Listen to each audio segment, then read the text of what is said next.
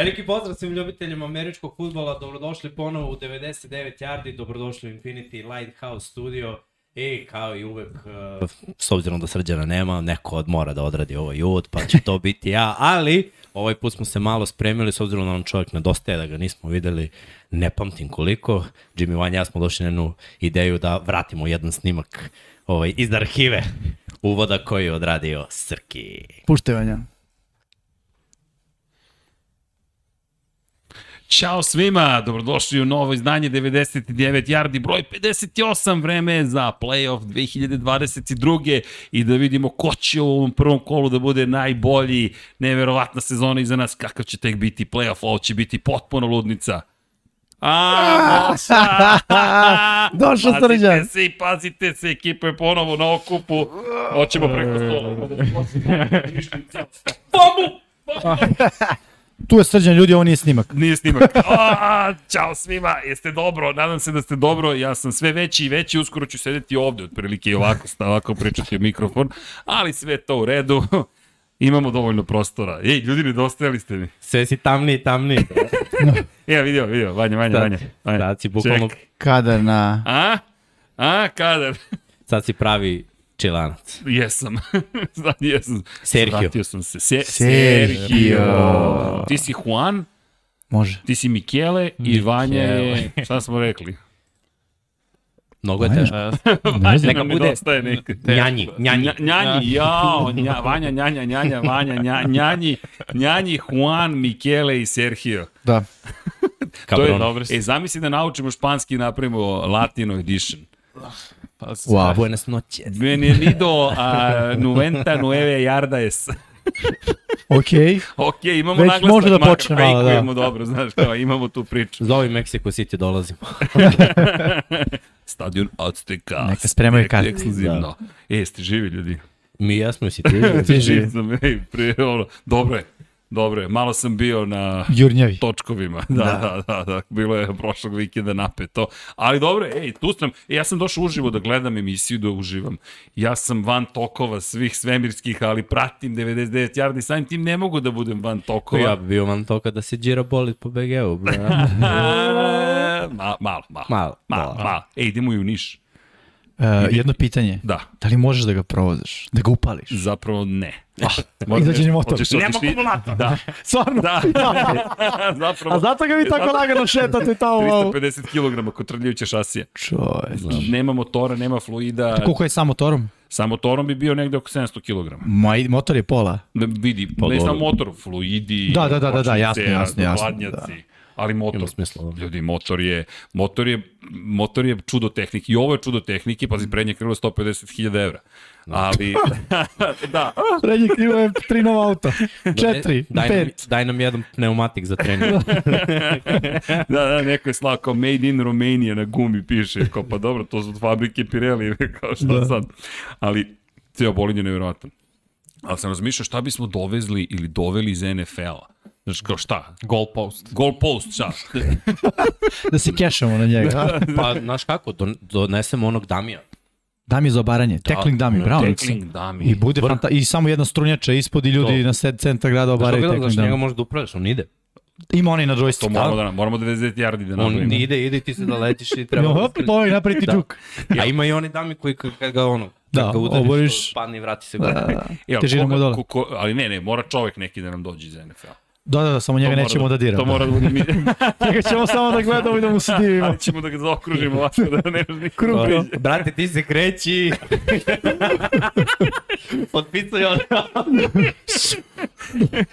Ali da, da, ne, ali vidi, stvarno, izvinjam se svima, što vama trojici pre svega, hvala vam ljudi, ali ovih da, bilo je uzbudljivo, zapravo i oko Red Bulla i oko svega, ali da, zadovoljstvo je ponovo biti ovde, tako da ćao svima i mazite se i pazite se i naravno udarite like, subscribe. Ej, Vanja, jel imamo za 99 yardi? Jao, jel Petar bio vredan? Pa jem ovo.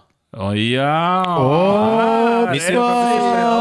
A, vidi se ovo. Čekaj, čekaj, možemo još jedno, Vanja. Čekaj, loptica Čekaj. je stigla u naš grad. Da, vidi. ovo. Ovo je već vruće. Da, Da, da, da, okay. Je još jedan. Ajde. Bum, bum. Wow. da, Petar, Petar i Vanja divljaju. Svaka čast. Petar i Vanja su babaroge. O da, što nam je i I tema da. Ja ću večerašnjeg ovde sada podcasta. da, da sednem i da se zavalim i da lajkujem na računaru like. Da, pa dobro mislim, kad je off season, ono, imamo malo Časkam. slobodnu formu, uh, generalno nije to prvi put da radimo što se kaže ove godine, ali u svakom slučaju radimo top 10, kao što već znamo, Napad prošli smo napad, odradili. tako je, prelazimo na odbranu. Naravno sve na odnosu na što, igrače kako su igrali prošle godine, naš neki dojam o tome gde smo ih stavili top 10. Ja mislim da je ovo bilo najteže. Ja sam mislio da je ofenzivna linija teška, ovo je Pa najteže. znaš zašto? Mnogo što dobrih igrača. o- Ofenzivna linija ima ono, u principu dva zadatka, a ovde statistički imaš tri norme i onda po tome, mislim, plus imaš hiljadu nekih drugih norme koje ocenjuješ. Kakav je bio impak, koliko je bio ulog, da li je neko prva godina u prvoj ekipi, veći pritisak, da li je jedan ili već ima brutalnu defanzivnu liniju oko sebe, kakva mu je odbrana, da li je jedina svetla tačka u svemu tome broj sekova, statistički gledan broj pritisaka, Da, da. a, koliko je učestvovao u obaranjima, koliko je učestvovao u obaranjima za gubitak yardi, mislim ono, Run stop protiv Tako je. pasa, pas rush, da, da. ima tu, ima tu dosta, dosta stvari i ono normalno da su mišljenja podeljene, nije to kao koliko ima hvatanje yardi, pa kao, znaš, I tažan. Ko, moj, da, moj lični utisak je da je neko, znaš, kao ima, mislim, mnogo je teže, ovo ja mislim, Jeste. ovo ja mislim najteža, najteža, ovo i cornerback, cornerback je baš težak zato što i- isto će, svaki tim ima dva, tri cornerbacka, znači mi ih ne delimo na nickel i outside, znači da kaže u današnjem futbolu trojica startuju i od 32 tima puta 3 ti izdvoji 10 najboljih. Tako I je. treba da gledaš, znači ne, to je isto kao za outside receivera i za slota. Mislim, glupo je malo mi svu ljubav damo ovim outside, tako će verovatno bude i za cornerbackove, da. ali opet hiljadu stvari se tu gleda i koliko ima odbranjenih dodavanja i koje je procenat kompletiranih dodavanja, koji rating je dozvolio, koliko ima interseptiona, mislim, bit će zanimljivo. Da, da, da, odbrana je zahteva malo više onako vremena, ako ništa drugo, da se stav, sastavi top 10, ali ja sam sastavio svojih top 10 i znao da sam se ogrešio o nekoga, sigurno. Pa da. Da, zaslužuje da bude tu, da nije i onda da bude mislim kad sam pogledao tvoj top 10 miksa, kad sam pogledao i Srđanovih i Vanjinih, e, bio sam u fazonu kako, kako, kako sam prevideo ovog igrača, kako je moguće da ga nisam stavio i prosto ono, stvarno ima toliko dobrih igrača, pogotovo na edžu, i unutra, ali na edžu nekako mi se čini da je baš bilo šareno. Mislim da smo ovih top 10 mi negdje između sebe razmenili možda 20 igrača je bilo. Obično je pre bilo 12, 13, No. pa se sad vrti, možda tebi neka dvojica nisu, meni jesu ili kako god. Ovo je bukvalno bilo 20 ako ne i više igrača, samo za edge poziciju. Pa da, mislim, i opet, uh, svaki tim, da kažemo da ima dva edge rushera, znači to je 60, u- a većina timova ima produktivne rushere, danas ona, dvojica najboljih jedno- jednostavno ide tako da, da, da postoji tandem gotovo u svakom timu. Da.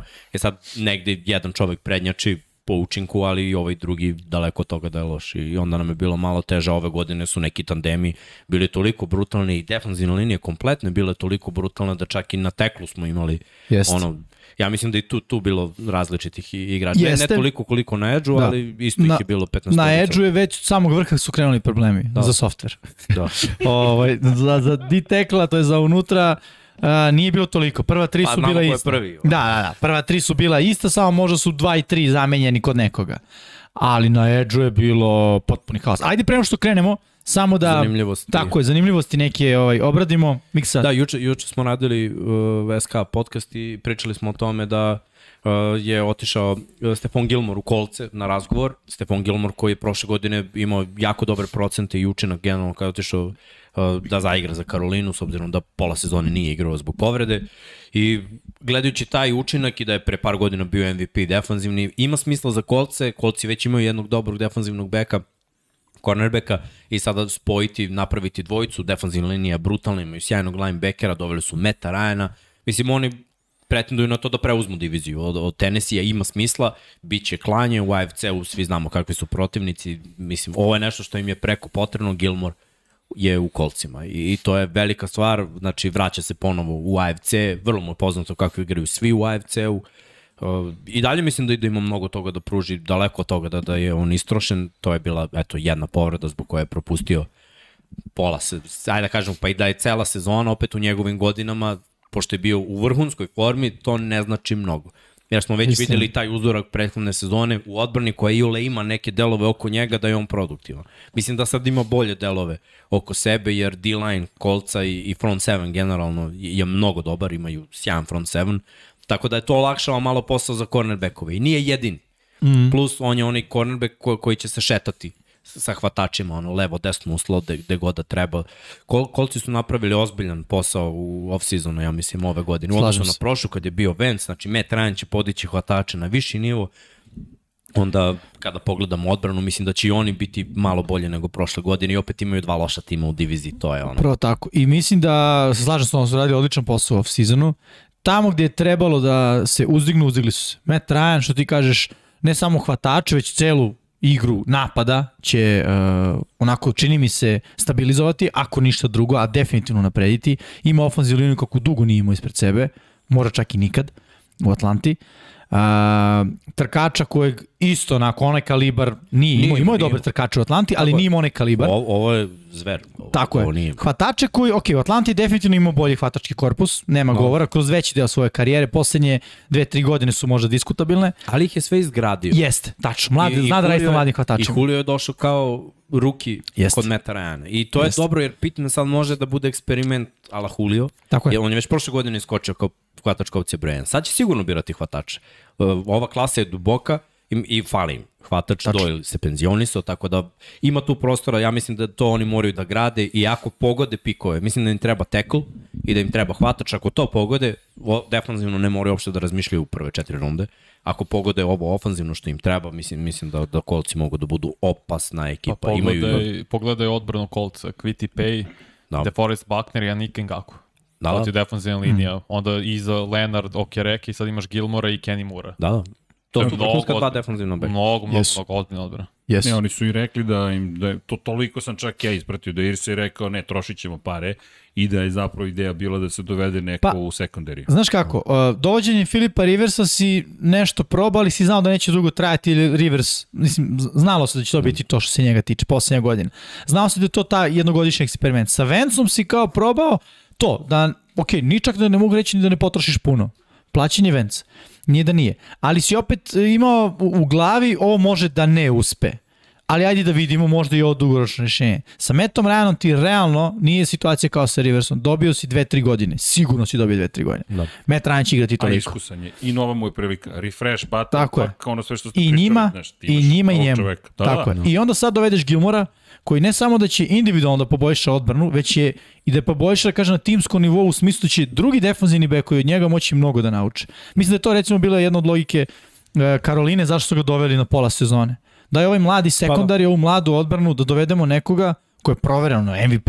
Mislim, ne, ne, nema boljeg nego od od MVP-a sezone, uh, mislim, prethodne, uh, ili, ili pre dve godine u odnosu na prošlu sezonu. Pre, dve. dve Pre godine. dve, ok, da. U svakom slučaju, MVP-a koji je relativno skoro bio MVP defanzivnog, vrlo teško MVP kao defanzivni back da bude, čovjek je to ostvario, dovodiš ga tu da onako podigne celu priču i sad to kolci opet, mislim, rade sa, sa njim, a i individualno će doprinjeti. Kao što si rekao, nije on potrošen, ima u njemu još da, da. mislim, on, da, dobre igre definitivno, povrede mogu biti problem, to je nešto što ide s godinama, pogotovo kad igraš te pozicije uh, defanzivni back gde ima onako zadnja loža, prepona, te stvari koje mogu da, da, da, da stradaju, ali svakako mislim da je to odličan potez za, za kolce. Govorkalo se o Remsima, Govorkalo se Ramsima, Ravensima i Billsima. Sve konkurenti. Da. To su sve playoff timovi, mislim, nema ni smisla za Gilmora. I Da. Blackmon se vraća. Julian Blackmon bi trebalo bude spreman za sledeću sezonu. Tako da oni na poziciji safety-a vraćaju nekoga, mada su oni pričali za Matijeja da bi mogli da dovedu. Pa da, to, i, to, i, to i dalje kruže priče, mada to ćemo tek da vidimo. Ima tu nekoliko timova koji su Sada konkurenti. sa ovim čini mi se da se ta priča. dobro, sad tu je ono pitanje šta Juri Matthew, Da. znaš, da li Juri ugovor, da li Juri Pa pazi, ako smanji, ako smanji pare, onda hoće i Chiefs i, i Steelers. Da. Ima, ima mnogo timova sad koji bi napravili tu još... Jeste, ali pazi ovo, Chiefs je otišao hvatač, hvatač broj 1, ajde da ne kažemo Kelsey Pa da. i taj lik, Tariq Hill. Uh, be, uh, ovi Steelers imaju veliki znak pitanja na quarterbacku. Uh, I onda kao, znaš, gde bi otišao, realno po meni, ja da sam on, bi rekao bi kolci. Kolci mi djeluju trenutno kao najbolji fit za bilo Pa da. koga. Da odeš i da imaš šanse za, ne kao najveće, ali da imaš realne šanse, osim kada ideš u Buffalo. Tako je. Ono, koji, S tim što, znaš, moraš i malo da se zapitaš koliko kolci defanzivno leže njegovim individu- individualnim talentima, defanzivno u toj šemi, koliko bio, jer vidimo da u Chiefsima on je sve više bio u boksu, ovde nema potreba da bude u boksu, ovde Da. je boks takav da bi on morao više da, da, da znaš i sad samo se menja ceo koncept onoga što igra u poslednje dve godine. I, i znaš, to, to me malo zanima, da li bi igrao onda kao, kao neki cornerback dodatni, kao Nikl, ili bi otišao gore da igra Mislim, safety, Nickel. ono sve mi je, za kolce mi baš ono, po znakom pitanja. Znaš, veliko. zašto bi mogli da ga koriste? Kao uh, safety, da kažemo tog Nika koji će prevashodno da igra poti tight endova. Pa. I sve više dobrih tight endova, sve više dobrih tight endova u AFC-u i treba ih pokrivati, pogotovo u play-offu.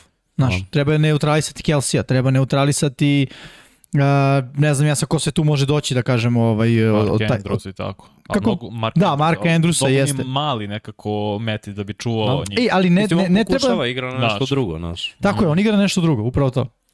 Ajde. I, izvinjam se, mogu da uskočim, ne znam, da, pošto Jel te, prošlo je već šest dana, ali spominjemo Steelers-e, spominjemo quarterbacka. Da, tužna vest. Tužna vest. Ja, ja ne znam ni kako, ja sam šokiran bio. Isto. Dwayne Haskins koji je preminuo pre, u saobraćaju, ne, pregažen Da, na poginuo. putu, poginuo čovek, ali Da. da. potpuno s, okolnosti u kojima je poginuo, potpuno sve bizarno, ali mlad čovek pre svega. Pre svega, Mene mlad čovjek. šokiralo, iskreno. Jeste. Pomislio sam šta, gde, ko, kako, jedno shvatiš saobraćaj, neki bizaran saobraćajni incident, ko zna šta se sve događalo, ali činjenica da je jedan čovek nestao prosto, ja, ja sam frapiran, moram priznati. Možda sam suviše nežan pod stare dane, ali baš me frapirao. Ne, ne, potpuno si u pravu, jeste i tragična vest i, I on je, 25 godina. da. I dečko koji je imao odličnu koleđ karijeru, mlad, draftovan, uh, Mislim, i čak i da hoćeš da ga razvijaš i dalje su bile godine plus, mislim, bio je u Majamiju sada trenirao sa skill igračima, znači uzbiljio se, krenuo da radi, da, da, da proba da vaskrsne tu svoju karijeru, da, da konačno se bori za mesto startnog quarterbacka.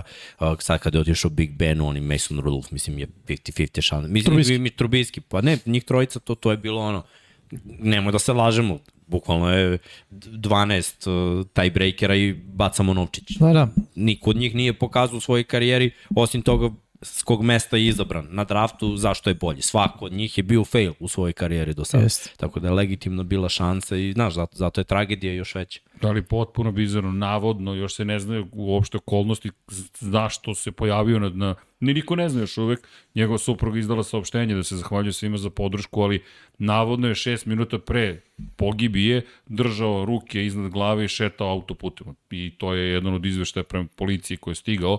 Neko je prijavio čoveka na autoputu kako se šeta autoputem. Sad možemo da nagađamo, ne bih, pošto je čovjek preminuo, ali potpuno bizarna situacija. Mis, misteriozna svakako situacija, Da, da, i- zašto bi neko izašao na autoput i podigao ruke i šetao. No, mislim, ja sam čitao, ono, sa, opet to je pitanje koliko je sve to provereno, da, Da. da, da mu je auto stao. Onda je, I da je pokušavao možda da možda, skrene, da, možda da, da neko, pomoć- da, pomoć. da, da se skloni, možda nije bio u zaustavnoj traci, možda je bio na sred, pa je teo verovatno zaustavi nekog pa da ga u leru, mislim, pomere u stranu. Mislim, ko zna, ja ne znam ni da li je možda gura auto pa ga je neko tako zakačio. Mislim, znamo na autoputu, naročito njihovim da, da ljudi ispod 100, Ljudi 50 pričamo ne o, voze. o, ne, i ne samo to, to su ogromni put, autoputovi, to su te Da. četiri trake najmanje. Pitanje je, znaš, ko te vidio, pri čemu carpool obično, sad to je Florida, ne znam, nisam vozio Floridom nikada, ali carpool je obično skroz levo, drugačije za one koji ne znaju, eventualno carpool je kad imate dva čoveka u Ili vozilu, više. oni mogu ili više u carpool, dakle autobus i uh, ljudi sa više, uh, sa više putnika idu skroz levo. kao neka kod žuta nas. traka kod nas koje mogu ići kola u kojima je Tako više od je. dvoje ljudi, dvoje ili više Da, ljudi. to je bizarno susret sa Amerikom, moj prvi u Kaliforniji, Pa kao- što su svi zapravo sami u kolima, a Da, mi, da. nas dvojica u rentakaru je idemo svuda. carpoolom i pretpostavljam da u Floridi slična situacija. Zašto to, to, ali svakako nevjerovatno. Da, Znaš, Dwayne Haskins, razmišljamo opet šta se desilo, tragedija. ali tragedije. Samo da ga spomenemo, pošto eto, nije, nije bilo nije bilo prilike, a i pride se nadovezuje na ovu priču o Steelersima Da. i o svemu. Dobro, ima još potpisivanje, ajde malo na, na svetlije teme. Da. Uh, AJ Green je potpisao ugovor sa Cardinalsima. Još jednu godinu. Uh, na još jednu godinu, mislim ima smisla, AJ Green je imao vrhunsku sezonu prošle godine, kad DeAndre Hopkins nije igrao, što znači da je bio prva hvatačka opcija i da je imao onaj težak posao, mislim AJ Green je imao bolju statistiku od Kristijana Kirka koji je dobio osam- 18 miliona i neću stati ono, do, do, do, sledeće tri godine ću pričam o tom jer meni je to najveći šok. Ali ovaj AJ Green skoro 800 yardi, bio jako produktivan i jedina loša utakmica mu je bila utakmica u play-offu gde Kyler Murray jednostavno nije došao Da, da. na, utakmicu. Uh, on, Ertz, ako se vrati DeAndre Hopkins, Izabela, mislim, Rondale deluje Moore. okej. Uh, da, Rondell Da, Moore, koji on, mislim, on je projekat, ajde, od njega Jest. mnogo očekujem, ali uglavnom prošle godine trčko one skrinove i A to će imao da radi, okej mislim. sezonu, samo što nije iskorišćen adekvatno. Zamenit Mislim, će on Christian Kirk, da. Kirk ima skoro 1000 yardi, tako da je s Pa te da. strane će biti ta razmena. Pa da, ima smisla i trebalo bi tako da, da se razmišlja. I on, mislim, oni su izgubili jednog beka, tako da vidjet ćemo ono, ka- kako će u backfieldu i to da se reši. To je jedno potpisivanje, drugo potpisivanje je Sammy Watkins, Tako je. koji je potpisao sa Packersima. Opet za Packers ima smisla jer smo juče baš pričali ili ja da oni na depth chartu trenutno imaju Lazarda i Rodgersa, ono, dva hvatača imaju, što je smešno. Da, da. I Koba isto. Da, i Koba, da. Mislim, mada opet Randall Cobb je, sad je pitanje zašto je on tu, da li ono samo da se popuni, jer on prošle godine je bio uh, ono, povređen, malo igro, malo nije, statistika mu je bila bedna i onda je u ovom free agency bio katovan da bi bio potpisan, da bi bio uzimo neki minimalac, neke, neke male novce. Oni će sigurno birati u prvoj rundi hvatača i mislim da da i u kasnim rundama moraju zbog dep, mora da se ima dubina na poziciji, jer ne možeš da očekuješ Da. da, da krenu u sezonu sa, sa dva hvatača. Sad bismo nagađali od Jarvis Landry, Cole Beasley, razmišljali smo o slotu, očigledno ima smisla da, da bude neko s polja, ali eto, Sammy Watkins za Baltimore pola sezone nije igrao, za Chiefs se pre dve godine pola sezone nije igrao. Na momente on ima neki dobar potez i dalje deluje da, da je to ono kao pik prve runde i sve, ali tamo Godine. prošlo vreme. Ono. Ja to baš hoću da vas pitam, šta, šta od njega uopšte očekivati? Pa znaš? to je, to je veliko pitanje. Ja mislim da on nije doveden da bude broj 1. Mislim da je doveden da pomogne ovome što Miksa priča tim pikovima koje će oni... I oni moraju, oni stvarno ako ove godine ne draftuju hvatače, ja ne znam, ta franšiza, ono, ne, ne znam, mislim, potpuno nepre- nepredvidiva, uh, nepredvidive stvari radi. Uh, ali ako draftuju hvatače, ima potpuno si smisla da dovedeš jednog veterana, Ubrzo koji- proces stasava, ono, stasavanja tako je. razumevanja. Jel, ajde da, Da, da. pogledamo ovako gde je bio Sammy Watkins, bio u Chiefsima. I imamo tu dobre hvatače. su bio u titulu. Ramsima. Da. Bio je, da, bio u Bio- Jednu si sezonu je bio u Ramsima. Je. Bills i Ramsi, Tako je. Chiefs i Ravens i u principu Hoću da kažem- franšize. Da. ne samo to, nego i ima hvatače e, mlade i koji su iza njega, da kažem, ostali u tim ekipama koje možda kažeš da, znaš, moguće da je on uticao na to. Čak i u Baltimoru. Bateman, Da, da. znaš, mladi hvatač koji je već u prvoj sezoni. Ne kažem da sad možda da Sammy Watkins nije bio tu, Bateman ne bi imao o, ovo što je imao. A, ali, hajde da, eto, lista se produžava. Kansas City Chiefs, tu ima i Nicole Hardman, pa i Tyreek Hill. Zašto da ne kažemo, Hill je u tom nekom periodu bio onako, može biti i ne mora biti, pa se onda, Sammy Watkins je bio dve godine u Chiefsima, tako? Mislim da je tri.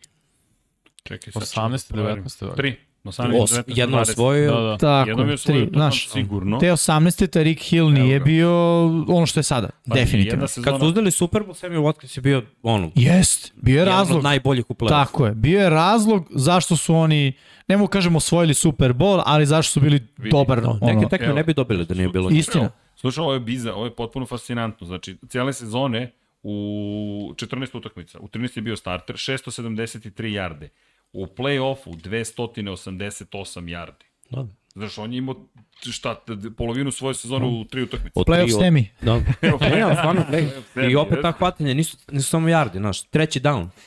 Kelsey To, ono to. pokriven, Tyreek Hill od mm. Sammy Watkins. Da, da. Ono, kad je bilo najpotrebnije bio je tu. Mislim, zato je doveden u Baltimore da bi bio taj na trećem downu koji je bio preko potreban, ali kad se povredio, Pazi, meni-. Bateman je postao taj i sad ima smisla, jer Lazar će biti verovatno vertikalna prednja kao krupan, ili eventualno broj 1, taj drugi momak koji dođe će li biti vertikalna pretnja, taj, taj ruki ko, koji odmah mora da stasa. Mislim, ako neko ume da napravi hvatača, bit će Aaron Rodgers, koji će ih ono, gađati on, do smrti. I onda Sammy Watkins može baš da bude taj na trećem downu. I tonjenje, mislim, se vraća od povreda. Htio sam samo da kažem, ono, meni kad kažeš Sammy Watkins, daj mi jednu rutu, Sammy Watkins je rekao slant, odmah. Mm. No, na keca, bez razmišljenja. Ja, slušaj ovo za playoff semi. Apropo, imao je za Rams odigrao jednu utakmicu, jedno hvatanje za 23 jarde. Ok. Kansas City dve utakmice, koliko su i mogli, 176 yardi u dve utakmice 2018. I onda 288 2019. I ok, jedno hvatanje imao 2020. za 13 yardi. Pazi, u dve sezone ti si vrlo značajan Da. element u play-offu. E sad ono što mu ne ide na ruku, to su dve najdalje sezone. Da, okay. Nisu kao prošla i pretprošla, nego su ono, pretprošla i ona pre nje. Pa Najbolju regularnu, izvini, evo, 982 yardi 2014. 1047 yardi 2015. I, ali najveći problem je što je imao samo 16 utakmica jednom u karijeri 2014. A, da, Sammy Watkins kao, kao klasičan sprinter je uvijek in, on, baš injury prone. I to, to mu je najveća mana. Eto i prošle godine Jest. propustio dosta za, za Baltimore. Ali svakako, ono, kažem, ima smisla za Baltimore, uh, za Boš, za Green Bay, ali mora se draftuje receiver, to nema šta. Iz milion razloga. Zato će draftovati quarterback. da.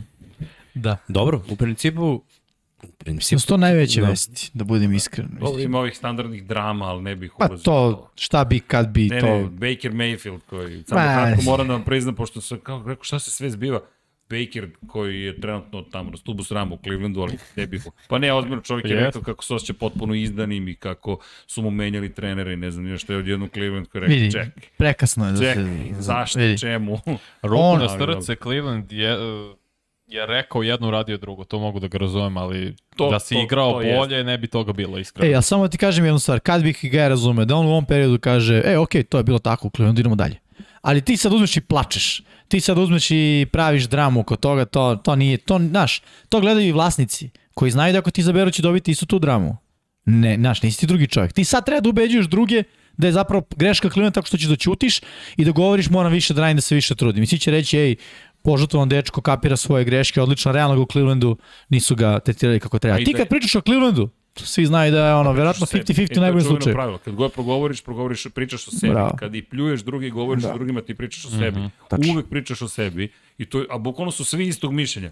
Zašto? Ti sad treba da nađeš ugovor. Nemaš ugovor i tvoja prezentacija univerzumu je sledeća. Još sam zapravo glavom u Clevelandu, a onda ću sada da govorim loše o Clevelandu.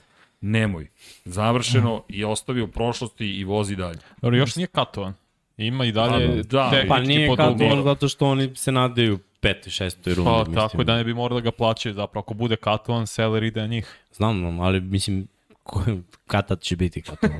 Mislim, oni nisu Gledaj, Ako hoćeš da isključili, imaš backup quarterbacka za 18 miliona na svom rosteru, zadrži ga. Mislim. ako ga katuješ koliko ga plaćaš, To, Sve. to, toliko. Pa znam, ali onda bolje da imaš backupa za 18 miliona nego da nemaš Ali nikoga ne za već 18 su miliona. potpisali koga i Briseta Evo, i Brissetta, da. ovog Ne, uklapa se, i znaš, sad, sad menjaš playbook. Ne, ne, slažem se, ne, ma on se ne uklapa, to je definitivno, to je Mislim, gledaj, Stefanski prelomio, to je jasno oni, svima. Oni žele da ga utope, znači verovatno su teli prva, druga, treća, četvrta, znači sad to pada cena. I, Pogotovo s ovim. Daj za nekog Tako juga, da. I sada, I sada čekaju bukvalno nekoga da bude ono peta, šesta, Da. Samo Znaš, zbog ugovora. samo zbog ugovora. Da, to. on je rekao da mu je kao Seattle najveća opcija. Ba, Sjeto ima, potpisao Gino Smith, eto i to je Mislim, vest. da, Gino i... E, da. Na godinu dana. Mislim, zna- znate šta, ovo sad sam, mislim, malo glupo, ali su mi razvojne situacije, Baker je opcija za Steelers koji su ga gledali dva Jest. puta godišnje i dobio ih u pravo. play-offu Da. na njihovom terenu. Kakva god da je situacija, fakat. Mislim, da, na pamet. sa aspekta Pa, futbala situacija onako da imaju trenutno dva quarterbacka. Pa da, i pre ovoga im bila opcija isto. Oni samo Ne, čekaju da bude katovan.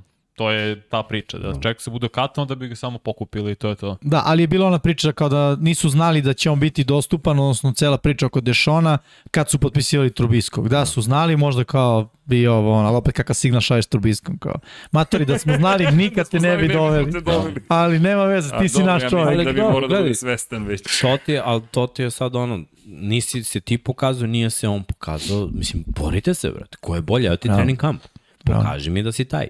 Mislim, da, da, današnje generacije mi- naj, najviše quarterbackova, a i drugih pozicija, moram da kažem, žele ono sve na gotovo.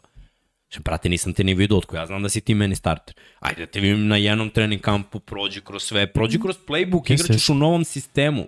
Nisu ovo Billsi, 100% nemaš, ne, nemaš Stefona Dixa sada, Pritom. mislim, za Trubiskog i ovamo isto, nije, nije ti ovo Cleveland. Nećeš imati Pritom. beka od 2000 yardi ove godine. Pritom još jedna stvar, Mike Tomlin, veteran trener. Znaš, kod mlađih trenera možda i može da najđeš na neku mekanu priču. Kod starijih trenera mislim da tu nema mekane priče. Tipa Pete Carroll kao priča Baker u Seattle. Baker, ja mislim ne vidim ga u Seattle sada, jer vidi, Drew Lock i, i Baker Mayfield na istom rosteru, to nema nikakvog smisla. U smislu, oni nisu sličan tip quarterbacka, ono što jednom fali, e, drugi, ne mogu kažem ni da ima, nego kao nešto pokazuje, neki, znači potpuno sve suprotno, zašto bi doveo da ti jedan bude backup za drugog kad imaju potpuno drugačije stilove, stilove igre. I meni Baker u, u Pittsburghu možda ima smisla, ali ono, Pittsburgha sigurno Clevelandu neće dati ništa. Mislim, oni idu na tu kartu. Ajmo da ono, ga oni katuju da mu plaćaju platu, a mi da ga samo dovedemo. rival. Pa ne samo to, nego Pittsburgh, ja mislim da će da razmišlja ovako, mi Clevelandu nećemo damo ništa. A to to? Jer ono, Što? šta nas briga? To je Cleveland, s nama su u diviziji. Pazi, oni na kraju mogu ga potpišu, tipa ako ga katuju za 2 miliona, da, Da, igra da. samo ovu godinu. To je to. Da. Da. Godišnji ugovor na 2 miliona, to je ono smešno za quarterbacka. I ti se, mislim, dokaže, ako možeš da budeš starter, budi, u ostalom igraš u ono, e, opet Baker malo više poznaje tu diviziju. Tako da, da to je njegova prednost u odnosu Jeste. na Trubisku. Kad Pa sad, i taj Cleveland. Pa da, Misliš da kao ima želje da i pobedi posle? Uf, ima sigurno. Pa ima, ali želje su jedno, a realnost drugo. Dobro, mislim, znaš, imam ja razne želje. Neke, znaš, uvek je to kad ti dođe čo, igrač koji je igrao kod tebe i dođe kod protivnika u diviziji, može da kaže više informacije, može ti pruži. A znamo svi da se spremaju. Ne kaže da je to neka Da. super tajna, ali Da, da, da. znaš, opet, a i u krajnjem slučaju zanimljivo je. Vidi, ja sa Deshaonom Watsonom očekujem da ono Stefanski se zaigra maksimalno. Pazi, to je tako. sa svim u napadu. Jeste. Pa, s tim što njihov roster treba da se zaokruži ozbiljno. Mislim, oni su za sada i u istoj priči. Njima je otišao Higgins, otišao Landry, otišao Beckham, imaju Amarija Coopera koji svi znamo kakav je. Ako danas se probudi i ustane na levu nogu, imaće dva jarda. Mislim. Ako je to sledeće nedelje će imati 200 i, tri Da. touchdowna. Mi se zavisi da li ti treba da pobediš ovo ili sledeće nedelje. Pa ne, pa, ali to je priča. Znači, Jeste. oni tek moraju da se posvete draftu, imaju onu situaciju sa nekoliko slobodnih agenata Sa Clowneyem da pre vrate. svega. Clown, tako je, oni odbranu nisu još vratili da, da bude na onom nivou, izgubili su i tu par igrača. Ni- Nije uklenano ono kao bam, evo spremni smo, to je to. Ne, nije, A nije. nije point i da li će biti Dešon suspendovan. I Pa to ne, ne, ne, gledaj, koliko sam pročitao ne, neke ovaj, članke, Liga uopšte neće ni početi da istražuje ove godine. To Zato tako što da... su pomereni svaljda svi slučajevi da, Da. da. počnu najkasnije u martu 2023. Tako je. Znači, igraće Što bar znači jednu da- sezonu. Mislim što je da. za njega onako malo toplo kanu. Ne igraš jednu, pa odigraš drugu, pa onda sledeće možda Ma krenu igraće, vidi, čim ga jedna ekipa, znaš, oni uvek imaju, što bi se reklo, non, Istraženo je to. non-public material information, pa tako da ne bi ga oni, ljudi, treba da daš, 46 miliona godišnje je, da, da brate. play i da gleda. Ma, to je. Teška priča. znaš, A, to su sve džentlmenski dogovori. Da. Hvala vam. To su sve džentlmenski dogovori. Šta će kako da se rešava? Mislim, nema tu druge. To je svet bogatih ljudi Tako je. koji mi ne znamo. Bukvalno. Bukvalno. Menadžer uživo, pa nema, pričali smo o tome. O, Dobro. dobro. to je to. Ajde Da. ćemo na temu. Ajmo. Temu dana. Tema dana. Pam, 10. pam, pam, pam. Hoć- Hoćete Edge. Uh, pa, ajde, daj, radimo inače top 10 uh, edge rushera i top 10 defensivnih teklova, tako da možemo da krenemo od tvog izboravanja, ti puce, pa ćemo mi da vidimo. Bilo je zanimljivo, bilo je neizvesno, Uf, bilo je ono... jako. Biće rasprave, biće rasprave, najavljujem. Da, da.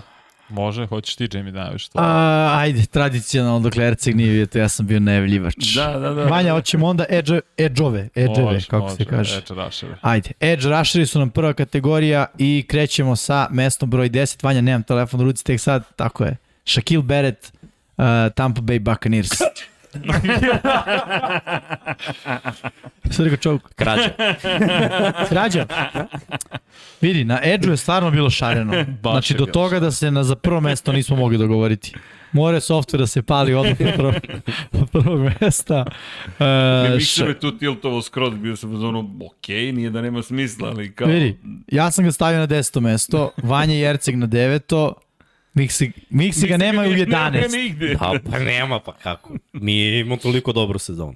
Mislim, drugi su imali bolju sezonu od njega. Ajde tako je da kažem.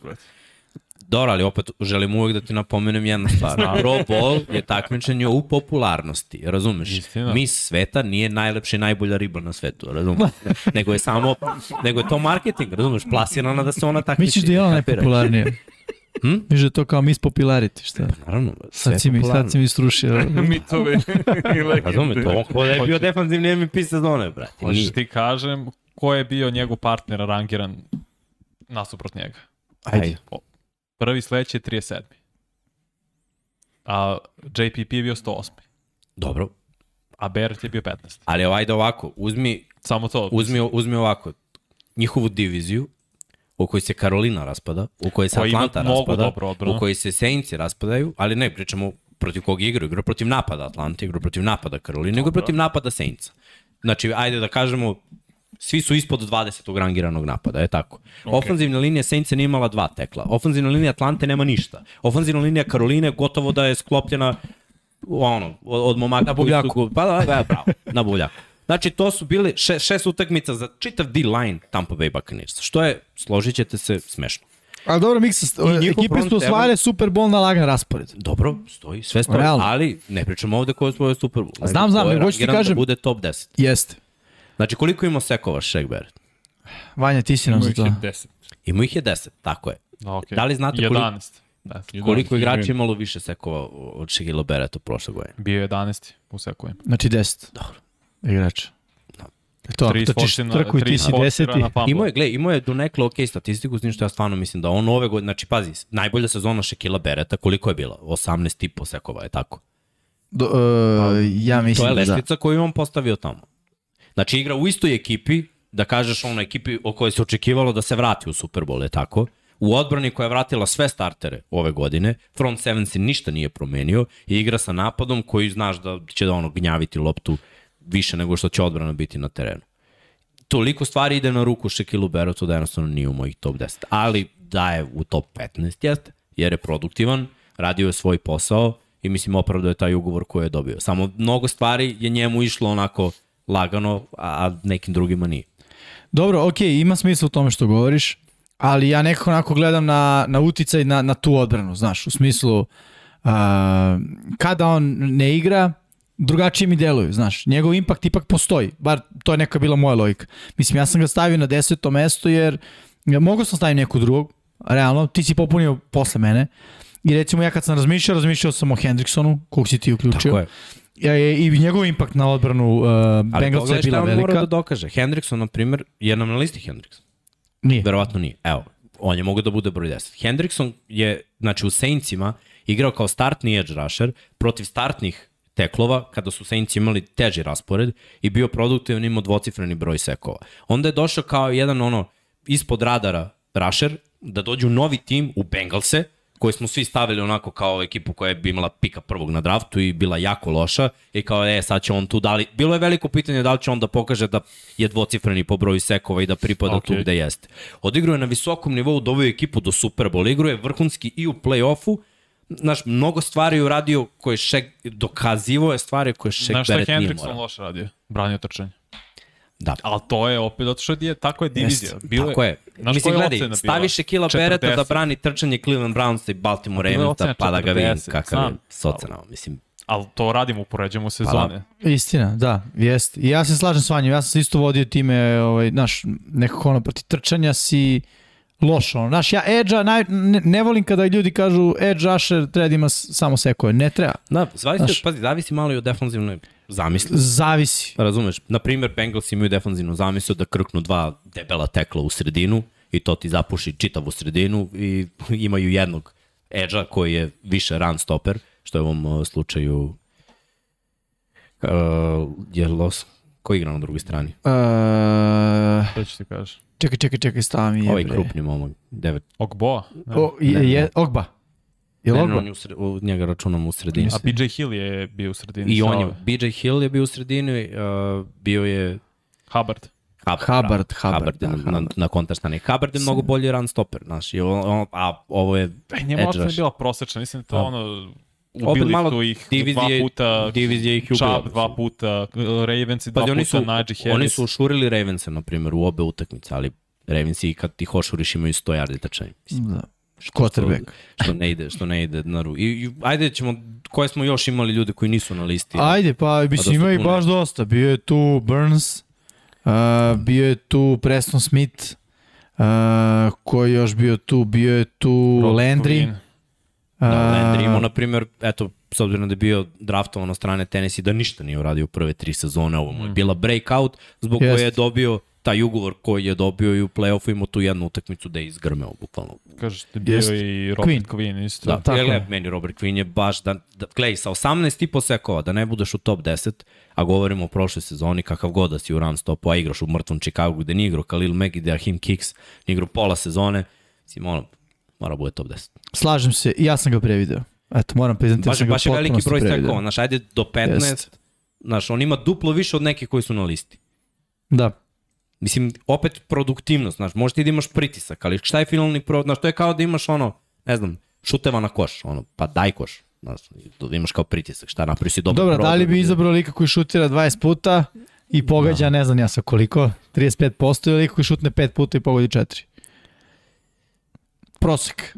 Pa da, pre bi, da, Uz ovog ovaj- koji šutira. Da, 4 od 5, da. 4 od 5 bi 4 uzeo. od 5 bi uzeo, da.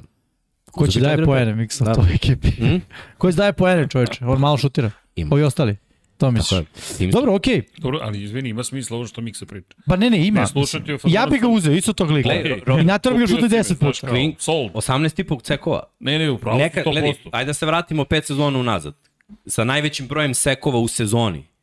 Bili su ljudi sa 18,5 sekova. Istina. Jeste, istina. Je tako? Jeste, Shaq jeste. Barrett kad je imao najviše, meni? sa, on je imao 18,5, a Chandler Jones je valjda imao 18. To je bio rekord pred tri sezone. Ako se... Da. Znaš, znaš šta je meni bilo kod Hendricksona i kod Quina? Ukupan broj obaranja, na primjer, mi je bio dosta manji nego kod drugih. Na, mislim, kad malo sam se vodio statistikom i činjenica to što... Dobro, pazi, Quinn je imao 80 obaranja, nije to malo. Ako se, 78. E, ja mislim da nije Sad ću 40 da i ti nešto imao. da to je solo, ali... Ne, ne, ukupno ja mislim da je imao nešto. Zato, zato mi je on bio jedino, ali znaš, ima smisla, nego, ali više kod Quina mi je bio tim, iskreno. Znaš, Dobro, tim je tim Ja, katastrofa. tim zna da tu kanališe, to je tačno. Ne, ne, tu Ali, tim, znaš šta je isto, Miksa jeste u pravo. Kad igraš u kanal timu imaš 18,5 sekova, opet i to statement, Mislim, gledaj, znaš. i Jeste, oni jeste, idu jeste. double team na tebe. Jeste, ček, moram da proverim. Ne znam Mara- da za njih dvojicu se sećam da, da mi je bilo, jer onako broj, pa cijel dan pokušavam, cijel dan pokušavam, pa izvini Vanja što sam ti kasnije, cijel dan pokušavam da sklopim priču. Ne, ovo je bilo baš teško. Znaš, kod nekih drugih, kod prvih imaš ne, nego aj se gleda jedno, gledaj drugo, a još imaš DT i Edge, i onda kao, čekaj sad, koga, gde ću da podelim, što ću po, po Juri, kako? Znači, onda gledaš, i čekaj da vidimo statistika, je li ovo prošla godina? Evo ga Queen, uh, solo 38, a statistik 11, 49 ukupno ima obaranja. Da, teklovi 49, 18,5 su sekovi. I ti si upravo, 18,5 sekova moraš da ispoštuješ, nema tu šta. Ali vidi, od tih 40 i koliko si rekao baranja, to su računi 40. sekovi, tako? Ne. Ne, ne. Ili ne, to su posebno baranja. Da. Dobro, okej, okej. Znaš, tu se malo, ali realno najviše zbog Čikaga. Evo iskreno.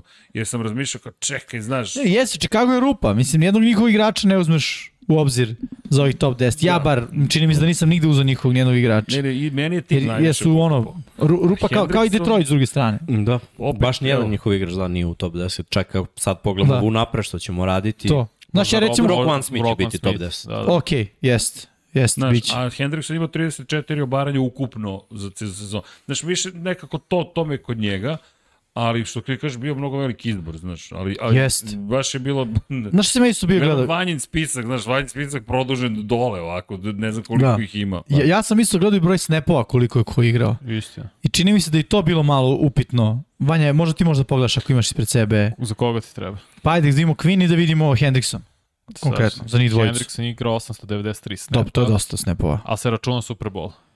Pa Da, dobro, računam se sve i sve, play. nema Da, veze, da, nek se igrao računa. čovjek. Mislim, jaka sezona.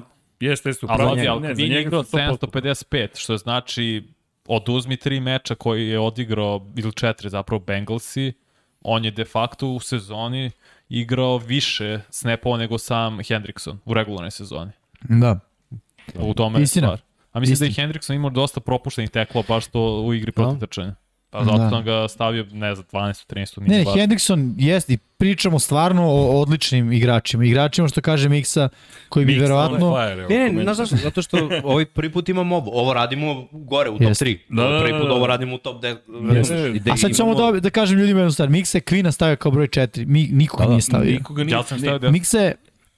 Deset. Da, jes, jes, izvini, ti si ga stavio broj si 10. ga stavio 10. Hendrickson je Miksa stavio na mesto broj 5, mi nikoga nije stavio top Ja 10. priznam Manje da ga je stavio na mesto najviše broj ekipa 12. bila Da, da, jer gledaj, iskreno, da. zato što ali, su imali da dok prvo ali su Queen, pravo, trebalo bi biti u Queen top 10. je igrao u Ramsima. Makar 10. Od Ramsa se nije dokazao, znači kad je imao Aaron Donalda kao saigrač, ljudi, Aaron Donald. Igrao lik sa, sa Hulkom, razumeš i onda, i pazi, došao u Chicago, gde u momentu kada Khalil Mack nije igrao, Jakim Hicks nije igrao, on je bio glavni igrač u odbrani, u, u liniji. I bio je produktivan sa je 18 double. tipa. Stalno.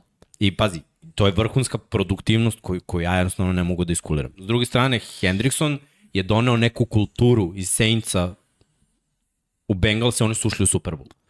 To je, znaš, to je nešto što je meni veće od tipa propuštenih obaranja. Ali, naravno, Ne, okej, razumite, s Ima- tim što opet ima ih mnogo. Znaš, Ima ih da, mnogo. da Hendricksona 100% Mnogo toga mora da toga dokaže u poslednje je dve cela godine. sezona Jeste. bila dobra. Da. Jeste. Znaš, ovo Chicago mi je ipak McQueen nekako, i sad kao pa trebalo bi ako ga izbaciš on.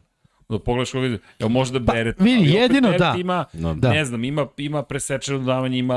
Od, I vidi, obor, Impact igrač je u svojoj ekipi. Definitivno impact igrač u svojoj ekipi. u Dream Teamu. O, vidi, Dream Da. Team ili ne, da, da, da li je Dream Team bez njega? Dobro, aj sad, ajde, jeste. Jeste. Evo, reći Pa ti dosta ih ima Ali- ali dobro, 21, ko- ko- razumeš? Čekaj, čekaj, ko su Sam linebackera? Vi, Vita Vea isto je realno top 10 na svoj Brutalan. poziciji. Jest, brutalno jest, je, ali okej, ostatak ali odbrane pravo je Vanja. Kada uzmeš linebackere, To misliš što nema razloga da ih oduzmeš, ali kao oduzmeš ih. Nijedan tim u NFL-u nije kompletan na svakoj poziciji. Naravno. Tako da di, ovaj, secondary Tampe mora tr, da trpi u odnosu na All Pro dva hvatača koji su nam u top 10 obojica, u odnosu na quarterbacka koji nam je top 10, u Top odnosu jedan. na O-line gde imamo dvojicu, trojicu koji Tako su nam je. top, je, razumeš? I onda D-line i linebackeri, znaš, negde mora da bude loše. Mislim. Jeste. Ne, ne, ma, ok, nego, znaš, razmišljam sada o svemu ovome i kao, ima još jednu misao. Uh, rekli smo, pošto, jel ti imamo ne, još neke obaveze posle, kao završit ćemo pre ponoći. Uh, sad je ovo top, ovo je top. Ne, ne, brže ćemo malo. Da, da, vidi, vidi, sigurno, vidi, sigurno. Na desetoj smo poziciji. Dobro, moramo da otvorimo jer ovo... Zato što ovde imaš pet igrača koji se bore za jedan. Jeste. Ne, ne, Posle mnogo pravo, lakše. pravo. Ne, ali vidi, sviđa mi se tvoje kako si postavio, nego stvarno ne znaš koga izbaciti iz ove priče. Znaš, Jeste. k- to je najveći problem. jedino šeka Bereta. Jedino. Da. Po meni. Tako da bi verovatno značilo da bi nam ovaj Queen ili Hendrickson bili mesto 11. Ja bi Aj tako da kažem. Hm? Evo Ti bi čekaj, kad smo već tu, da. Pa da, ali Ja- gledaj sad, da. da, Matt Ja Judon. Judona. Ja sam stavio Judona, kada, u trenutku kada sam stavio Judona, Judon nije postojao na listi. Judon je došao iz Baltimora gde je imao, nikad imao dvocifreni broj sekova. Ove godine je došao Petrioce, prošle godine defanzivna linija Petrioca po broju sekova i pritisaka je bila najgora. Ne mislim ovu sezonu sad kad je on igrao, nego onu pre toga, pre nego što je on došao. U trenutku kad je on potpisan, postali su mnogo bolje što se tiče run stopa, postali su mnogo bolje što se tiče broja sekova. On lično je zabeležio rekord karijere sa 12,5 sekova. I ušli su u playoff sa ruki quarterbackom iz odbrane koja se bukvalno raspala godinu dana pre, ove godine je postala onako konzistent, konzistentnija i jednostavno pokazuje neki impakt. Mislim, Judon je bio u Baltimoru pro bowler sa 9 sekova. Zato što je učestvovao u ono dobroj odbrani, gde su Jeste. dva kornera bila pro ball, da je safety bio pro bowler, da je linebacker bio, znaš ono, igrao je, Calais Campbell je bio pro bowler, na sve strane su bili pro bowler i onda je meni delovalo da je Judon ono, vozi se s ekipom do pro bola. Tako mi je delovalo, sa 9 sekova. Malo, meni je malo 9 sekova, ako si ono top 10 na svojoj poziciji. Sa 12 i po već možemo da pričamo, to je već neka produktivnost. S tim što je Judo nestao u poslednje dve, tri utakmice. Jest, i to jeste najveća, najveća njegova mana. Ja inicijalno kad sam pisao, eh, njega sam, eh, nisam ga uključio u top 10, potpuno ga prevideo. Moram priznati kad smo rekli da radimo D-line, meni u glavi bio ok, Judon mi mora biti na listi, Hendrickson videću, ali verovatno dole negde pri dnu, obojica sam prevideo. Iz kog razloga, pojma, nemam verovatno moment kom sam pisao svoj top 10 nije bio dobar u mom životu. ovaj, ali Judon svakako zaslužuje. I apsolutno si u pravu. To je takođe ona stvar koju ja volim da posmatram, to je doprinos ekipi. Da, U smislu, uh, ok, super je kad ti dođeš u, u ono kao lošu ekipu, imaš dobru statistiku, sve je to ok, ali kako bi ti rekao, ono, u, u, u, u, u e, močvari gde su sve žabe, znaš, i ružno pače je najlepša patka koja postoji, jer je jedini. Ne znam zašto sam da to. Okay, To poređenje, ali okej. ra- razumem, probao sam, znaš, malo sam zastao dok sam našao šta hoću da kažem. Ali ovo je ipak druga stvar. Dođeš u, u ekipu i kao neko ko je ono pitanje, ej, šta ćeš da nam isporučiš?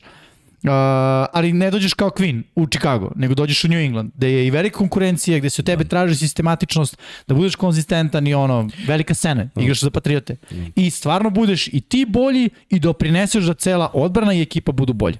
I slažem se u potpunosti, meni, meni Judon ima ono smisla i treba se nađe na ovoj, na ovoj listi. Meni, ne znam, mene baš ubila njegova ocena. Znam da ima, ukupno ima 14 sekova računajući playoff i u sjajno se uklopio u sistem ko postao lider te odbrane Patriote, ali onda kad sam video na, pošto se dosta orijentičan po Pro Football Focus njihovim ocena, da mu ocena 62,8. Ja rekao, kako to moguće? Kako moguće da tako nisku ocenu no. imao, Iako je video se da igrao bolje, rekao bih malo nego prošle godine, kad se vidio, ok, top 15, da, ako sa ovakvom niskom ocenom, onda no. nisam ja nešto propustio. Zato što je bukvalno jedina, jedina pretnja, znaš. Mm -hmm. Ostali su ili mladi, znači oni imaju u sredini Barmore. mlad, Barmora koji je Da. mlad, Ruki. sa druge strane, znaš, baš imaju problem i onda, znaš, šta je fokus? Evo ja da sam ofanzivni koordinator. Šta prvo sprečimo No, da bi aktivirali? Judona. Judona. Kako? Kako god, double team, s kim god, razumeš? I, I to je to. I tu onda padaju ocene. Mislim, malo. I opet, hoću da kažem, zadnje tri utakmice je igrao katastrofa. Druga utakmica protiv Bilsa nije postojao, nije mogao da dođe ni do kakvog pritiska u play-offu, nije postojao u toj...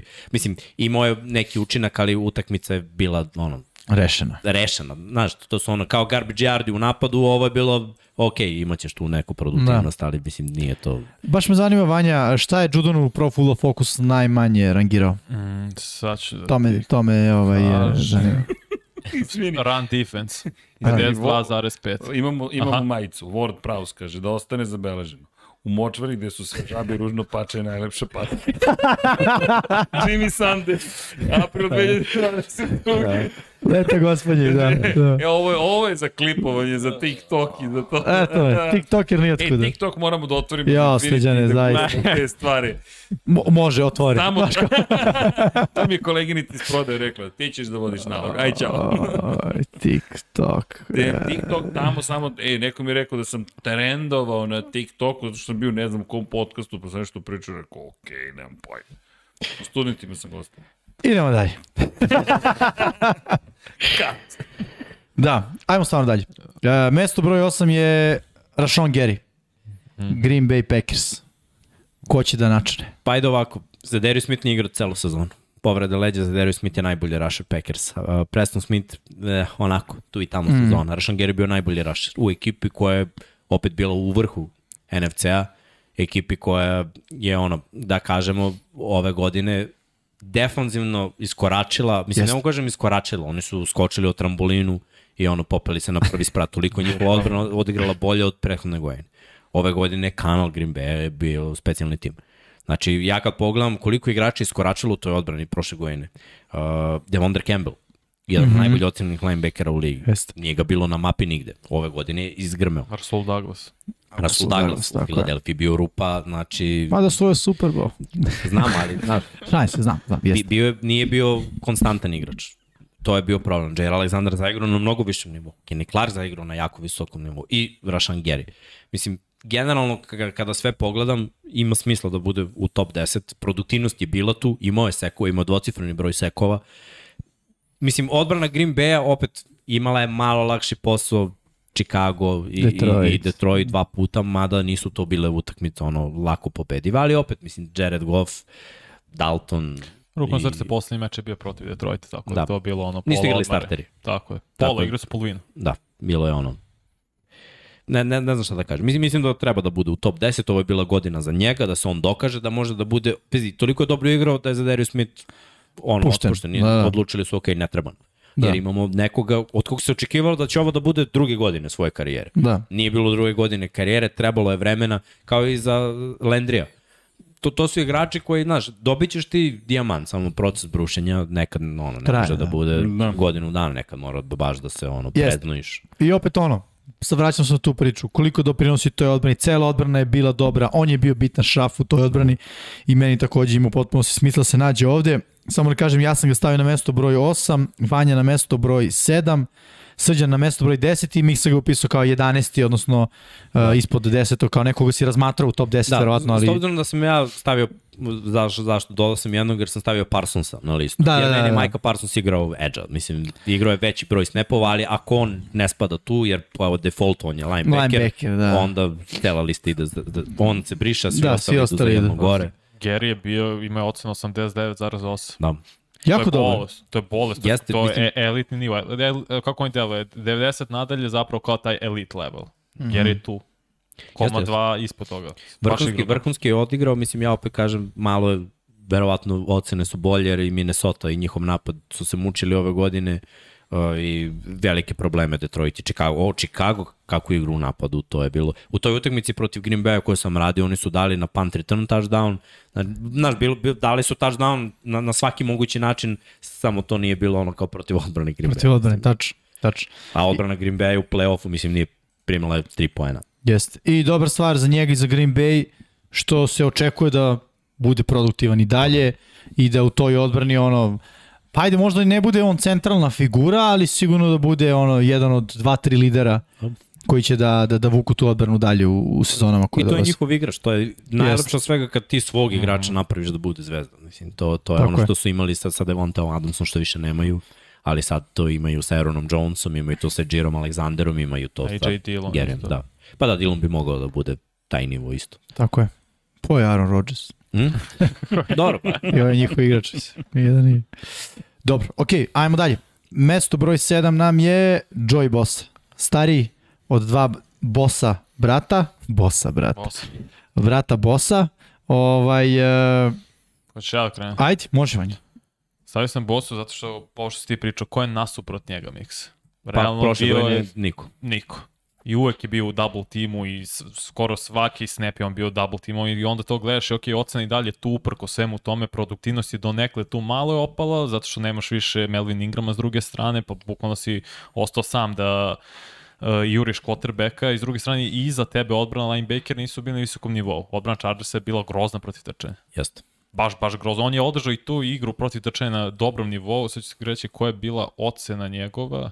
Samo sekund. Aha. Ocena protiv run defense je bila 68,4. Što je poređeno sa Hendricksom koji je 40, Da. mnogo, mnogo, mnogo bolje. Pa Ali dobro, gledaj sad, Hendrickson je stigao do sup. Mislim, imam tu stvari koje mi prvo palamo produktivnost ozbiljno. Nije malo, nego ozbiljno. Mm -hmm. Znači, prvo, pre ove sezone on je bio najplaćeniji edge rusher u ligi. Jeste. Za najplaćenijeg edge rushera u ligi hoću da igra kao što Aaron Donald igra kao najplaćeniji defanzivni tackle u ligi. Znači, Tako hoću ako bude triple team, hoću da ih pojede svu trojicu, da ih baci u drugi red tribine i da sekuje quarterback. Da. Kad ga platim koliko je plaćen Joy Boss. On to nije radio prošle godine. Poređeno od prošle godine imao je više seko i više baranja. Od 2020. Da. Gde je bio pad, E, tako je, jeste. i sad je bilo bolje, imao je 7 Ali- force fumblova. znaš šta ja hoću da kažem? mi, nije mi, ne, ne drži mi grani, neku granicu koju ja mislim da on treba da drži. Jer, gledaj, overall, on jeste top 10. Ali kad gledam prošlu godinu, bilo je momaka koji su odigrali individualno malo bolje. Nije ušao s ekipom u playoff, ta odbrana je imala problem u poslednjoj utakmici kada je bilo najbitnije da zaustavi jedan drive Raidersa, da ne šutnu field goal i onda bi ušli u, u playoff. Znači, čak i tad je bio problem. Sećam se utakmice protiv Baltimora, nije pipnuo ni running backa, nije pipnuo ni quarterbacka. Bili su pregaženi četiri, mislim nije 40 razlika, ali mislim da je bilo 30 Bilo razlike. 30. Znači, bi, bilo je ono, hm, bez Ingrama nije to to. Tako je. I ono što je meni onako individualni uh, utisak, to je slični utisak, to je da Joy Bossa bio je dominantan početku kar svoje karijere i sada nekako doživljavamo neku vrstu pada ili stagnacije. Što je ono što si ti rekao. Prvo, M je najplaćeniji e, bio u tom trenutku, a, a druga stvar, M je Hajde da kažem u toj odbrani Chargers on bi trebao bude najveća zvezda, zar ne? Da. Nema većeg imena od njega. Mislim, ok, postoje tu uh, uh, kako se zove, Dervin James, ali James tek je prvi put igrao prošle godine, manje više, ono, pre toga je bio povređen dve godine. Ovaj, I nekako na oko mi deluje da Bosa je sve manje impact igrač. Pravo stivanja, brojke jesu tu, ali taj neki ono individualni moment uh, kom ne, ne može se odupreš kada kada pričaš o nekome, znaš kakav je utisak ostavio, nije mi kao da on ide napred ili kao da održava neki elitni nivo, nego je kao da možda ide dole. Ali imam isti utisak. Utisak. Tik iznad proseka. Utisak, ali to, to Jer gledaj, da se razumemo, za top 10, 10 sekova je meni minimum za top 10 edge rushera. Koliko god može da ima 100 ocenu za run stop. Mislim, pre svega igrač edge rushera da bi bio on Imao došao je. do sekova. Imao je. Ne, ne, ne, i znam da imamo, nego hoću da kažem da je to nešto što je prosek, ono, 10. E sad, ako si elitni rusher po broju sekova, to mora da bude preko 15. Znači, moje mišljenje je da mora da bude preko 15. Kao Slažem što uh, running back mora da ima preko 1000 yardi, kao što quarterback mora da ima preko 4000, kao što hvatač u današnjem futbolu mora da ima preko 1300 ako je elitni. Znači, Slažem, zato jedna mi, sta utakmicom više. Zato mi nije top 10, jer svake godine mu je bila ocena 8. 7. onda pa 2018, 32. 5. 3. 9. Što znači po ocenama je uvek tu u top 10, ali neko nije u top 5 konstantno da bude ono, ok, on je sigurno top 5 edge rush. Bar Da. tako da. Mislim, jeste diskutabilno, ali eto, da kažem, ja sam ga stavio na mesto broj 7, Vanja na mesto broj 6, Srđa na mesto broj 6, ti ga Miksa nisi uopšte stavio Da, na da. tvoju listu. Ove godine mislim da nije top 10. Ali overall mislim da jeste, samo što prošla sezona mi je bila generalno odbrana Chargersa mi je imala boljku u run stopu i u broju sekova, u pritiscima. Sve mi je to falilo prošle godine od Chargersa, mislim da se jednostavno namestila sezona, da je Denver krenuo jako i igrao katastrofa, Raidersi su pola sezone igrali katastrofa, Chiefs su pola sezone igrali katastrofa i ono, Chargersi su tu negde Nakupio održali. nešto. Napravili su oni skok u odnosu na prethodnu sezonu, ali opet nisu ušli u play-off sa rosterom koji je po mom mišljenju morao da bude u play-off. Znači, Pogotovo ofanzivno. da. I morali su defanzivno da, znaš, Ne, u defanzivno u mogu da igraju. utakmicama, znaš, imali su neke poraze koji su meni bili ono, Houston. Da, da. Znaš, Houston i ovi Raidersi na kraju, ba, baš sam bio ono, u, u dilemi. Slažem se. I moram nekog da krivim, a kog ću krivim, najboljeg igrača u odbrani ću Dobro, ja krivim. tu krivim trenera, to I meni je to, ono, to svi znamo koliko, ja, koliko da. ja krivim trenera, ali da, Da. mislim, i u osnovom taj trener je defanzivni Tako je. trener. Ma, to tek ono, nema Samim tim veze. što s svog tim. najboljeg igrača nije stavio u situaciju da Da bude najbolji. Tako je, mislim, i njegove krivice. Tako je. Dobro, ajmo dalje. Vanja, mesto broj 6 nam je Cameron Jordan, polu čovjek, polu institucija. Dobro, mora bude u top 10 zato što Jest. je Cameron Jones stvarno institucija. Ali vidi, i kad gledamo sezonu individualno, mora da bude u top 10. U smislu individualno, bože, kad gledamo samo prošlu sezonu, znači da izolujemo da se čovjek pojavio prošle godine, bio bi top 10. Da. Stvarno njegov uticaj, mislim, i moje mišljenje da su on i Demario Davis odbrana Saintsa. To je to. I u smislu, I ne, ne, ne, ne mislim po kvalitetu. Mislim po ono, znaš, kad bi njih dvojica otišli, mislim da bi ta odbrana bila mnogo, mnogo slabija. Mislim, ja sam vam rekao prošle godine da bez obzira što Brice nije tu da će oni biti konkurentni. I bili su do se nije desilo, par sad se desilo sa potrebe. kraj, da. Ali mislim, sa skorom 5-2, oni su opet očistili Tampa Bay Buccaneers. Da. Na jednu foru. obrukali, Ej, na, na odbranu. Da, da. Zato što njihova odbrana je i dalje meni top, de, top 10 odbrana u ligi. I, I to lagano. Deo toga je Cameron Jordan. Jeste, znači, ovo je stvarno igra na visokom, visokom nivou. Veliki deo. Može da igra i na teklu, može da igra i kao edge rusher i, i kako god Kako da igra. da izmeriš, izmeriš to što on toliki vođa? Meni je on za mene on vođa. To je nemerljivo. Da. Evo, ja ovako kažem, da Latimo rodi iz ekipe, osetilo bi se, ali bi i dalje bili dobra odbrana. Da uh, Demario Davis ode, da ostanu Latimor i ovaj, osetili bi se, a osetilo bi se, ali bi i dalje bili dobra odbrana. Da ode Cameron Jordan, ne bi više je dobra odbrana. Ne, da ode Cameron To je moje Jordan, mišljenje. ja bih rekao rebuild. Bukvalno, krenuli su u rebuild, to više nije to. Sledeći možda ode bilo ko. A sad ti je- mislim sa ove, godine, To, to. sledeće koji ide da su playoff, kako Jeste. yes. prošle godine. Znaš zašto ne mogu kažem? Zato što s druge strane imaš Davenporte. Kod Bruka. Koji nije igrao baš cele godine. Nije, ne, ne, i igrao je svega čet, 437 snapova, da. da se razumemo. To je baš malo, Propuštao realno. je pola sezone de facto. Imali su, ma, imali su problem malo na, na teklu. Rankins je bio na defanzivnom teklu je, i ovaj, on je mata isto. Da. Ima u defanzivnoj liniji Saintsa koji je već poslednjih 5-6 godina mnogo dominantno. Jeste. Mnogo bio i Hendrickson u toj defanzivnoj liniji. Ne, ne, oni isto. su mašina Ba- za pravljenje, mnogo da, Jesu. mašina su za pravljenje defanzivne linije iz prostog razloga što se njihova defanzivna filozofija zasniva od uh, rova, da tako kažem, pa na više. Ti kad pogledaš njihov depth chart, odličan D-line, linebackeri su ok, i onda sekundari, ne mogu reći da, ali najtanji je od, od celoj odbrane, sekundari je najtanji, nije loš, ali najtanji od cele odbrane, aj tako da, Pa da, da kažem. Neg, negde mora bude tamo. Negde mora bude tamo, ko što si ti Ali rekao. opet su i dalje top 5 odbrana protiv trčanja u ligi bili, što znači mm -hmm. da da overall svi rade dobar posao. Mislim, ne, ne znam, ovako kad gledam top 10, bez obzira na tu lošu sezonu Saintsa, znaš, i ta odbrana kad napad ide 3 and out i punt, ta odbrana je ceo dan na terenu. Jeste. I znaš, u četvrtoj četvrtini, kada su oni već i umorni, kada im je duša u nosu, sad ćemo da upiramo prstom. Toma na nuli. Njima je teško, tako je, ali su Na nuli. prvi, prvi shutdown, ono, 15 E, oni su recimo primer uh,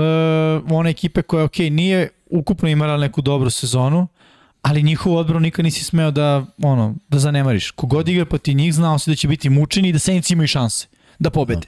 Nije ni jedan meč bio kao malo će da otresu Saints. da, Tako osim da- ovaj kad je igrao Ian Book.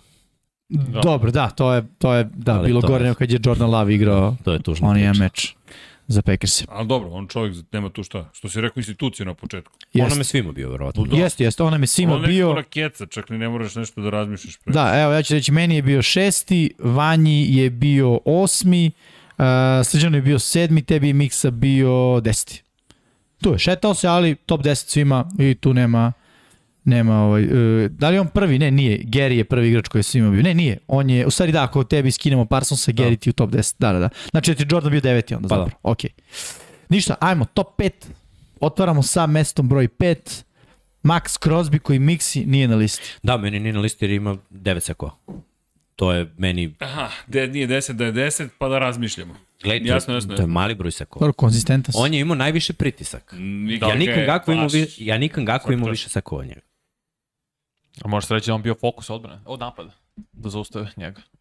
E, ali on mi je Cameron zato Jordan što ove ima- odbrane. Zato što je imao najviše pritisak. On je prolazio, samo nije završio, znaš, ono, Mhm. odradi sve. On, prvo, ovo je njegova breakout sezona. I Jest. zaslužuje da bude pro bowler, jer ti Raidersi, koji su jako popularna franšiza, ne bi bili toliko dobri odbrani da on nije imao sezonu koja je bila dobra kao Ngakveo sezona. I sad njih dvojica na edžu su problem, ne možeš obojicu da zaustaviš, samo se gleda produktivnost. Naprimer, da je Crosby imao bolji finish svog raša verovatno bi, gledaj, poredi kako je igrala defanzivna linija Tennessee-a protiv Bengalsa i kako su igrali Raidersi protiv Bengalsa. Protiv iste ofanzivne linije, dve defanzivne linije.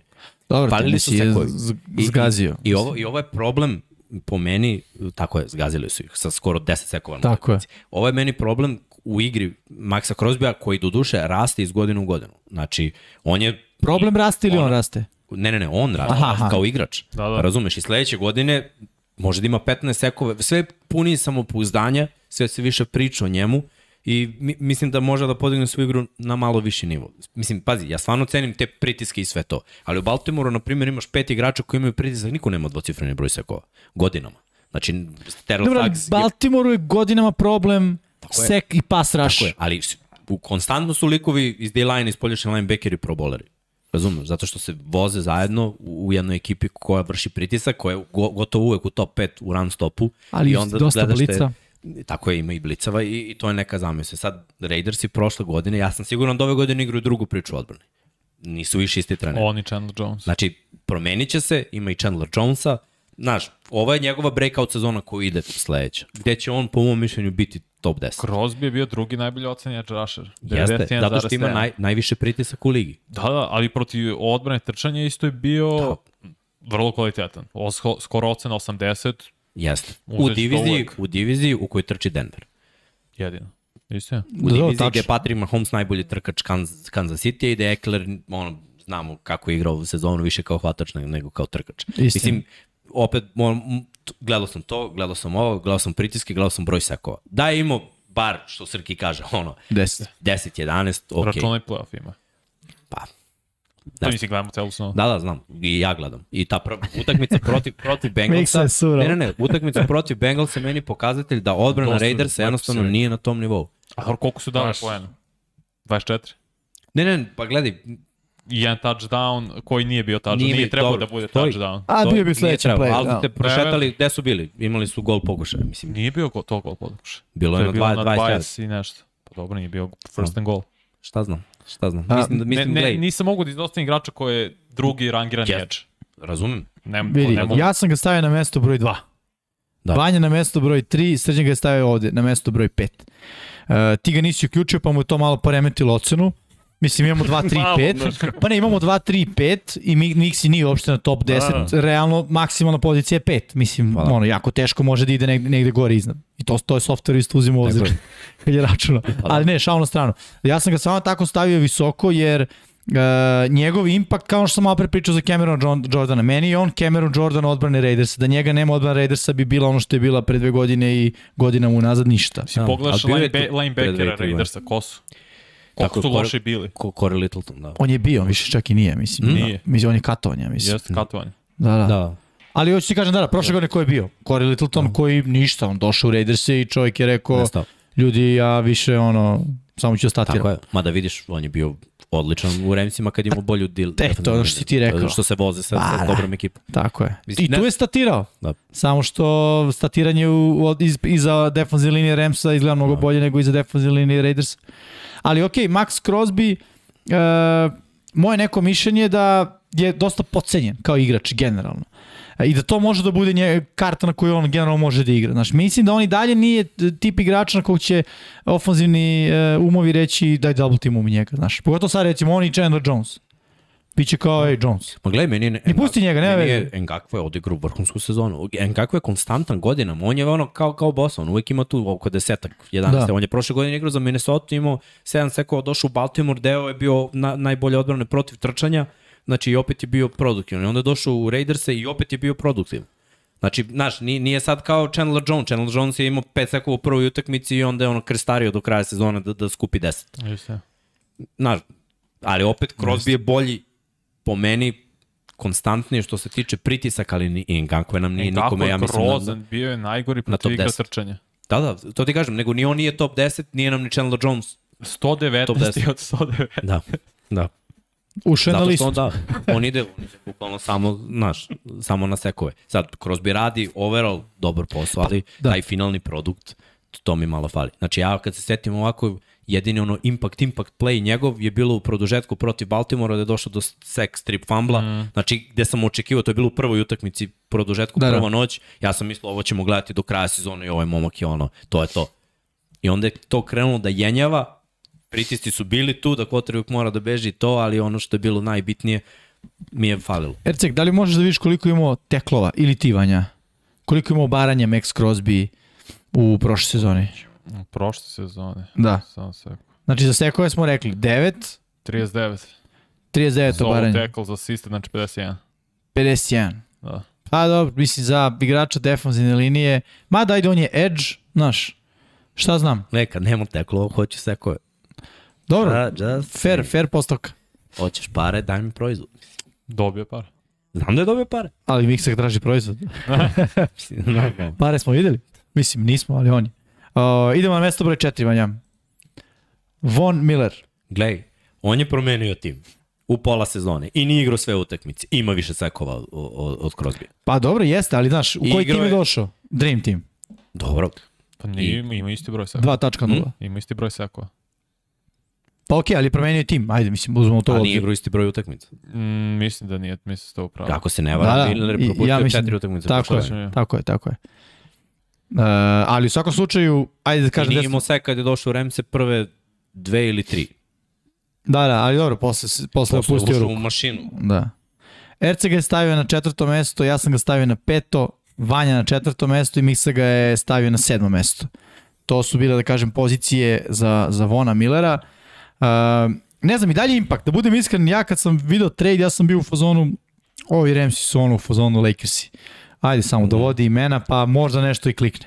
A verovatno neće.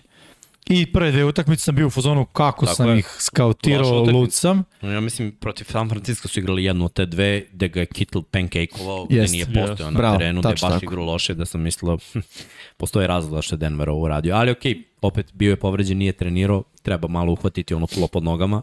Tako je. Kad ga je uhvatio, re, prvo protiv Baltimora je rešio utakmicu, njegov sek je bio posljednji na utakmici. Remsi ne bi pobedili to. Da nisu pobedili to, bio bi drugačiji raspored u play-offu. Ne bi bilo ovako kako je bilo. Možda bi na Green Bay. Mislim, ono, Da, da, da. mo mogla da bude drugačije, mislim, sad lupam, možda ne bi bilo ovako. U play-offu, u Superbowlu, u, po, u, ono, u diviz, divisionalu, u finalu konferencije, na svakoj utakmici se pojavio. Jest. Ako nije bilo uh, seka, bilo je pleja, obaranja ili pritiska koji je usledio ono, do, do, seka ili do neke propale akcije, što samo govori o iskustvu. Drugo, mnogo je pomogao ovim momcima drugim, Ja mislim da je i Leonard Floyd počeo mnogo bolje da igra kad je došao Mon Miller glas opet i to neko loženje da. da. koje je on doneo. Mislim, čak Pa i je, vidi i čak život je, Aaron Donalda je postao lakši. čak i ovaj jedan timeout kad je bio ovaj, u Superbowlu, njima je pričao bukvalno isti govor, copy-paste koji je Demarcus Ware, koji je meni Hall of Fame bez razmišljanja. Da, da, da. I ono najbolji koji sam vidio u životu sa, Demarcus sa, sa Zver. fake, sa fake da. rollingom. Mislim, znaš, to, taj isti govor je on donao da priča u Rams. I ovi su se primili, ja se sećam onog momenta promene mm -hmm. protiv Sa- San Francisco koji je usledio kad su oni dobili tu utakmicu da bi otišli u Super Bowl i osvojili. Ne, ne, bio Osvojio- jasan moment. San osvojio Francisco Super ima Bowl. de facto još, još ona, ona lopta koja ide i da završiš posao, to se ne desi, dođe on i kaže ajmo sada da. Da promenimo. Malo Donald, malo Miller, opet, sećam se taj posljednji drive kad je usledio, kada je došao Sean McVay do, do, do njega i, i do Erika Vedla kad im je prišao i rekao, za, zbog ovoga ste tu. Prišao do jednog i rekao, zbog ovog si tu, zbog ovog si tu na terenu. I šta se desilo? Jimmy G fail.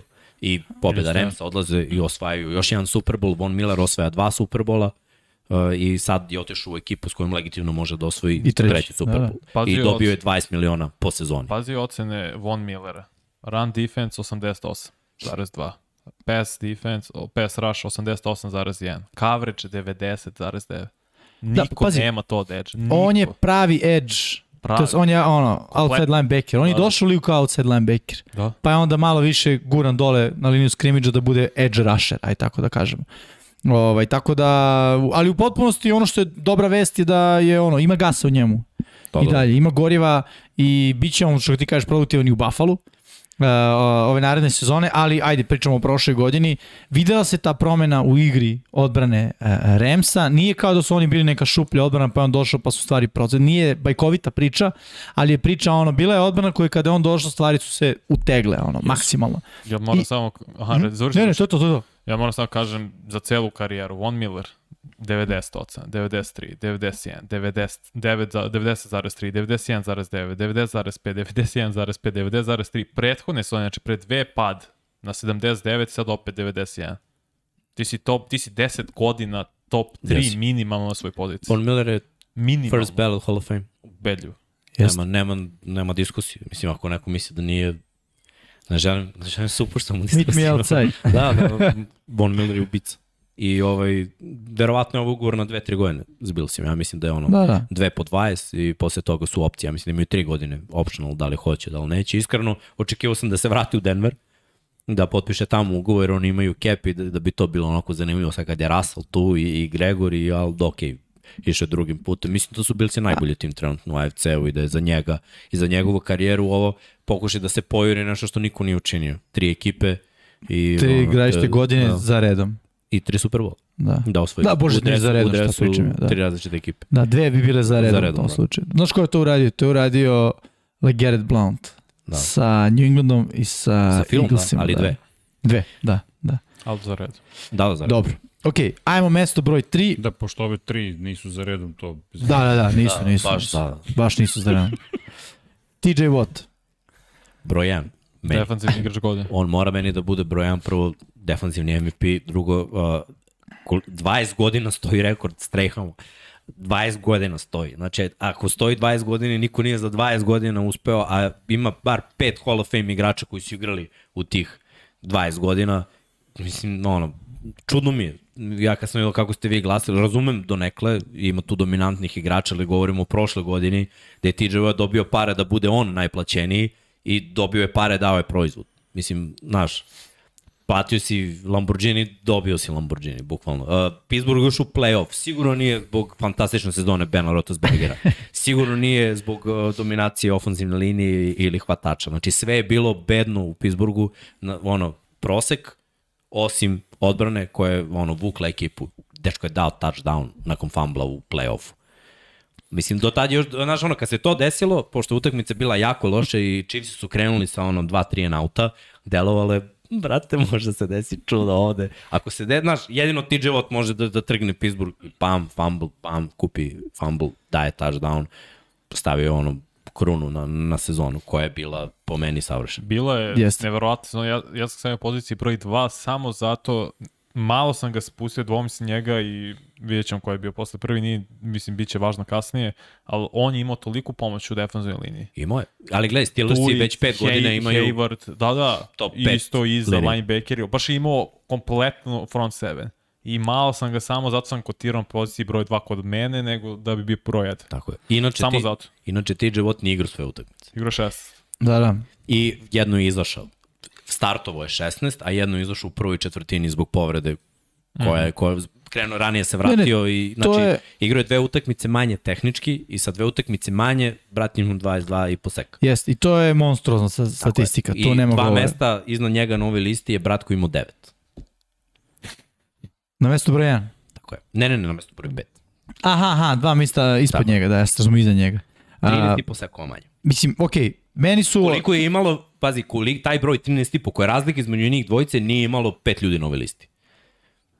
Istina. Dobro, okej, ja Da, kažem, ja okej. ne mogu da gledam Edge-a samo kao sek mašinu, Da, realno. ne, ne. Znaš, ja... Zato mi je čudno zašto brat nije broj 1. Džab, okej, uh, vidi, bio je defanzivni igrač godine, znači negde je broj 1, što se kaže. Dobar. broj 1 generalno u ligi, što je mnogo važnije nego broj 1 Da. na našoj listi edge rushera. Tako da TJ, Ali- TJ Watt, mislim... Kada bude video ovo, brate, odlepit ćemo. ali, ali srećan kada bude video tvoje glasanje, reći će, ok, Da. Okej, you will survive. tako je. Biće ono kao ovako i onda... Koga je najniže kotira? Uh, najniže ga je kotirao ja. mesto broj 4 kod mene.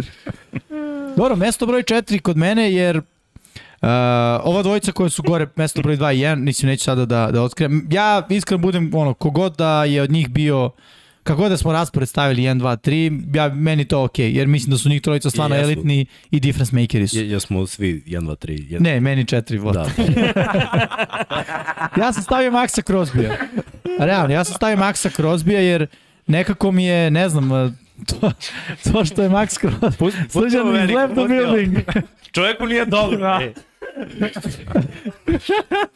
Um, između njih dvojice, ne znam, meni je Crosby generalno i cela njegova priča prošle godine, kažem, ostavila, eto, veći utisak. Sad ne kažem da TJ Watt nije dobar igrač, to je smešno i ne želim uopšte da se stekne utisak da kao ne cenim TJ Watta, ali je istina ovo što je Vanja rekao, znaš, u kompletnijoj si odbrani generalno. Ok, jesi oborio si rekord, sve to stoji, čak sam ja prenosio tu utakmicu i pre toga kad imao neko obaranje sam mislio da je sek, ali nije, bilo je tipa trčanje. Ovaj, takav folos je bio u pitanju, to je quarterback je trčao, a šta god. Ovaj, uh, ali eto, nekako onako, ceo utisak, kako bih rekao, kada, to je onaj problem koji kada igraš dobro konstantno i postaviš lestvicu jako visoko. Ne kažem da je svako ispod te lestvice on bio, nego znaš, ja ne znam šta više da očekujem od TJ Vota. Mislim sledeće godine, osim ako ne bude imao 40 sekova, ono, pa kao da kažeš, to je ludilo. Ono, ako sledeće godine bude imao 18, mi ćemo reći, ono, dobra sezona. Znaš, okej. Okay. Ili ako bude bio u Onda će biti deseti. Ne, ne, ne, neće, neće, bit će mi i dalje u topu. Ovaj, pet barem. Ali, ovaj, kako se zove, um, generalno cela odbrana Pittsburgha je, mislim, ono, mnogo bolja priča. Ovi ostali igrači koji su broj 2 i broj 1, uh, ajde, naš broj 2 generalno je meni on broj 1, baš zbog toga što kao, ne znam, neki njegov impakt i za mene on vanzemaljac, ali da se vratim na, na, na TJ Vota, ovaj, uh, šta znam, eto, meni je bio neki osjećaj da sam ga ja rangirao na mesto broj 4. I sad, okej, okay, meni, kažem, potpuno legitimno i da on nama ukupno bio broj 1, ne bi imao ništa protiv toga, da je bio broj 2, ne bi imao ništa, ništa ni protiv toga. Ali pošto je Jimmyjeva formula, oh, Da. Ne, stvarno, Vanja je gledao formulu, stvarno je formula bila takva. Skoro kola tvoja bez motora. to- to- ideš. Nije, nije, ovo je bila full teška. 350 350 kila. Pa evo, Nešto dobro. evo ja ću spitam, kako se vadi koren u Excelu? Zna to neko? Kako se vadi koren u Excel? Koristit će Excel, kako izviš koren. To ti kažem. Pa imaš square root. Nemaš. A ne kucaš square root, nego staviš jedan broj puta drugi broj puta treći puta četvrti, treba izvuči četvrti koren iz toga. A da ne koristiš dve ćelije. O, Ima, ima motor, samo plini. sad ćete da vidite. Pa znam ja, mogu ti kažem, ne moraš da googlaš. Ne moraš, da. Neću da googlamo ja sad. Ajde. hoće to je proba. Excel Ninja, razumeš? Excel Ninja, tako je. To Staviš treba onaj, ti bude nadimak na Instagramu. staniš ovaj, onaj, onaj, to zove, Amerika zove power, tako? Što bi mi rekli na, ali umesto da ga staviš na četvrti, staviš ga na Minus. jednu četvrtinu. Ne, ne, ne, na otvoran zagrada 1 kroz 4. A, nice. Digneš ga na jednu četvrtinu. I onda on izvuče koren četvrti iz toga. Prebacio sam temu sa vata na sebe. Da. Opa. Pa moraš ti nekako da se opravdaš. A ljudi, pošto ne znaju o čemu pričaš, reći će da, ima smisla. Dobar, dobar si. Šalim se. Mesto broj verujem, verujem u Jimmy egzaktnu Evo. matematiku. A Miha 97 pita, jel square root ovo ono, nije... To je, to je funkcija. Ali sa kako da koristići jednu ćeliju, sve to, mislim, možeš sa to da ispuš, ispišeš znaš ovoliko kako, formulu, ali... Da, znaš kao, možeš i, možeš i lako, ali ne mora. Ne, ne, ovo je, a zar ovo nije lako? Dva puta, Umesto da tri puta, s, SQRT i i šta onda? ubaciš koren iz te, tog broja. Kog broja? A To zar ti kažem. Čekaj, zar ti nije bilo lakše Čekaj, čekaj. sabereš ti- ova četiri broj? broja? Čekaj, čekaj. A ne, Vanja, kad sabiraš ne dobijaš tačan broj. Tačni broj se dobija množenjem pa izvlačenjem korena. A dobro, pomnožiš ih u zagradi. Dobro? I dobiješ square root, SQRT. Ali square root je kvadratni koren, te i treba četvrti koren. Zašto četvrti? Pa kad imaš četiri, četiri činioca, tako? Glasača. Množiš prvi činioc sa drugim, sa trećim, sa četvrtim, doćiš četvrti koren da bi dobio. square root, pa kao nije Pa kao square root, pa square roota. Ne, ne, ne, ne, ne, mora, um, odavno nisam. Kikujemo, opa. Dok si se ti reklamirao tamo po televiziji, razumeš? Ti imaš formulu, ja imam formulu. Ali u Excelu. Vanja ima naučare. Vanja izgleda kao da sve ovo zna. Vanja ima, Tako naut, je. Vanja je Ali u stvari, Vanja je za brojeve što se tiče Pro Football Focusa, ocena. Da, da. da. Stop, ajde, reci nam gde je vot. E da, reci nam gde je TJ Watt. TJ Watt je šesti. Da, da. Pa kad ima pored tebe. Turum, tum, turum. Šesti. I opet, Aha, znaš, Da, da, krivite, opet, ali krivi, to je- krivite Pro Football Focus, ne mene. Ali to je ocena 89,6. Da. Da I opet. I opet moram da kažem na njegovu veliku žalost igra u diviziji gde se trči 60 plus. E, kakav je protiv trčanja, Vanja? 71,5. Dobro, to E, do, dobre u su svojoj ocene, s diviziji, da da. igraš protiv Baltimora i Clevelanda dva puta godišnje. Dobro, Gde znaš da te čeka, ono, trčanje, trčanje, Pa trčanje. i Mixon isto. Da, ali okej. Trčanje, trčanje i onda vamo Bengalsi onako malo, malo, ali više To, pas. mislim, i tako Mixon ima 1200 Da, da. i nešto. Mm. Yardi. Dobro. Mesto broj dva. dva. Spržili ste me, dosta. Nick Bosa. A čekaj, e, kad a- pričamo o tome ko igra u dobroj ekipi, Upravo mislim, to. dečko u svojoj ekipi ima uh, najbolje grand stopera na defanzivnom teklu kog nismo ubacili ono u, Koga? uh, kao procentalno je najbolje ocenjeni tekl. Armstead. Da je, ne, ne, ne, ne Armstead. Da ko je. Mislim da je 9-4 ovaj. Uh, Ridgeway? Ne, Nije samo on. sad ću da nađem. Ali ne bit, idemo dalje. Slušaj, evo, izvini. Kaži. Ajde, ajde, ajde. Jimmy matematičar, Vanja Clark Kent, Opa. Srđan Lex Luthor, hvala. E sad čekam za tebe šta će da kažem. Ajmo, napeta. Imam ja ovdje ideju. Pa- Jimmy the Riddler. Je bio neki matematičar koji je... Pa on je, on je bio ono zagonetač. Da. Kao i moj, moj sistem, a? Potpuna misterija. Zbuni Batmana, Batmana. ne mogu više. Ne mu pričati, znate. Skopit ću sam sa zgrada. to, to. Nick Bosa, ljudi. Dobro, E, gledaj, a- Nick, Nick Bosta je zver od kad je ušao u ligu. Jest.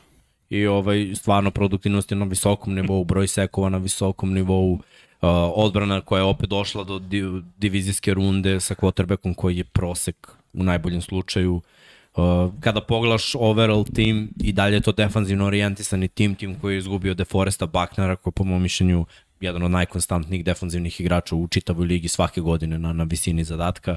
Uh, izgubili su Rubena Fostera, izgubili su Solomona Tom, Tomasa, to su sve pikovi i ono prve dve runde. -hmm. uh, ušli su u Super Bowl pre par godina u njegovoj ruki sezoni kada je ono izgrmeo kako je igrao, bio je defanzivni ruki godine, uh, povredio se, vratio se, igra na visokom nivou. Sve razlozi da bude top 5, ali ako ćemo da kažemo da je TJ Wattu pomogla ekipa, ocene ekipe 49ersa što se tiče front 7 je, su bolje, ja mislim, od Steelersa, možda grešim, ali linebackeri su bolji jer Steelers imaju jednog, ovi imaju dvojicu, mm -hmm. uh, Warner je meni top 5 uh, running, uh, linebacker, mislim da s druge strane u Steelersima nemamo top 5 Nema. linebackera.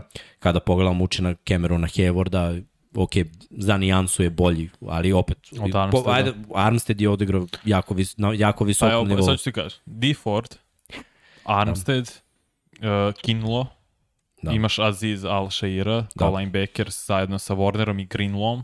To je brutalan front seven. Jeste. To je mnogo, mnogo. To je možda i najbolji front seven ligi. Top 3 sigurno. Zato sam ja Bosu malo spustio jer Da. ti stvarno imaš toliko dobre saigrače. oko Ali ovako, pitanje, ko je najbolji od tih sedam? Na keca. Fred Warner. Nick Bosa. Hvala lepo. Nick Bosa. Mislim, meni je, meni je on broj 1 na mojoj listi. Glednik Bosa je zver. Ali opet, zbog, zbog- a meni ove prošle godine najbolji bio Vot, a znaš, i onda mi nema smisla, ne gledam s kim igraju ni jedan ni drugi. Jedan i drugi su ubice i No, jedan da, i drugi zaslužuju po mom mišljenju da budu ono, u, u, u samom vrhu. I sezona Bosa je bila maestralna. Znači, ne, ne mogu ništa da mu oduzmu. Od Kad je ušao u ligu, on dominira. On dominira na način na koji Joey Bosa, po mom mišljenju, treba da dominira s njegovim ugovorom. Znači, Da. bolje mi igra Nick Bosa od kada je ušao u NFL Jeste. od Joya. To Pa- potpisujem. Dobro, TJ, JJ, kada praviš poređenje, ja bih isto rekao da TJ je... Trenutno da, ali Da. da. TJ još uvek nije dostigao onaj nivo dominacije JJ kad je on JJ bio Mock treba bude MVP ligi. tako je, lige. Da. Sa uhvaćenim touchdownom, sa fumblom i interceptionom da. vraćanje za Da, touchdown, da. sek lider i defensivni MVP. Mislim, Bio je tri puta defensivni Da. igrač godine. Ne, ne, jeste, ne, ne, ne umanjujem, ne mislim da sezona, je... najbolja sezona Nika Bosa je po meni bolja od najbolje sezone Joya, a TJ još nije dostigao najbolju JJ-u. Dobro, ali je na odličnom putu, mislim, to Da, ne, da, ne, nema šta. Nema šta. listi jeste! Da. Ajde samo da kažemo, Nick Bosa Vanji je bio peti, uh, Ercegu i meni prvi, tebi Miksa treći. Mislim, da. okej, top 5 svakako ga vidimo. I sad kažem, bilo je samo onako rangiranje ko šta kako. Vanja, pustio mi top 1, to je top 1, najboljeg, pošto obično radimo komparaciju, to je Miles Garrett iz uh, Cleveland Brownsa, logično. Vanji na mestu broj 1, Miksi na mestu broj 2, Ercegu na mestu broj 2 i meni na mestu broj 3. Mislim, svakako ono, sami vrh. Uh, I šta znam, ja opet kažem, među njih trojice, ovo mi je ona, jedna od tih situacija da ono, meni je okej svako od njih trojice da bude gore. Ja sam znao da niko neće staviti Maxa Crosbya, hteo sam da ga ispumpam, to jest napumpam, kako god to zvučalo. Uh, dajte kada nekog drugog, sad sam Ok, skapirao, okay. okej. što se nastavi. Sad sam Evo, skapirao. Mixa Firestorm. Yeah. Pa sad ovo deflect, deflect. Mixa Firestorm. Firestorm. Dobar je Firestorm, ovaj, to je stari lik, ne znam mnogo možda ljudi za njega. Deadpool. Ne, ti si Ne, ne. progla... Dead... Miksa je Deadpool, ima fore, realno. A, De, Znači fore, bre. ali Deadpool A i je je. Marvel. Kao i Deadpool je umro. Ali De, Deadpool je Marvel, ovo sve DC. Ne vidi, tebe su stavili da si ti Dr. Xavier. Dakle, ti si, A, ti si to, čao. Margina, šta je to? Ne znam ko je taj čovjek. To je Marvel. To, o, Samo, mislim, izvinjam se. si Šta je? gledao Ne, ja sam čitao, samo čitam. Čeka. X-Men? X-Men. Da. On je s mozgom. Sledeće pitanje. Onaj s mozgom. Oni ćelavi. nisam, nisam. A stvarno. Dom Pablo je Magneto. Tako da, opa, zla sila. Dug- Vidi, dugo dobio Magneto. dobro junaka. evo Okej. da kažem. Respekt. To znači Ide loš, šta da radim? Jednog od naj, naj, najmoćnijih i najpametnijih. Opa. Da. Baš ono, respekt si popio. A Don Pablo je Rey Mysterio. Ne, ne, Ne zna se ko je. ne, ne, Mada on nije heroj. Dobio je Magnita, to ti je tvoj arhi neprijatelj. Ali pazi, Don Pablo. a bili ste neka, a bili ste najbolji drugari. Da, da. Ja Dobro, to je prolećni, Dobro. proleće, proleće leto sezona. Znaš. Ali ima smisla Rey Mysterio. Je Meksikanac, Pablo. Može, može, može. Da, Rey Mysterio. Mysterio, okej. Ajde ovako, kao kratka, mala mini tema, pool. Ko je koji catcher, znaš? Četvorice, petorice. Nisam Don Pablo je Rey Mysterio, to je svima jasno. Nisam gledao Catchere 20 godina. Nisam ni ja, ali neko mora Dobro. biti Undertaker. Sviđam kao najstariji. Hvala. Undertaker je skoro otišao u Undertaker penziju. najbolji brad ikada. Pa najbolji ikad, to ti kažem. Mislim, vidi, hvala. Da, okej, može. To ti kažem. Evo, glasam za samo. Do sebe. A se vratimo Geralt. Da se Da. vratimo, da, izvinjam se. Mislim, izvinjam se. Pošto, pošto je Garrett trenutno Undertaker u NFL-u. Jest. Ja sam glasao tako da broj 1 i 2 su mi ovi koji gledam dva puta godišnje i do, dominacija dva igrača koje gledam dva puta godišnje. Prvo, Miles Garrett nema adekvatnu podršku u defanzivnoj liniji što se tiče produktivnosti, jako Cleveland igra solidno. Solidno.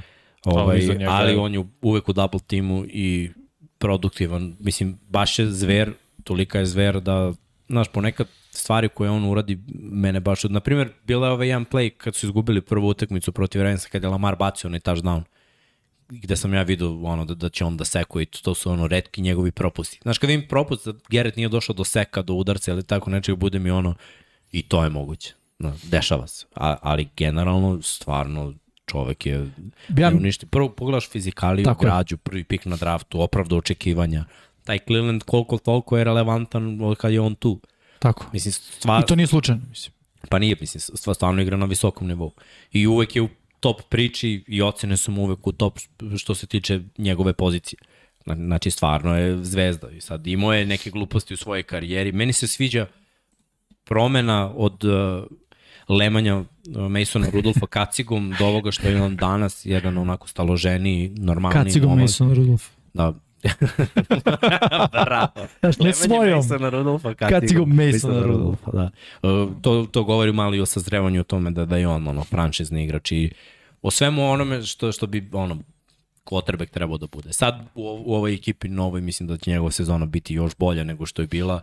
Uh, mislim da je bila slabija od sezone TJ Watta, ali opet on je godinama u samom vrhu na ovoj poziciji. Ja mislim da je on ono Aaron Donald edge pozicije u NFL-u, odnosno neko ko će sve vreme svoje karijere biti top, elitan i koji će uvijek biti nerešiva uh, enigma za, za ofenzivnu liniju i za ceo napad generalno. Atleta nestvaran, znači ono njegovi snimci na društvenim mrežama kako čovjek kuca i to ono ne samo da kuca, kuca ono windmill, brate. Čak i ja znam ono da. za, za, te neke termine. Uh, stvarno je nestvarno. Kako čovjek izgleda kao onako najbolji atleta kog ste videli u životu samo multiplikovan, onako, u smislu uvećan, kao da je neko uzeo na ono, u Photoshopu i kaj ga malo veće, kao čisto. Uvećaj me malo da ispadnem bolje. E, Onako, to je kad praviš igrača na medon. bukvalno kad praviš igrač. 6, 200, Struk uzan, a ramena ogromno i ruke. Naravno. definicija. Sve, po, definition 10. Ocena 99. Može, realno, to je realno, da. Pa to je malo skere. Stvarno je ono monstrum što se toga tiče i kao što si rekao Mix, igra na vrhunskom nivou, uh, pri pik na draftu, opravdao je tu ulogu, draftovanu bez veze ekipi koja vremenom postaje sve relevantnija i ono, nije slučajno što se sve to dešava od trenutka kad je on došao u tu ekipu. Aj tako da kažem. Definitivno nije. Ok, s ovim smo završili edge rushere, imamo još defanzivne teklove za večeras. Kaži da smo ga stavili svi. Eto samo to. A, nisam rekao. Ne, jeste, ja, ja sam ga prvom, čini se Miksa ti drugi. E, Srki Ercik drugi, ja treći. Da, Max Crosby, ja sam ga ispoštao baš. da, baš. Da. ok, To zbog magnita ili? Max. Ne. Max. Next. Već sam rekao nešto što nije trebalo. Neću išta da govorim. si nešto i prošli. Da, da. Neko je pisao. Hajpovao sam ga, pa ali ne volim da koristim te Da, reči koje se baš ne menjaju po padežima. da. Ali okej. Ovo Gerata ne možeš da napupaš, već je dovoljno. A, nema pumpanja. Okej. Idemo teklove. Vanja je u elementu. Clark Kent, vidi, ovo je bilo kentovski. Prži iz očiju. Dobro. A? Ali li sad imamo? Čeraj. Klasične ozbiljne Ba, redakcije. čoveče, tačno. Bukvalno smo bili profesionalni. dok- Bukvalno, pa, pa, pa, pa, mogli su na. RTS da nastavi. Da. Da, kako smo bili kao te... Pogreblje. Da. Pogled, i ono, tu ima ona muzika cela. Čovjek pre ulazi u ring iz, iz kočega. Šta pričamo više? Da izađem iz kauča. To je neki drugi heroj.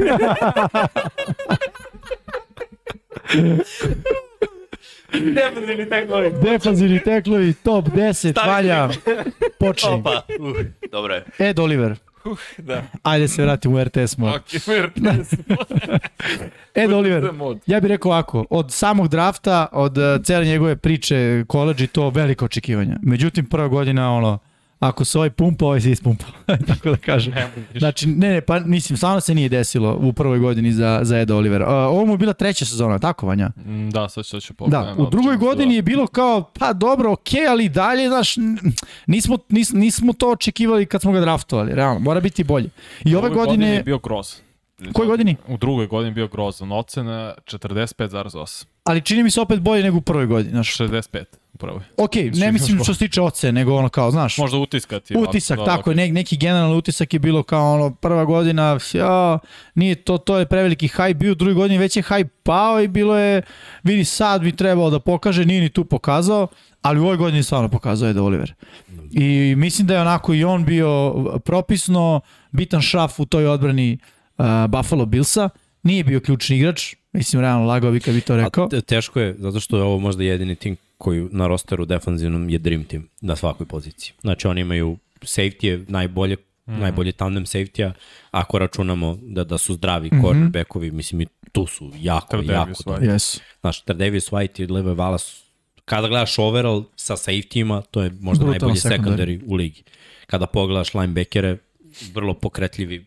Moje mišljenje je da su ono top 3 u ligi i onda uzmeš i Ne, ako D-line. posmatramo kao, kao jedinicu, kao duo, Da. I kao sekundari, kao ono četvorica, da, da, slažem se u potpunosti. I, I onda, znaš, dodaš odbranu koja je opet na papiru cela. Zna, teško je biti ono kao on je taj igrač. Mm. Znaš, ni Milano, ni uh, Edmunds, ni Hyde, ni, ni Poer, ni, ni Tradevius White. Kad je bio najbolji, znaš, ne možeš kažeš on je Difference najbolji, maker, od, da. ne, njihova odbrana je jednostavno dobra i, i to je priča. Jako je teško u takvoj odbrani da, da se istakneš, ali opet on se istakao ove godine, bio je stvarno dobar i u jednom trenutku oni su imali pad kao tim, ali su nakon toga zaigrali bolje. Opet jedna velika mana zbog čega on verovatno tu sad pri kraju ove liste jeste što ono u toj utakmici protiv Chiefsa nisu bili na, na dovoljno visokom nivou. Jer da su malo dali zaleđenu napadu, igrali bi Super Bowl. Moje mišljenje. Mislim da su bili, bili najbolji tim ove godine u AFC u, u play-offu i da je odbrana morala da odigra bar na onom približnom nivou kao protiv Patriotsa u ovim, protiv Chiefsa. I onda bi se verovatno susreli ovamo u finalu sa, sa Bengalsima. Opet, šta bi bilo kad bi bilo? Nije se desilo, sledeće godine je njihova, sad imaju Ivona Millera, Jest. ako će mu biti neka godina lakša, bit će ta sledeća. Definitivno. I ajde samo da kažem što se tiče Olivera, ja i Erceg smo ga stavili na 10. mesto i Sigmix stavio na 8. Vanja ga stavio na 12. mesto, van top 10, Da. ali uh, opet onako kao da kažemo, neko ko je važno ga spomenuti, vjerojatno se Vanja dvoumio između nekoliko igrača na tom mestu broj 10. Ali u svakom slučaju, eto, Ed Oliver nam je na mestu broj 10. Uh, mislim da možemo dalje, a? Može. Ajmo, mesto broj 9. Ajde, Vanja, možeš ti da... Christian Wilkins, mislim Wilkins od kad je i mogu kada vraćam se malo nazad na Clemson bio toliko dominantan više sa edge kad se prebacio je u NFL krenuo da igra unutra i zapravo to učinilo mnogo boljim igračem. Imao je baš dobro ocenu, iako nije imao kao njegov saigrač Zach Sealer, ali igrao mnogo više snapova i bio je bar neko on, što neki igrače, pogotovo kornere, Miami je preokrenuo tu odbranu poslednjih nekoliko godina. Pod Brian Flores, da se razumemo. Ali svako Christian Wilkins je zver na ovoj poziciji.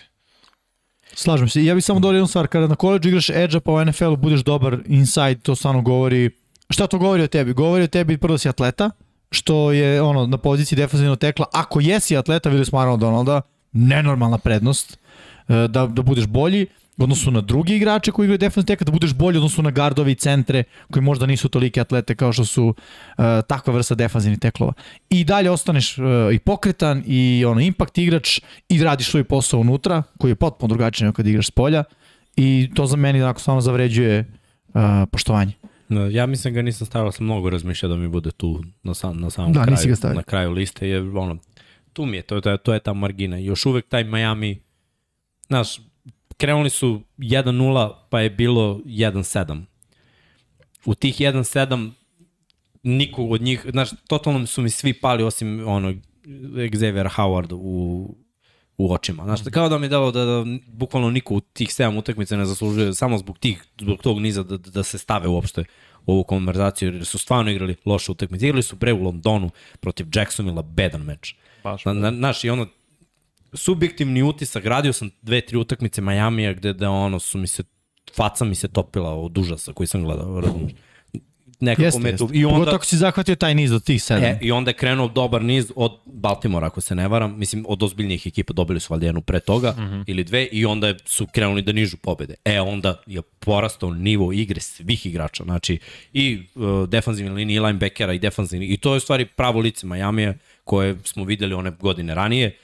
Ne znam šta se desilo u ovom periodu. Stvarno je bio jedan mračan period za njih. Pa ja mislim, po mom mišljenju, znaš, da daje top 10 bio bi produktivniji u, u, u tom periodu. Ali na kraju, ok, I dalje imao dobro ocel, Imao je, da. 83,6 je najbolji Zato što je bila, gledaj, zato što je di- bila da, dominacija, izvini što te prekidam, mm -hmm. baš je bila dominacija protiv, ne, protiv Baltimora, dominacija defanzivna. Oni su zaustavili, igrali su cover zero s blicima. jest. Gde, gde ono, Nestvarno. Lamar se nije snašao uopšte i od te utakmice odbrana je dominirala.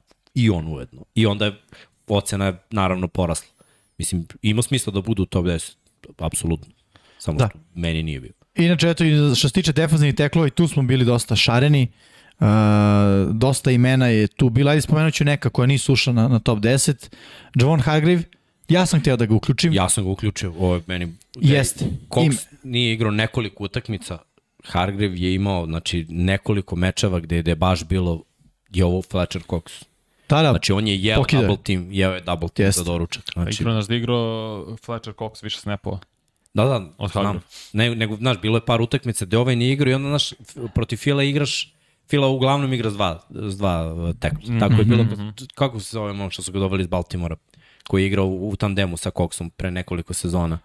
A, I onda, Cox je tu najveća zver. I Cox ima par sezona gde je bilo Aaron Donald, Fletcher Cox. Da, da. I onda, znaš, kada Coxa nema, meni je delovalo sad će Filu da spakuju, ovog će da double timuju, iz Japiće rupa, Fila nema linebackere i ovo će biti trčanje ceo dan. I nije bilo tako. I onda mi je bilo, ok, koga Fila ima na rašerima, koga Fila ima u linebacker. Znaš, mislim da, da je odigrao sezonu za respekt, bio je produktivan, imao je sekove. Uh, I gledao sam procentualnu uspešnost što mm -hmm. se tiče sekova. On je drugi u NFL-u sa pozicije defensivnog ali jako loš protiv trčanja, tako vanja. Da. Da, ocena 30.3, baš, baš grozno. Što je realno za defensivno tekla veliki minus, znaš. Da. Jer moraš da kontrolišeš A i B i G pre svega. Ako će ti ekipa trčati okolo, super, neka trče okolo. Jeste, ali pazi, tu ulogu je preuzeo Fletcher Cox, koji je slab sa sekovima, a Fila je bila top 5 ono, Jeste. protiv Ne, trčanja. ne, oni su generalno kao jedinica i kao tako nekako kompenzovali. Su pokrpili, ti radi Jesu. ovo, ti radi ono i onda mi nije imalo toliko kao e, ekipa se sad kao nije raspala, druga ekipa je u rebuildu ušla u playoff. Da, da, jeste. I ima malo tu i, i do odbrane, sa novim trenerom, sa novim sistemom, sve novo. Istina. A, ko je još bio na našem spisku, a nije uh, ušao, Reader. Ušao je, kako? DJ Reader. Da. DJ Reader, jeste, i to čak ja sam ga stavio na treće mesto. Vanja na osmo, vas dvojica ga niste uključili na, na, na, na je listu. on sindrom bedne ekipe. Pa, mislim, jeste, okej, ima sad tu ono, Mislim, ima, on uvek je bio dobar, ali znaš, ne znam, utakmice koje sam ja gledao nije bio faktor, jer svaku utakmicu koju sam ja radio u Houstonu je gubio sa 20 razlike. da. I onda, znaš, ne mogu da gledam sad kao tvoju individualnu dominaciju koju nema jer ekipa gazi 100 yardi svaki drive. Da. E, Vanja je stavio Fletchera Coxa, e, imali smo i e, Leonarda Williamsa na spisku, ali eto ni on nije e, ušao u, u, u top 10 Pa da svi imaju ukupni. pristojne sezone. Imaju. Mislim da, da tekla je teško naći taj balans, jer najbolji tackle defensivni u ligi, svi znamo ko je najbolji defensivni tackle u ligi, ne moramo uopšte da, da se pravimo kao da ne znamo ko će biti ovde na broj Da. 1, je toliko kompletan igrač, da, da znaš, on- onda nam je teško da kriterijum za ove druge znaš, nekako utanačimo šta, šta tražimo. Tražimo Aaron Donalda, mislim, Pa, koliko si on je daleko, reper. Tako, koliko si daleko od toga da bi ušao na ovu listu. I svaki od ovih ima nešto zbog čega liči, znaš, zbog čega može da bude u toj priči, ima mnogo više toga zbog čega ne može. I onda, okej, ima smisla da lista bude ovakva na kraju. Tako je. Mislim- Vanja, izvini, ajmo na onda mesto broj 8. To nam je DeForest Buckner. Meni je malo šokantno što ovako nisko bak. I, i meni. Jer DeForest Buckner je konstantan godinama, ali ajde da kažemo da prošla godina nije bila najbolja za Colts jer nisu ušli u playoff. I da ono, šta znam, da, da je bilo dosta istraživanja unutar njihovog tima gde su i gde se nalaze. No, ja iskreno mislim da je napad bio slabiji prošle godine, bez obzira na Svakako. Jonathana Taylora, mislim da je ta odbrana mogla da, da, da nisu bile neke izgubljene lopte u krucijalnim trenucima mečeva, da, da su oni mogli da, da imaju 3-4 pobede više i da ništa ne mogu da, da zamerimo odbrani i da je najslabija jedinica ove odbrane zapravo secondary, a ne front seven, tako da DeForest Buckner treba da bude. Ali od San Francisco preko Colts on je produktivan svake godine i vrhunski igrač, stvarno. Bilo je mečeva gde eto, nije bio faktor, Mene je čudilo, na primjer, protiv Baltimora, celo to drugo polovreme, kad su ovi dali 30 poena, gde je bila defanzivna linija? Ono, ba, baš se Lamar razmaho kao da je Mahomes. I bilo je Tom Brady, bio za ostatak 10 poena, vratio se do dušajde, to je Tom Brady, pa kao da razumeš, ali opet Tom Brady je bar nepokretan, ono, u džepu, malo mi je tu falila. Bilo je par utakmica koje Jacksonville posljednji meč. Grozno. Da. Vanja, kakav je bio broj snapova za DeForesta Bucknera? Nešto mi u glavi Mm, Kao da nije bio- Pa igrao je 843 snapa. Da. U, znači, regularnoj sezoni, što znači bez play-offa. Igrao je popriličan broj snapova. Pa otprilike se gleda da kao jedna utakmica u NFL-u ima između 60 i 70 snapova. Ajde da kažemo da je to 60. Znači on sa 800 i nešto, to je koliko otprilike je 9. Uh, ne. Uh, 12, Xavier. 12, 12. Hoće ti kažem tačno po mečima koliko igra. Čak ima 800, 800 i nešto, da. onda bi morao 13 utakmica naj, 12, 13, 13, Pa da. dobro. 13 i Ne igra, 14 ide. ne igra toliko snapova po utakmici. Evo, Da. igrao je, sad ću ti kažem. Igra... Ne igra toliko snapova ili već veteran. Da, da. Pa nije, ko je ovo? Čekaj, samo se. Pa trebalo bi da bude 6-7. Sad ću ti kažem. Buckner, Buckner. Pa dobro, ovo mu šesta sezona, sad ulazi u sedmu. Ali mislim da je to već preko 30 godina, tako? Uh, 28. 28? Ušao je mlad, da, da, okay. ušao je mlad. Igrao je 47 snapova, pa onda 52, pa 52 ponovo, zatim Oko 50. 44, pa da, Oko 50 snapova. 60 je odigrao pet. Mislim, oni imaju, oni imaju baš rotaciju. Imaju, imaju. Da, da.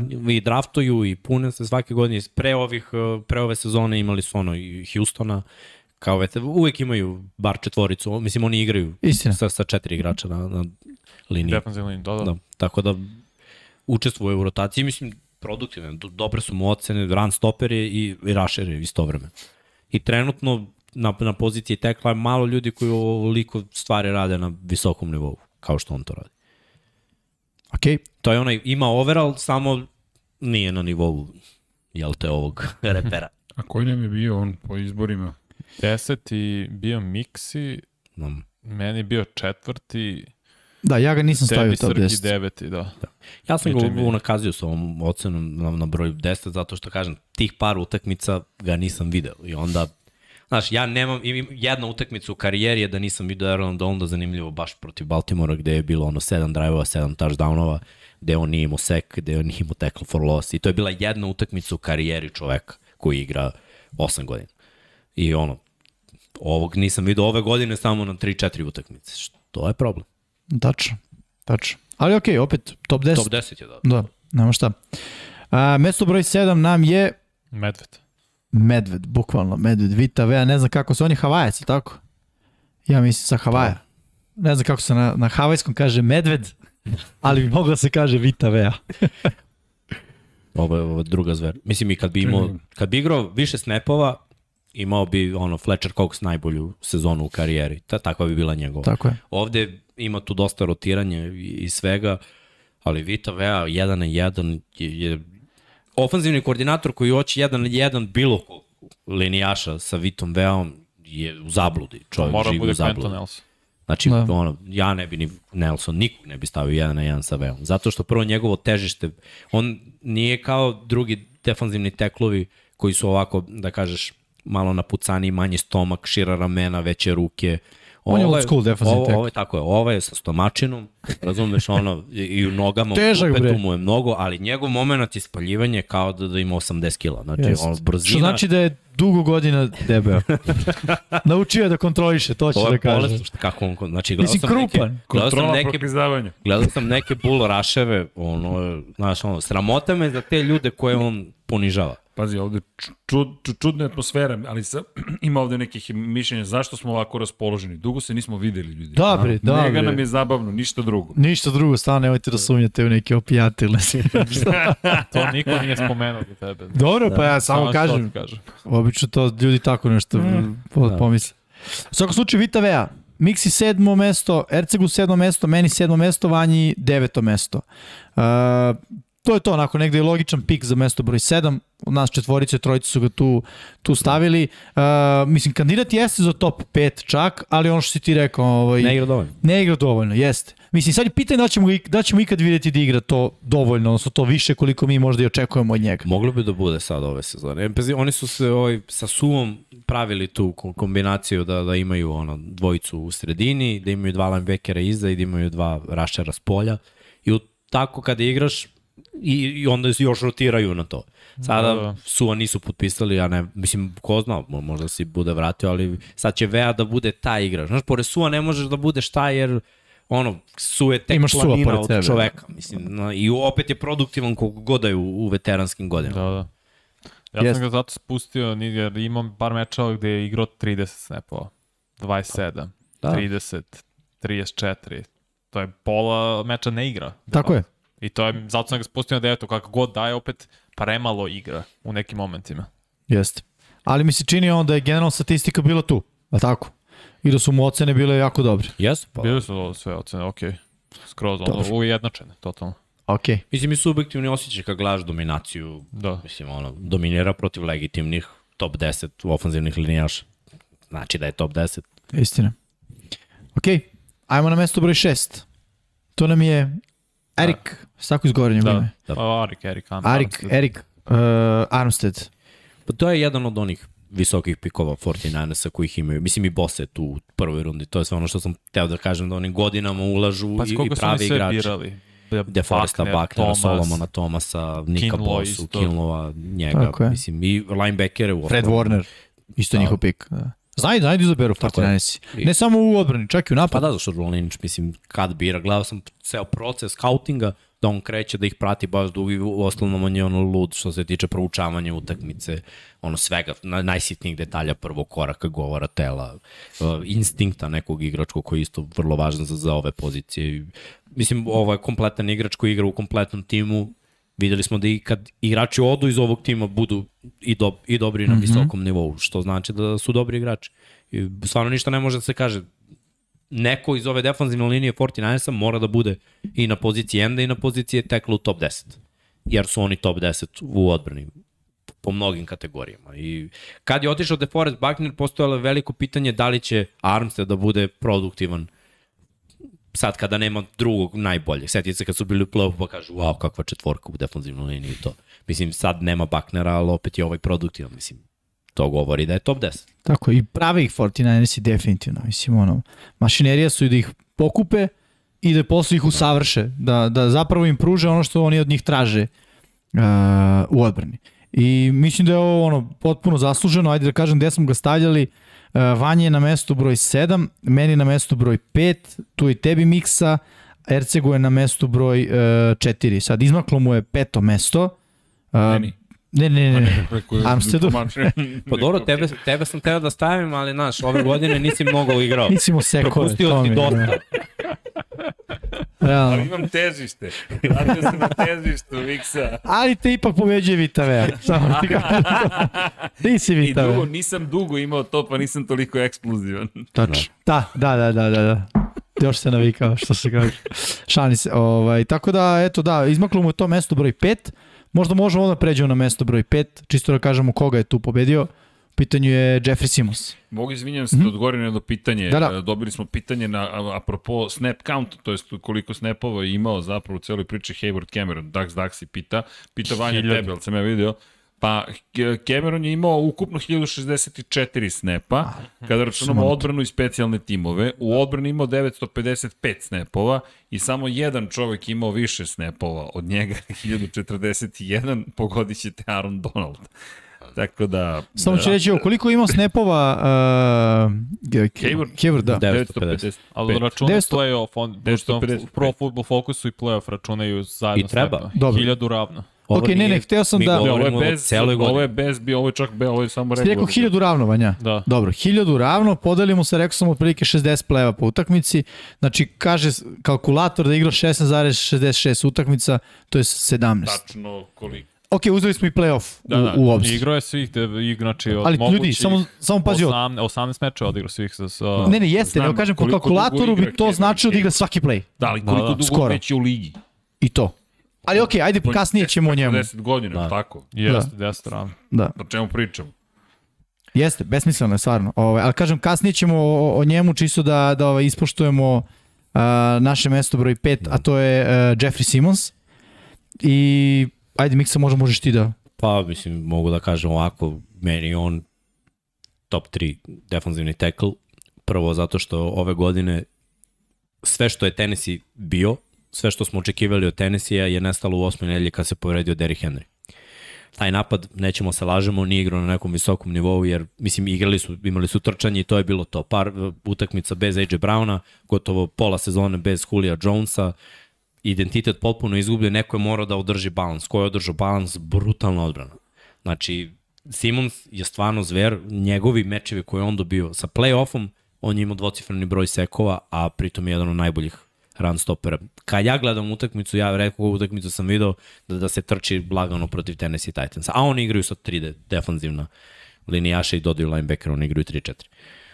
Tako da ono, no, mnogo se traži od njega, on je protiv Bengalsa sam imao 3 seka u toj jednoj utakmici u play-off.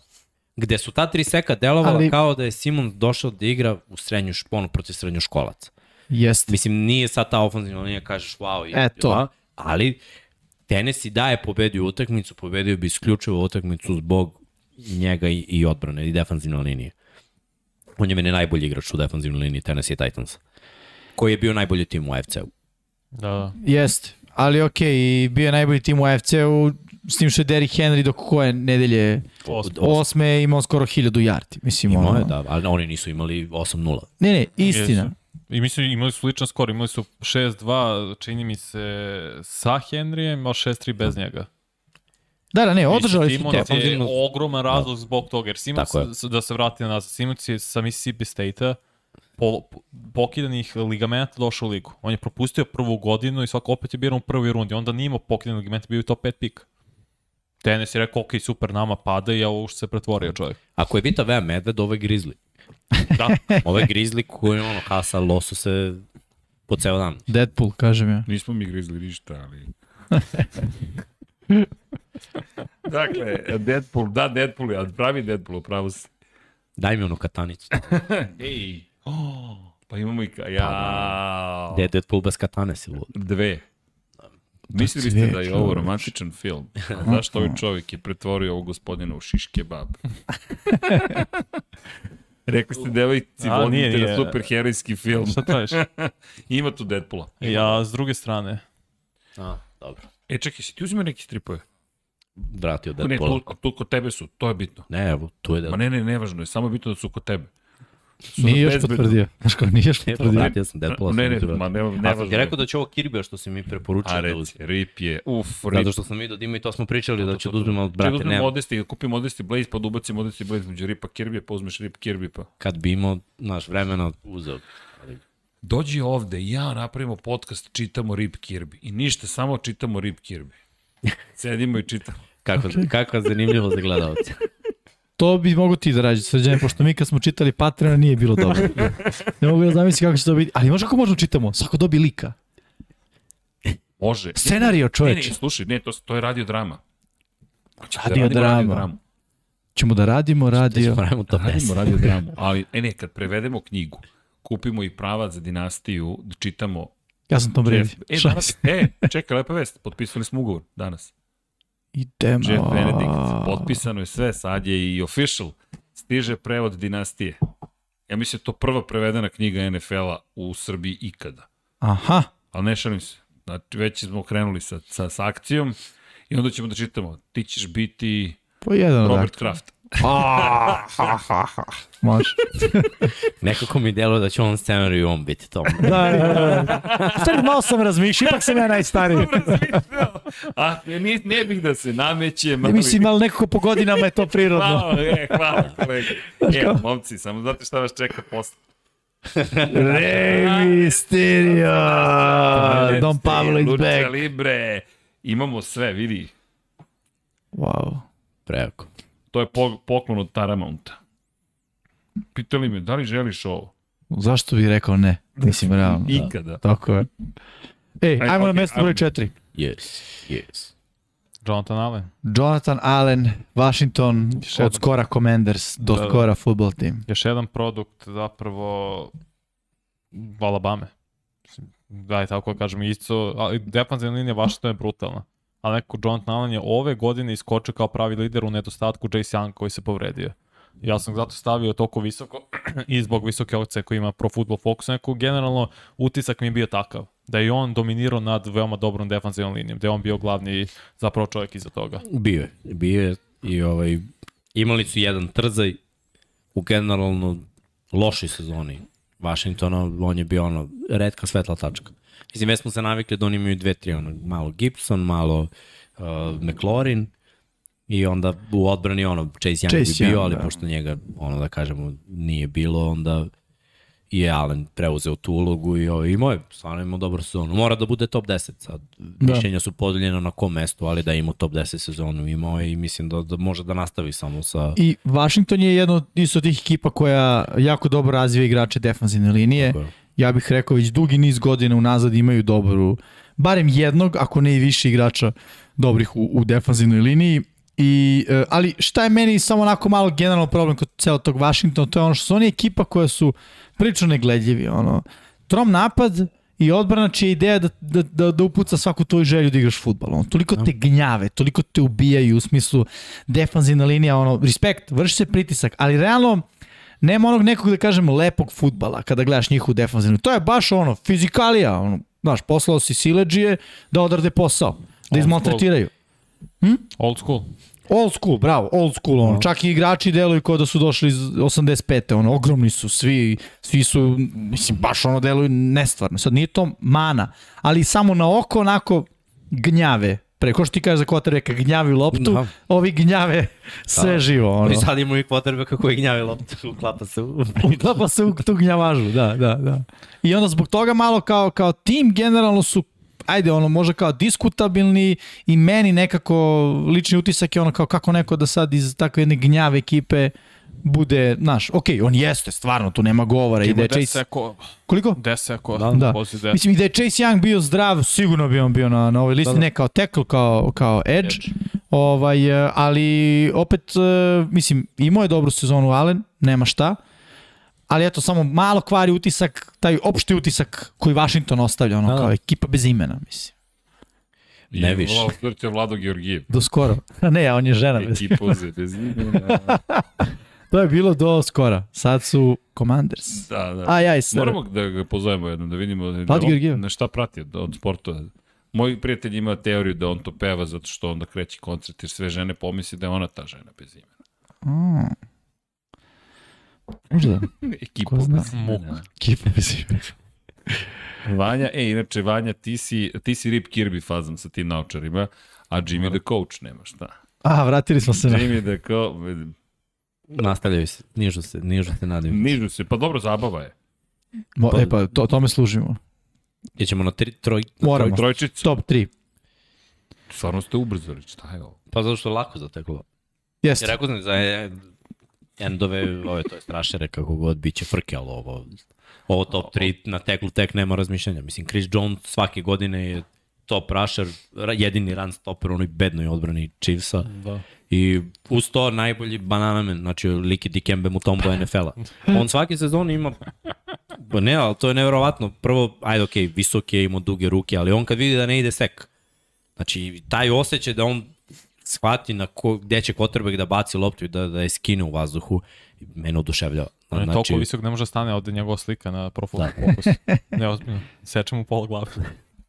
Li, lik dominira stvarno. I imalo je smisla kada su potpisivali ove long term ugovore, što su ovako išli, znači Kelsey, Mahomes i, i Chris Jones i onda su ono, Tyrika Hilla potpisali prvi put, ali drugi put nisu hteli. Zašto nisu hteli i Matthew je takođe otpao da bi ostavili ovu trojku.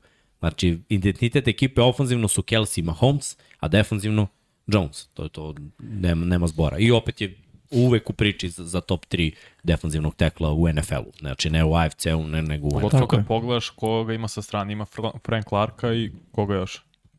Ko A je izdao? još? Bolton je ruki, Willi... Odigrao vrhunsku sezonu. Jeste, Bolton. jeste. Jeste, Bolton svako ruki, pored njega ovaj čini se Willi Gay isto sa Michigana, da. koje je, mislim, prva ili druga godina, a i za Rasulo u secondary.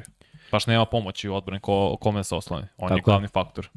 Mislim, i s druge strane, tek kad je došao Ingram, oni su zaigrali malo bolje. Da. Ali dok on nije bio, pazi, i inače Jones igra i enda i tackle. Da, da, da, To to samo tek. govori o, o, to, o to svestranosti zbog čega mora da bude ono ocenjen Jest. Jeste. Tako da mislim da smo ga svi stavili. On. Da, ti i ja smo ga stavili top 4. To je No. četvrtog mesto.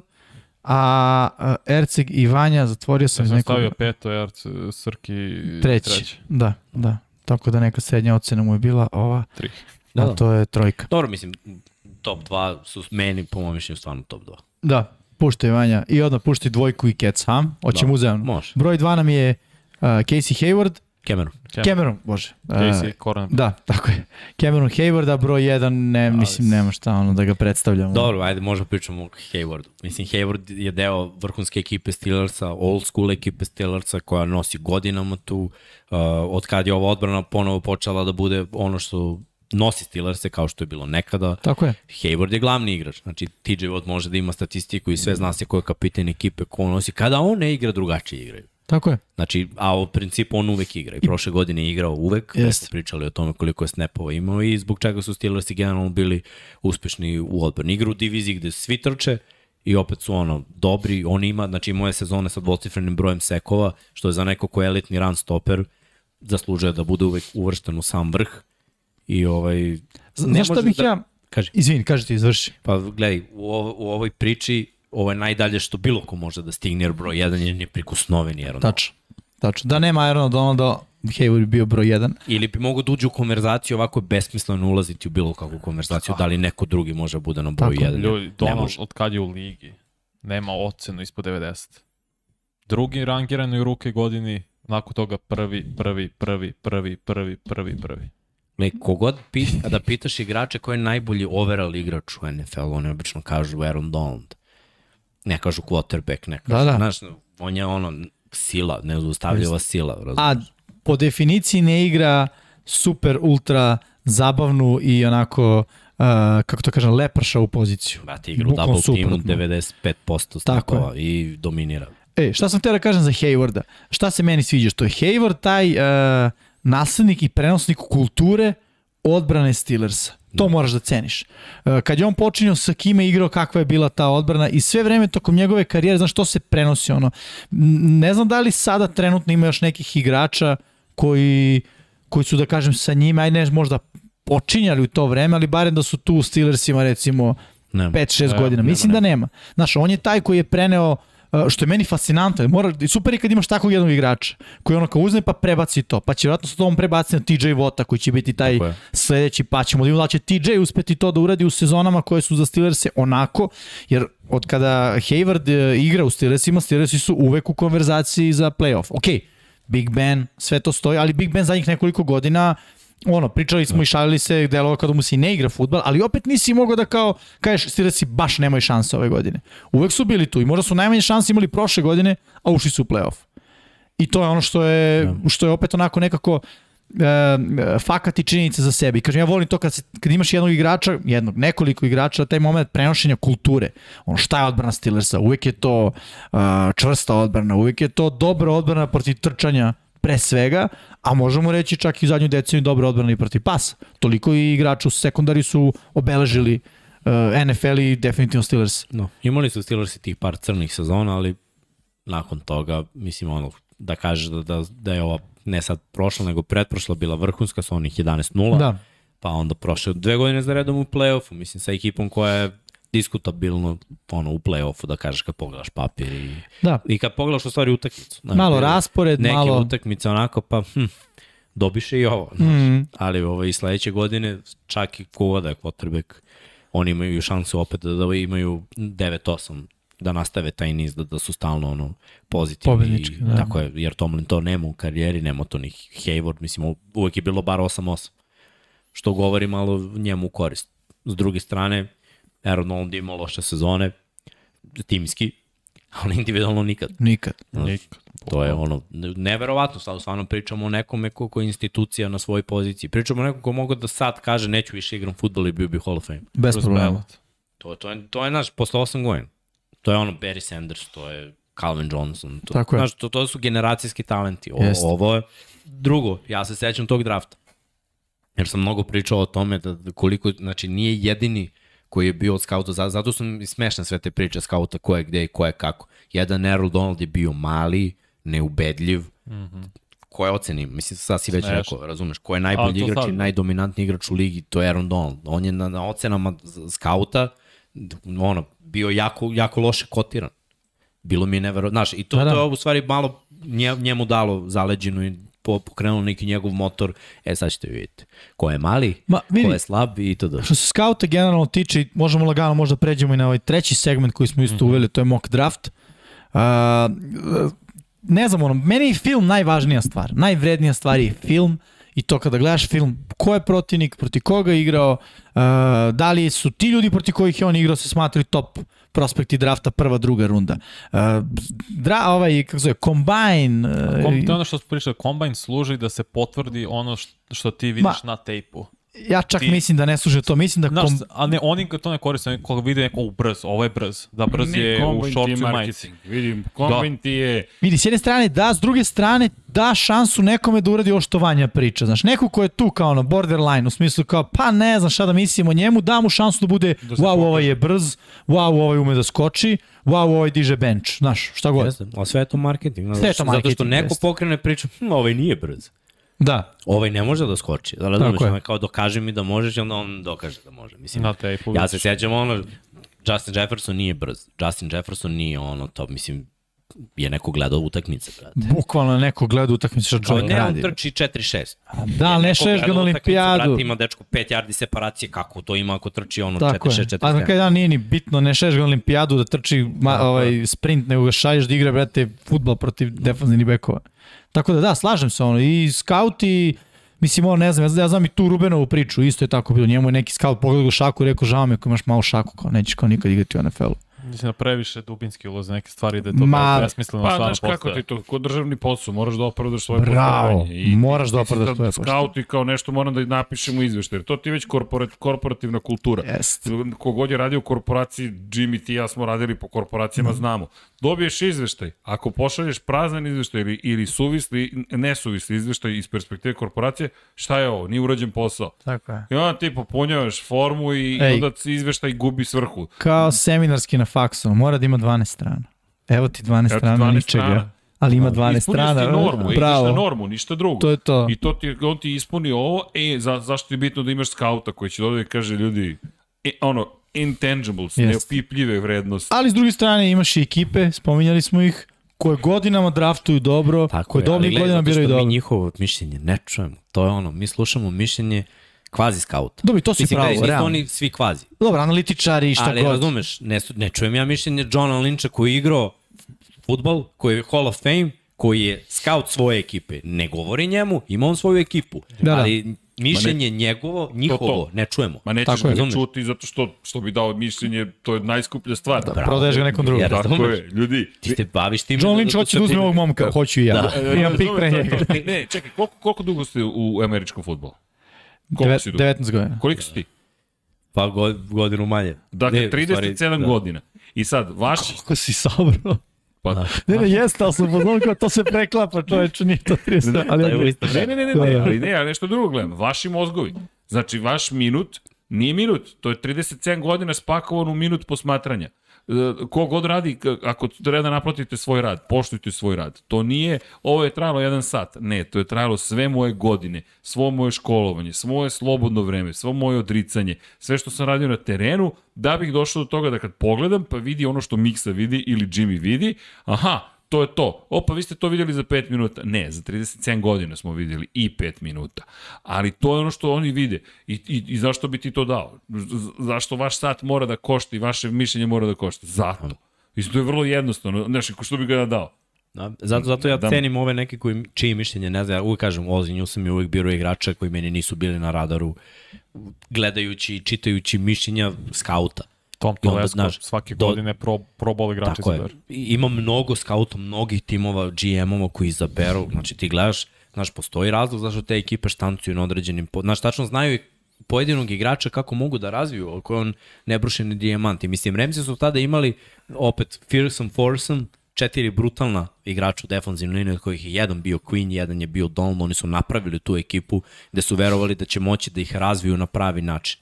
I izabrali su nešto što odgovara njihovoj diviziji, Da. uh, gde je za Seattle tada igrao Marshall Lynch i dalje, gde su morali da zustavljaju njegova trčanja, gde je Frank Gore igrao za San Francisco, gde, znaš, ono, njihov fokus je bio, ajde mi da zaustavimo trčanje ovih ekipa i treba nam neko ko će biti brutalan igrač i došli su do Aaron Donalda ko- i sve te stvari koje su bile protiv, dobro ih se sećam, su se pokazale ona kao glupost u njegovoj NFL karijeri. Da. Nije jedini, ta ista, ta ista klasa je Khalil Mack, koji je isto bio ocenjen, ono, fali mu ovo, fali mu ovo, fali mu. Mislim, nemamo se lažemo, Khalil Mack isto ono generacijski taran. Jest.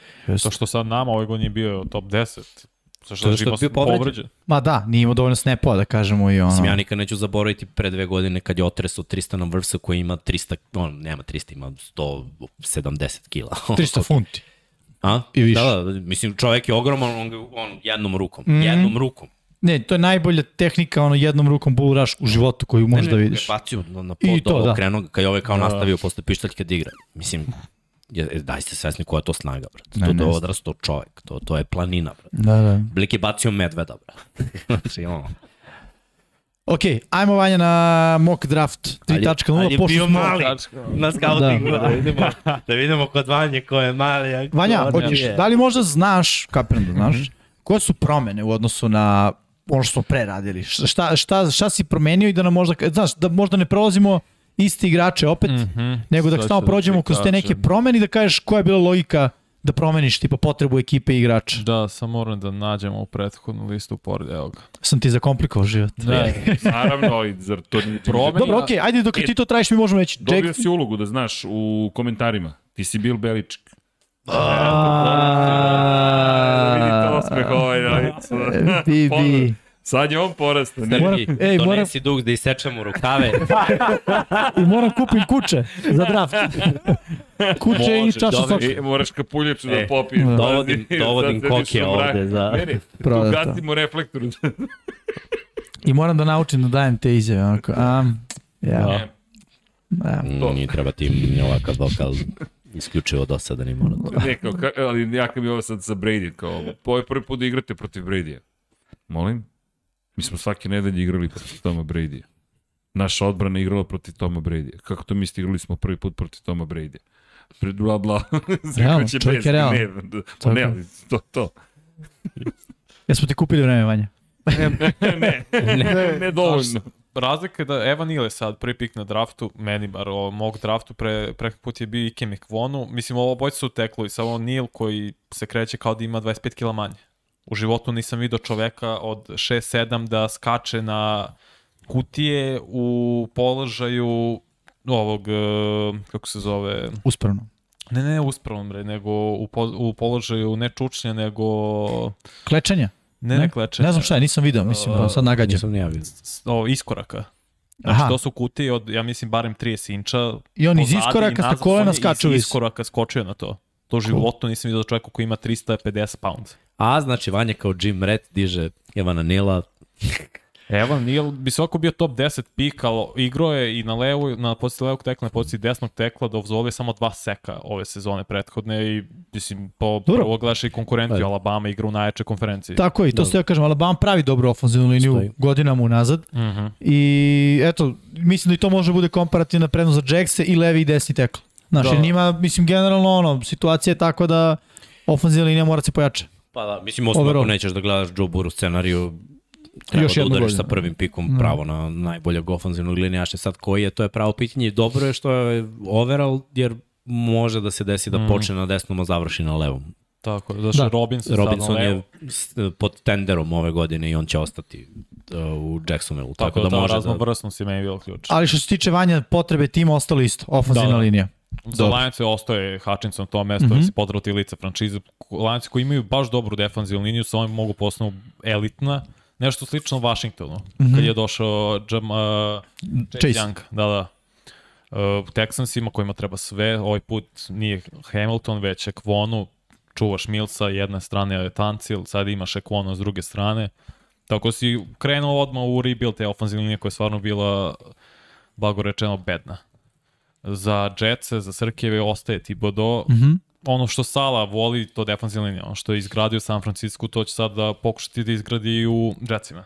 A Thibodeau koji mogu budi prvi pik na draftu, ovo što ti Miksa stalno pominješ, koji scouti pokušavaju da ga kotiraju na loše, kao nema dovoljnu želju i sve to, to su budalaštine. Samo Da. gledaj tape. Slažem se da su budalaštine. Mislim da da je vrhunski talent. Mm. Mislim, sada zbog toga i zbog nekog tog utiska, mislim, gledaj, da Lions ima smisla da biraju Hutchinsona pre Thibodeau, to je ono što smo pričali država. Mm Mhm. -hmm. Znaš, on je već zvezda u Michiganu, ve, već ga znaju navijači, znaš, Detroit. Kao što je Goff došao, mislim, s obzirom da je bio na Da. da. Kaliforniji, normalno da će zaigrati u Kaliforniji pre nego Vance, ono koji je igrao na malom univerzitetu. I odmah je bio popularan, ono znaš ko je, svi znaju ko je. Da, da. Ovaj, jer ono, kruže priče kod njih se to baš prati. Tako da, za Jets ima smisla da, da biraju Rushera. Da, idu defanzivno. Jer imaju malte ne, na, moraju da imaju neki identitet. Šta im treba u njihovoj diviziji? Znači, Miami će sada da pršti na sve strane, New England trči i Bills imaju potrebe kako i trči. imaju sve. I, onda, i onda, Da. da. znaš, On baš, Guraj. ne- baš ne fali jedan edge. Imaš Carl Lawson, Rankins, Quinn and Williams, tamo ti je po- ovo potpuni zapravo defensivna linija. Giantsima mora, mora ofenzivna linija. Je li isto bio cross? Prošli, Prošli put. put je bio Evan Neal. Prošli put Aha. je on pao, sad je Charles Cross koji se podigao sa 13. Prošli puta koji isto... Mislim, čini se otišla prva dva tekla potražnja. Da, da, da, sledeći Moraš, ko, najbolji. Cross isto top 15 pik, odmah ti ide na petom, potrebna ti ofenzivna linija koja je isto grozna. Panthers i Beiru Malik Willisa, novo lice franšiza, on je ostao kao prošli put. Kube je neophodan. Dobro, oni baš nemaju ništa i, Jest. i moje mišljenje je da moraju da idu, s obzirom da, da ne verujem da će mnogo quarter- quarterbackova biti izabrano ove godine, za njih ima smisla da rade ovo. Uzmu ima najboljeg. Par, da, ima par ekipa koji imaju potrebu ovaj, da skoče, ako žele Malika Willisa, uh, Giants imaju, kao što vidite, u top 8 imaju dva. Ali Tako da bi- deluje po ome što rade Giantsi da to neće uraditi.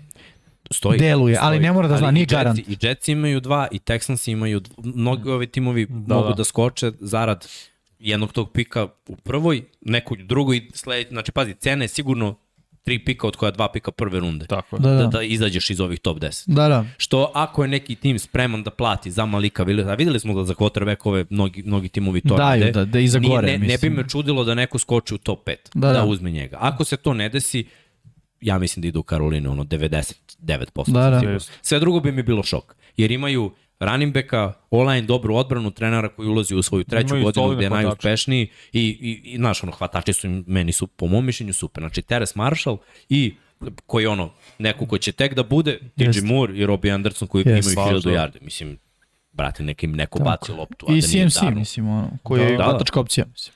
I Čaba. Da. Da. A zato Giants i opet ofenzivni ostaje Tyler Linderbaum koji podsjeća kao pre par godina Quentin Nelson. Siguran pro bowl, samo je centar i samo zbog pozicije možda i padne na draftu, zato što je centar, a ovako je vrhunski talent. Mislim, i ima smisla jer njihova divizija, Fila top 5 odbrana protiv trčanja, Dallas sa Parsonsom, znači, ono, vi da računamo i da je Lawrence, ono, zdravi i da je tu, sve bolje igra Dallas defensivno, to u dve Vjerojatno će godine dajem. Washington. I Washington grmi u odbrani i Chavis Young se vraća sledeće godine, tako da. da. ono, ako nećeš da Danny Dimes ima fumblove i da bude klasičan Danny Dimes, onda... Da ima noćne more. Da. Da. Mislim, sve drugo si mu dao, dajmo sad i online pa da svi zajedno shvatimo. Ako da ništa, makar si onda kompletan u napadu. Treba Da. ti quarterback sledeće godine. Možeš da mu kažeš ono, make it or break it. Ove Apsolutno. godine. Kao Bakeru, isto, isto. Tako je. Atlanti ostaje Garrett Wilson, nemaš hvatača, prosto mislim nemaš mnoge stvari, ali ono, moram, neko, moram Mariota nekome da baca da nije Kyle Pitts. Da. Okej. Draft nam je za dve nedelje. Da, da. U četvrtak. Kung Fu. Idemo, Seahawks i Gar, o, Ahmad Gardner, prošli put je bio Derek Stingley, sad Gardner, opet pozicija cornerbacka, jer opet i više stvari nemaju. I treba ti i edge, treba ti i offensive linija, već su otišla trojica koji su za jedan nivo bolje od ostalih, tako offensive linija otpada, možda edge, ovako uzimaš najbolje cornerbacka zapravo. Jetsima ide Hamilton koji je meni kao Derwin James, taj tip igrača.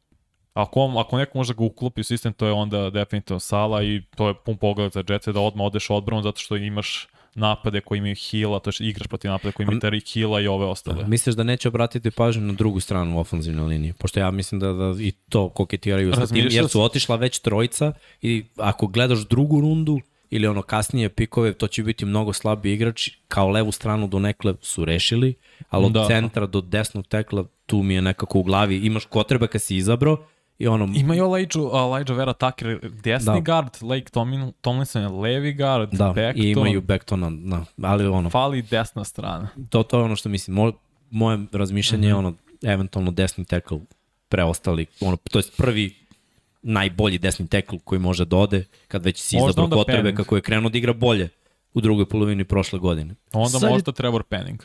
Znaš šta bi Ari, sad je tu isto i ono trade-off, znaš. Da li hoćeš da kažeš idemo all-in napad ili hoćeš da praviš neki balans, da znaš da si malo da. slabiji na desnoj strani, ali da uzmeš ono najboljeg defanzivnog beka na, na, na, draftu, mislim. A da, jedin mislim da nije safety, možda bi bio više, zato što je toliko ra raznovrsan igrač. Zato me podsjeća na Derwin Jamesa, na Simonsa, samo lakša verzija Simonsa zapravo, Da. manje kila. Manje kila.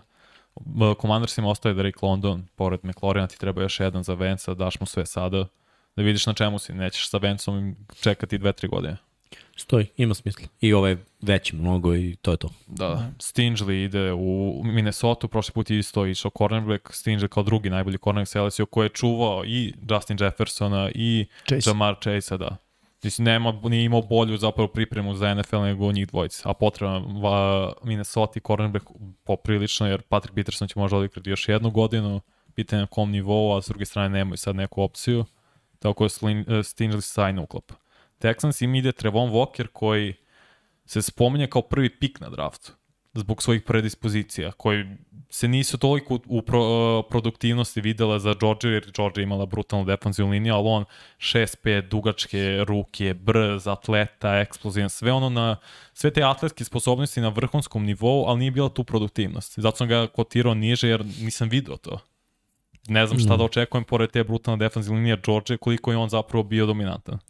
No, to je uvijek pitanje ko, ko je ono vozio autobus, a ko se samo vozio u autobus. Ko je kuca karte? No, ali ono, svi, znaš, svi su bili u tom autobusu koji je na kraju Da, da, znaš, prošao do kraja i osvojio, ali ko, je, ko ima koju ulogu? To, to je ono pravo pitanje. Mada, znaš, kad pogledaš situaciju, i to, to bi igralo ulogu, znaš. Ako ode, na primjer, u Texanse, bit će mu sla, slabija produktivnost u odnosu na to ako slučajno padne na 14. i ode u Ravens. I da, bio je Greenard dobar. Da. Sa druge strane, Edge s Texansima opet odigrao manje snapova, pa ćemo to vidjeti. Ali treba ti opet Edge, treba ti Pa da. lo- lice neko franšize. Ja sam siguran da ova, da ova dva verovatno idu na, na Edge. Mm. Texans i Ravens. Imam, imam i Ravens smisla. ima Jermaine Johnson koji je sličan predispozicija kao Tremon Walker. Da, da. Samo igrao na FSU, na Florida State-u koji nije bilo toliko dominantna kao Georgia. Ali tu su isto sve su fizičke predispozicije slične, mal, malte ne. da. Eaglesima si ostavio Olejva, da. Olave, kako se već kaže. Mora, pored on i Devonta Smith mi se mogu postati ozbiljan tandem. Istina, da. Baš, baš ozbiljan. Dok Saintsi koji nisu imali pika, to je bio trade, da, to je jedna od promena Mhm. mm -hmm. prošlog puta, biraju zapravo desnog tekla. Možda će i Ramčik da se prebaci na desnog, a Penning da bude levi, ali Trevon Penning je četvrti najbolji tekl meni i neko je logično, posle u, u prvih pet imaš trojicu i neko u ovoj sredinom prve runde će pasti četvrti uskoro je peti, tako da Saintsi zapravo ostvarili ono što su hteli. Istina, ima smisla. Mislim, otišao Armstead. Mora, mora, mora. Znaš, mora to je, to je ta filozofija i ta logika i samo nas ide pratiš. Čekali hvatač, to je, Da. to ja mislim. Pošto imaju i 19. Da, dok nama ide tank. A, uzeli ste nam ga. Da, uzeo se zato što dvome da li oni ili baš Jameson Williams koji je na slici i to nekom delo ne bi bilo fair. Imaš i Mike Ma ne Williamsa i da Jameson da. Williamsa i imao bi Keenan Allena, to je mnogo u napadu, dok ti treba stvarno neku sredinu ko će, da, d- potpisao i dvojcu Austin uh, Johnson, čini mi se još jednog poziciji toga, ali nisi potpisao tank. Dobro, ali vidi, Mac je tu, znaš. Sad Mac i Bossa, Da, opet sredina, I nemaš istina. line, mislim, nemaš. Imaš, Imaš, ali da. la, naš, linebacker još uvek nije. Da, meni možda tu više miriše na linebackera, ali možda si u pravu, Vanja, jer šta će ti linebacker koji je sredina šuplja? Mislim, šta će ti, ono kao...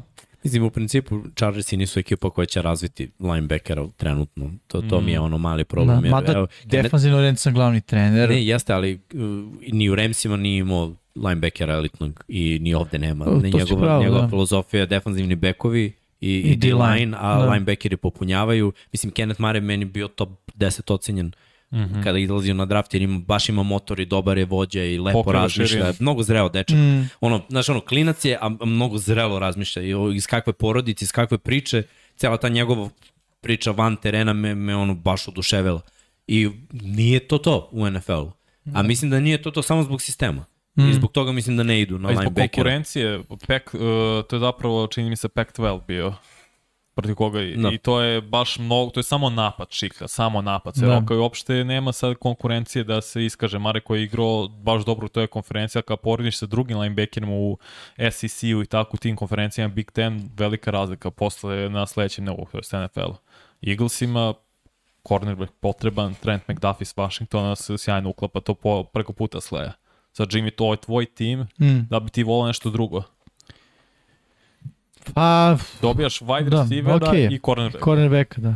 Ne, mislim da, da si u pravu, mislim da to ima u potpunosti smisla za, za Eagles. Dok Saintsi dobiju po meni najbolje hvatača. O Saintsima je opun pogled. Dobijaš ofenzivnog tekla i dobijaš hvatača, ono što ti najviše fali u napadu, da pomogneš James, uh, James Winstonu. Mislim, Jameson Williams da nije povređen bi bio top 10 pick. Ne, ne, u pravu si, stvarno je on brutalno i podsjeća na... James i Jameson. Da. JJ combination. Steelers idu sa teklom, Rayman koji je tako četvrti, peti neki tekl, ali opet i njima treba tekl i ne s druge strane gledam defanzivno ništa, možda neki hvatač, ali ono što su pričali Steelersi grade hvatače u kasnim rundama. Teklove slabije i malo ti slabija ofenzivna linija, uloži u to sada. Da, ja potreba kako ide, mislim sa onim Jetsima potencijalno to je već 5-6 u top 20 pikova što Da. se tiče ofenzivne linije. Da, da. Mislim i to mi apsolutno ima smisla. Tako je. Jer Dobro. mislim da će ovakav biti draft. All-line, uh, edge ili D-line i, i hvatači. To, to je ove godine mm. prva runda pretežno. Da, Sad- Patriote, neko ti treba u sredini, Devin Lloyd, mislim se savršeno uklapa u sistem i filozofiju Bill A, Belichick. Znaš šta ja sumnjam da je linebacker tu? Ja mislim cornerback Isto, ide kao, kao Isto. ovaj pik. tako Mhm. je. Jer vidi, o, potpisali su Bentleya, znaš. Bentley je linebacker. I tu je jedan, znaš. Bi, Bill redko kad je imao dva top unutra. Mislim top. Ajde da kažemo, ovaj malo bi bio dobar projekat. Uh, što se tiče cornerbacka, sad je tu malo situacija situacija je tanka, nema Da, nikakav znaš, depth. zato pre mislim Ka, da bi kao i ovde... Ravens, Ravens ako ne izaberu uh, Ravens Rushera, ili, iza, da. znaš, mogu da izaberu cornerback jer imaju dvojicu, jer im treba kao Nika, ali ajde kažemo potrebniji je trenutno starter na edge a Patriotsima treba starter. Treba starter, Znaš, tako je. Izgubili su dva, nekog ne napravi, nije otkuda. dva, dva all pro cornera su izgubili za dve godine. Istina. Izvini, za godinu dana. Godinu Pošto je dana. prošle godine otišao ovaj. U Tačno. pola sezone, ovaj pola, u free agency. Znači, za, je. za jednu sezonu izgubiš dva all pro igrača, jedan bio MVP Mislim, defensivni. nije kao su ih izgubili, dali su ih, ono, odrekli su ih se svesno, znaš. S razlogom, zašto? Da, da, tako je, ja mislim da je razlog draft. Da, Video je bil nešto na draftu. tako je. I mislim da ovaj sledeći, treći najbolji cornerback, to je četvrti u stvari, Četvrti, ide, da. ide ovde. Packers i mora receiver. Ostaje, kao i prošli put, Traylon Burks, pošto moraš. Ne, ne, nemaš druga opcija. Apsolutno. Cardinals i ofenzivna linija guard, Kenyon Green koji može da igra malo i centra, malo i ofenzivnog tekla. I to što je ofenzivna linija generalno ka Cardinalsa sumnjiva. Nije ni nešto dobro, nije ni loš nešto malo i možda ispod proseka. Pogotovo na, za stil Mare, koji često ako ga uruše unutra, odmah pritisak, odmah panika. Pa nizak je, to je Da. problem, znaš. Kada imaš nisko quarterbacka, ti treba da mu daš ofenzivnu liniju Saintsa. A to je ono Drew Brees formula, znaš. Daj mu da zna, mali sam i ne vidim, ali bar me čuva planina. Da, tamo, tamo je nešto. Vidim tamo rupu. Cowboys Su ima... babarogi, ko te čuva noću? Babarogi. Babaroga. Ko te čuva od babarogi? Ne, ozbiljno, imamo babarogi. Ko ti je zaštita od babarogi? Pa ovi što su bili prošle. Dedarog. Zaštitnici. Nemam pojma. Avengers. Avengers. Moćni Rangers. Moćni, opa. Pa ono protiv koga su se borili je bila Ninja neka babaroga. Ninja kornjač. Od njih je četvorica. A, bravo. A sp- E... Opa, on je centar. on identifikuje Majka. Mike Lembe. Manje ide na 24. Cowboysi moraju defensivnu liniju, imaju rupu u sredini i Devonte Vat opet sa Georgije. Ne zna se ko tu imaju toliko dobrih igrača, Jest. neko će morati da iskoči, jer su svi bili toliko dobri i bit će i u NFL-u isto. Tako Prva runda sva četvorica, je li tako? Sa Georgije. Walker, Kada Davis, bude šokirao Jerry Jones, prvo Jerry Jones neće da ostane ovde na 24. Mi imamo Da, osjećaj. izjavio je da, Izjavio je da, da je spreman da, da ide gore. da znaš, u glavi mi sve vreme skače negde gore za nekoga, ne znam za koga, ali u glavi mi je hvatač. Jer, Da, da, da, hvatač, hvatač. Znaš ono, skočit će za nešto što već ima, ali nema već imaće drugog najboljeg. Samo da ga neko drugi nema. Ima smisla. Aj, aj da bude on taj koji, znaš. Koji ga je uzeo. Ja. imate moment. I to verovatno ispred file, jel? da, da, da uzme ole. Ne, nema. Znaš Pa, kao, pa, naravno, za Imate dva pika i hoćete hvatača. E. E, malo sutra. Pa znači sa Baltimore trade. Hm? Sa Baltimore A mi trade. kakvi smo kreteni, ne bi čulo to ovdje. Pa to biće logika kao ima dobrih endova posle. Da. Mi pravimo. pa ih dajemo dalje. Plemeni. Trebaju nam pikovi drugi i treće runde, na što je filozofija, ba, ko, one ko- kompenzatorski pikovi, kod nas ih ima pet svake godine. Nijedan od njih ne, ne igra, niti je neki igrač, ali ne Ali ih ima. Da. I pobeđujemo u predsezoni Pred 10 godina za red. 4-0 ste i 3-0 non stop. Šta ti kažeš? Dominacija. O, bože. Znam da Bilsina treba cornerback. Što bi rekao je naš trener practice hero, tako da. preseason hero. Izvini, Vanja.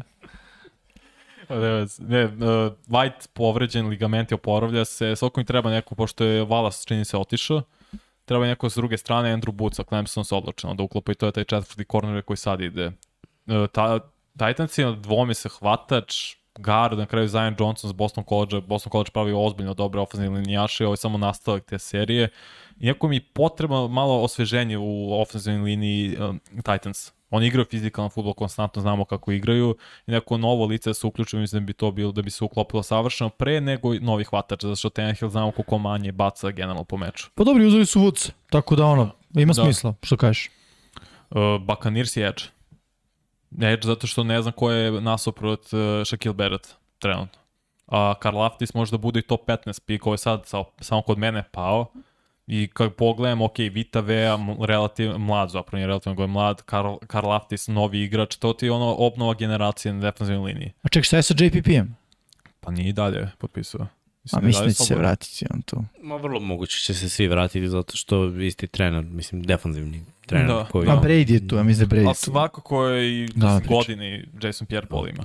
Ne, ne, to jeste, da, Da, treba, da, treba. Bolsa. De, izvalio sam da, da ta neka konekcija defanzivaca i Bolsa Da, da. baš jaka i čitao sam ovi drugi što pričaju eventualno razmatranje da li ili ne je prestalo kad je Bowles postao glavni trener, naročito afroamerikanci, Da, da, s da. obzirom da, da je ono to još jedan ono, Plus. znak podrške mm. i Brady se vratio. Ono, na, na šlav na tortu, znaš, opet To. možda uzmeš Super Bowl. Pa da. Jeste. Packers i još jedan hvatač. Mora. Ne može sad. Znači, Bravo, Vanja, ovo je hrabro, ovo se neće desiti, Neće, ali mi se sviđa tvoj optimizam. Packers će biti u fazonu, ljudi uzeli smo jednog u 10 godina, dosta bre.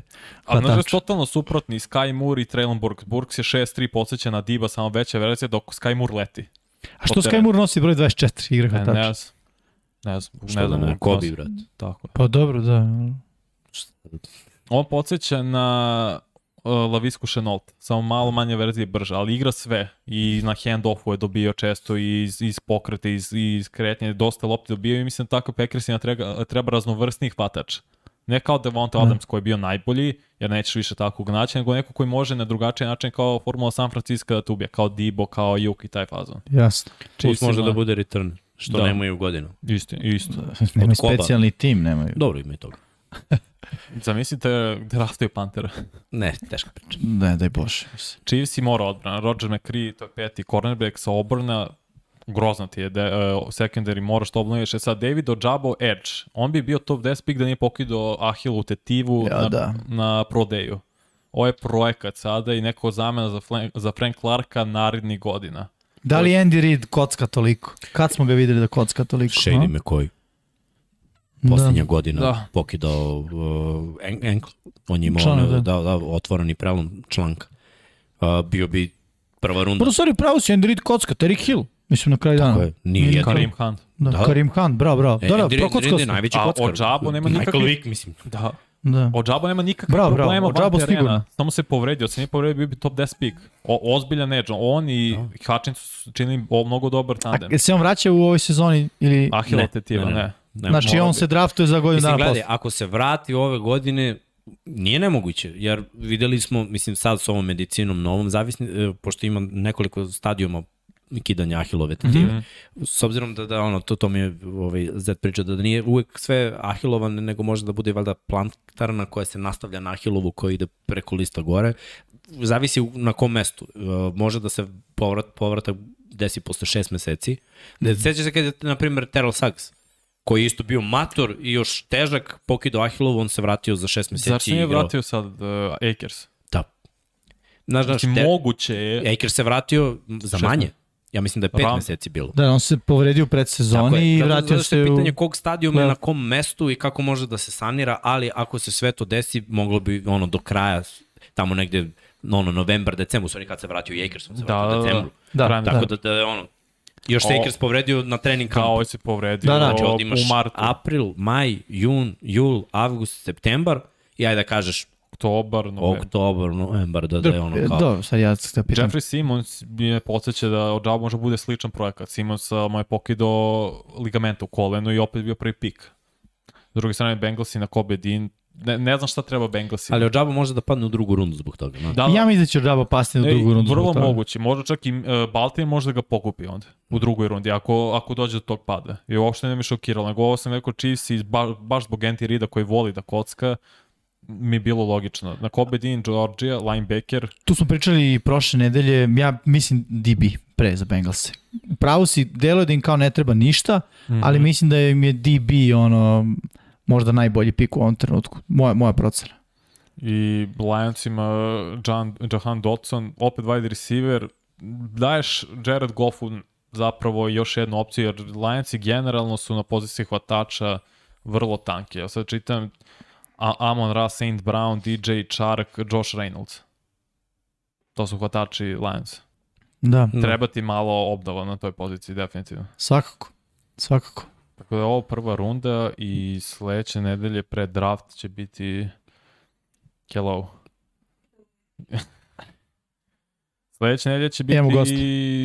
da, dve runde. Pred Dve draft. runde ćeš da radiš. Pa, pred draft. Wow. Zato što ćemo po, na naredni petak raditi drugu rundu zapravo. Cool. Pokrivat ćemo. Što se tiče top 10 sledeće nedelje, jer radimo ne možemo da radimo sve što je ostalo. Ostali su nam linebackeri, corneri, Ne, ne, safety. jedno, jedno. Linebacker. Samo linebackere. Pa da, Dobro. lakše nego ova dva. I onda igrača. DB ostavimo za posle drafta. Ali ja bih podelio na safety i corner. Ne, podelit ćemo na safety cornere sigurno, nego što će nam draft biti priča, pa ćemo malo Pa tu da... da. Dobro, ajde, okej.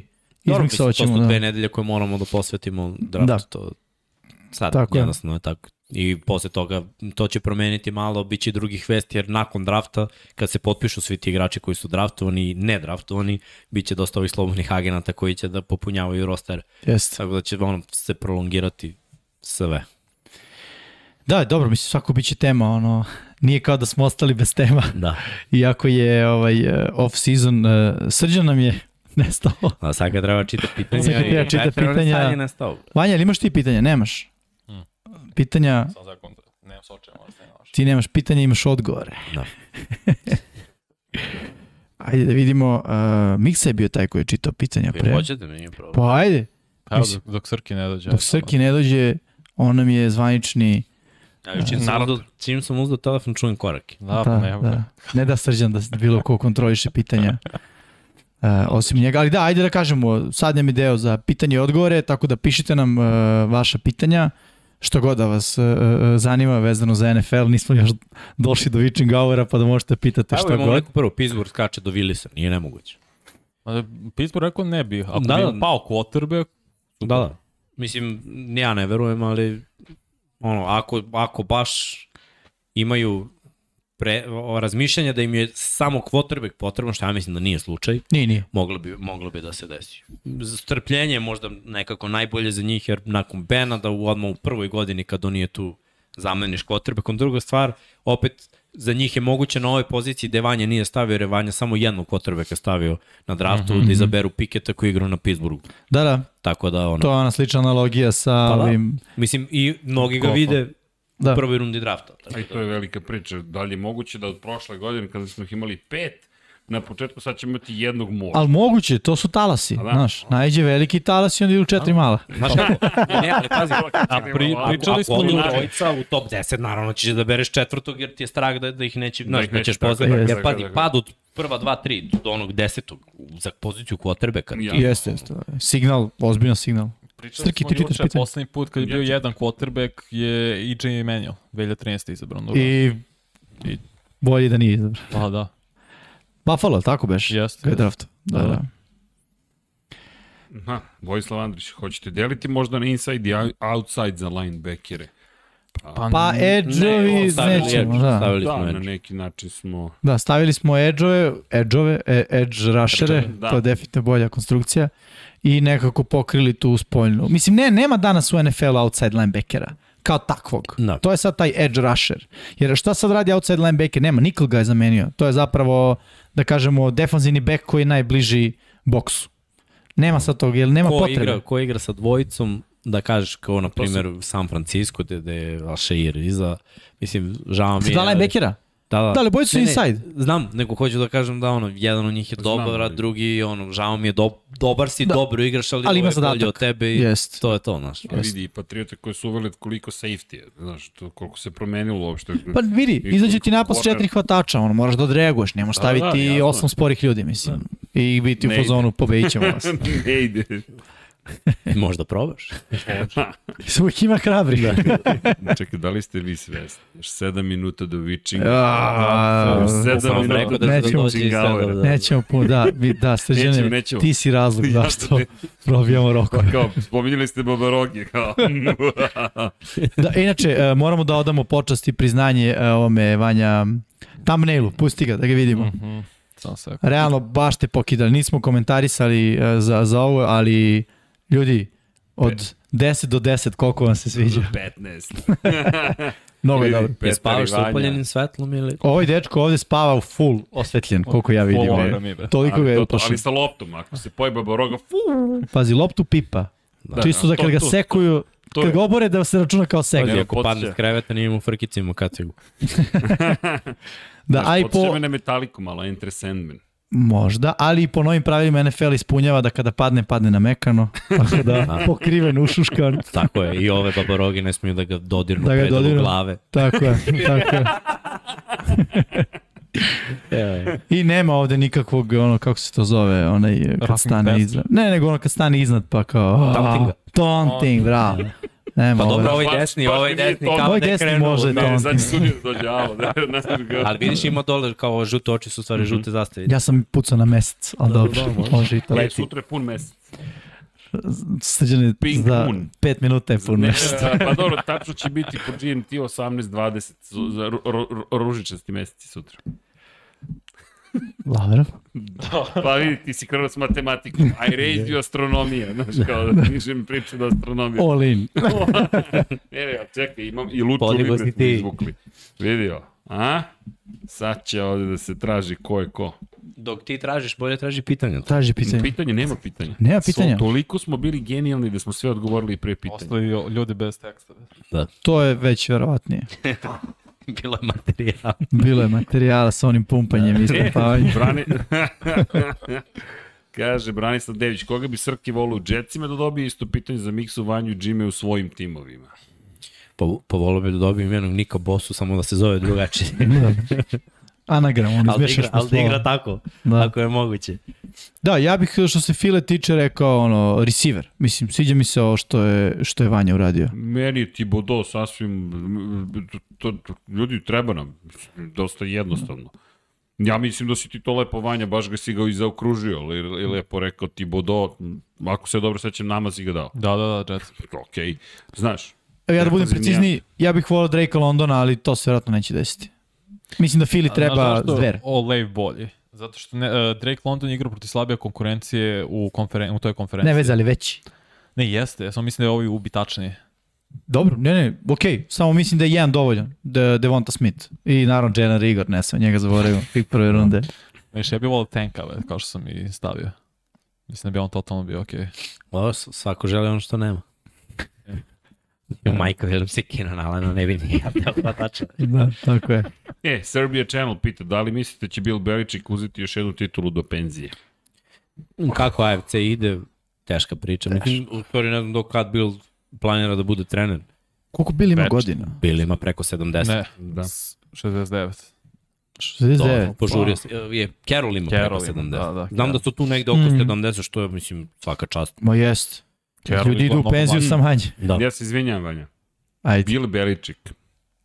Um, ajde, dajte, samo moram nešto proverim pa ćemo. Vratit ćemo se na Bila Beličika. Ok.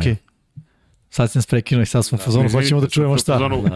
šta, o čemu se radi. Šta Bill Pa da, Belichick? pa drugog pitanja nema, tako da tražite. Ne, drugo pitanje. Pitanje je, dajte ljudima neko, neko, prvo udrite like. Tako je, sređeno. Subscribe, mazite se, pazite se, vodite računa jedni od drugima. Znam šta majice radiš, tu jedinstvena. Jimmy, imamo pitanje, verovatno samo za tebe i mene. Mišljenje o Balkanskoj ligi u američkom futbolu. Hoćeš ti? Ha? Prvi. Pa, pa mogu, mislim, mislim da smo favoriti ovde. Odsvojimo Balkansku, ali mislim, s- ne tim za koji smo mi igrali, nego ono, da su srpski predstavnici najjači u Balkanskoj ligi. Sigurno. I ovaj, dobro je za razvoj regionalnog futbala, jer momci koji nemaju ligu u svojoj zemlji mogu da igraju protiv uh, predstavnika iz naše zemlje i onda da kaže Slovenci nemaju ligu, jedva su skupili, Nemaju. Hrvati nemaju, uh, Bosanci nemaju, onda tri ekipe iz te tri zemlje plus dve naše ekipe ako se ne varam. Jeste jedna ekipa iz, ja mislim, Rumunije. Rumunije. Rumunije Da, da. da. i dobro je, To dobro zvuči. dobro je, znaš, ono, svako može da malo oseti futbol na nekom drugom nivou. Znaš, A zašto Jeste. ti je... Zašto, ti, zašto ste skeptični kako Pa, će zna da... zašto smo skeptični? Zato, što, kad ima malo, mogu da kažem, Da, da. kad ima malo igrača. Mislim, Da. znaš kako to funkcioniše? Mi opstajemo zato što nas na treningu ima 50. Oni su se jedva skupili da igraju 11 na 11 i ne igraju kontakt, nemaju uh, rivale u svojoj zemlji. I pitanje je posle prve, druge utakmice da li mogu da izađu na treću, da li će svi da ostanu u travi, jer ih ima malo. Ko igraš Možda greši, možda ih ima 30 plus na treningu, Da, da, ako da. ima vrh. I mnogo mi je drago zbog svega, ali ne znam da li je ta situacija. Da, i slažem se s tom potpuno. Si odlična liga za, za razvijanje uh, klubova, za popularizaciju uh, sporta generalno na regionu. Uh, ali mislim da generalno liga kao liga nije zamišljena da bude neka, bar u ovom trenutku, a i čini mi se nekih bar narednih pet godina, da bude previše konkurentna. Više je zamišljena upravo to, da popularizuje sport, što je opet super i treba da, da postoji takva liga i ima smisla, to je ono što je najbitnije. Ali da, ekipe iz Srbije svakako su najveći favoriti. Najduže se igra futbol, ne znam, možda su u Rumuniji igra duže futbol, ali nisam, nisu me ubedili, mislim sve što sam gledao i kad smo igrali protiv njih, Da. da oni posjeduju neki kvalitet koji je Taj futbol, rekao bih onako na nekom nivou, možda 2000-ih, ono, krupni mi- ljudi, Kad smo mi počeli? kad smo mi počeli, Da krupni ljudi koji se sporo kreću i vole da se biju, on, udaraju, bukvalno. Što danas uopšte nije futbol, mislim, to je nešto potpuno drugo. Ali, liga kao liga, ono, ima smisao za taj neki projekat za koji je namenjena i pozdravljam, mislim, treba da postoji. Evo, za, za Jet se kaže Nenad Gojić, za idealno Hutchinson i Gardner. Pa Hutchinson, bojim se da ga nećemo stići, ako sam te ja dobro Nema ispraćevanja. te, Hutchinson će biti ili prvi ili drugi Pa pik na draftu, sigurno. Bi, bilo bi lepo, ali mislim da ga prosto nećemo moći da dođemo do Hutchinsona. A, a apropo bila Beličika, danas A, nam je Rođendan mu je. dan, divan dan, divan dan. Bilu Naš- Beličuku, 70. rođendan. 70-ti? A, Opa. Viksa, Dobro. Viksa, vrate, promašio si za 7 minuta. Da. da, reaching out. Neverovatno, Reaching out. Znaš kako, koliko ima godina. To si tražio. Šta on ima u, u, u, u ono, back u mozgu, ono, kao, danas je bilo, zamislio, ja ovako se ne bi setio za rodbinu. Pa dobro, najve za Jet se, tako da je u nekoj relaciji sa Bilom. We shall get back at him. Da. Polako. Uh, Lazar Andrić, pozdrav za ekipu, imam dva pitanja. Šta mislite, da li će Packersi više koristiti AJ Dillona za igru po zemlji, Arona Jonesa za hvatanja i zašto niko ne potpisuje Sonny Michela, lik je traktor? ne znam, misterija. Misterija. Sa, ja se samo, da. Da. mislim, da kažem, bojim da to ne ode u... Mada neće, ne vidim da, da će otići u, u smeru Todd Gurley priče. Neće, nema razloga da ode. Zašto je on zdrav, mislim i jak. Jeste. Tako da, on- Mislim da se čeka draft. I da se Ali onda vidi. znaš šta mu dobro ide? Ide mu na ruku zato što, na primjer, za Vanjin Mok nije išao ni jedan running back. I mm -hmm. ne postoji trenutno talent na, na poziciji running backa koji je ekvivalent Najee Harrisu, za koga smo znali da će biti izabran u prvoj rundi, Ne. ali iza Najee Harrisa je bilo onako malo... Pa mo, Travis Etienne je bio tu uz. Pa da, dobro se povredio, da. Da. mislim, ali nije bio produktivan prošle godine, Mitchell je odigrao... E, pa, ne, prošle godine je bilo i ovaj uh, Javonte Williams, Michael Jest. Carter, bilo je Jest, par jest. koji su, neću reći mnogo bolje, ali ma, Iskočili malo su ni otkuda, aj tako da kažem. I jesu, ali kao uh, klasa running backova prošle godine je bila jača nego ove godine. I jest. Sigurno. I, I pazi, time što i nisu u prvoj rundi, i onda razmisliš, već imam proizvod koji znam šta je u NFL-u, i ono, izabraću u trećoj rundi running back i potpisaću sa Onija Michel, ako već gledaš dubinu. Da. Mi smo pričali o tom idealnom scenariju za njega, on je back koji vapi za 20 nošenja po utakmici, a nikako to, kad dobije, dominirao. U decembru kad je nosio 20 puta, bio najbolje rangirani back u NFL-u. Mislim, pazi šta on ima još jednu stvar u svom CV-u. Ima Super prsten. No. On je osvajač Superbola. Sa... Ispravim ako grešim, on je dvostruki. Možda je čak i- jeste. godine i u I- Patriotsima. Kao ruki, je tako? Je da, on ima Ja mislim da dva je kao ruki Sonny, osvojio I Michel prsten. je osvojio, bre. Da. Sonny u ekipi. Da, i 2018. sad s Ramsima. Znači, Da, da, dva da. prstena Kad su ima pobedili. Ramse. E, ja mislim da da. Da, da, da. Te godine da je Michel bio, bio ruki. Da, da, da, moguće. A eto, tamo da proverimo. Ali u svakom slučaju, ako ne dva, sigurno ima jedan, mislim, Da. prsten, to znamo. Tako da, Mislim da je bio deo ali sad, znaš što je pitanje? Sa koliko to njemu ide u prilog? U smislu, on će tražiti novac Da, zbog toga. Osvojio je sa New Englandom Da. i sa Ramsom. I bio je pik prve runde. Pazi, pik prve runde, ja mislim, je tako? Da, da. Pik prve runde, Njega su uzeli Dvostruki- Dvostruki... pre Čaba. Da, da. da, pik prve runde, dvostruki osvajač Superbola. Znaš, to je dosta novca. A ja ne mogu da kažem da on ne zaslužuje da bude starter, on zaslužuje da bude starter, ali trenutno mislim da ne postoji ekipa u NFL-u koja plače za startnim running backom. Ono. Ima i nekoga. Mm, Da. Svi, svi ima situacije je, ok, meni možda su ove, ovo sad prva ekipa koja mi pada na pamet je Detroit. Mene Ne, ne, Swift oni nije, imaju dva Swift. ja znam, mene Swift nije ubedio, Znaš znaš. koja je meni prva ekipa? Mm. Chargersi. Zato što ćeš konačno da imaš razbijača i finesu. E, ima logike. I mogu da igraju Mogu zajedno i da igraju drugačije. Ima- Znaš ko bi isto mogao da bude? odmoriš da bude zdrav, jer Ekler se povređuje svake godine, bio čak i ove.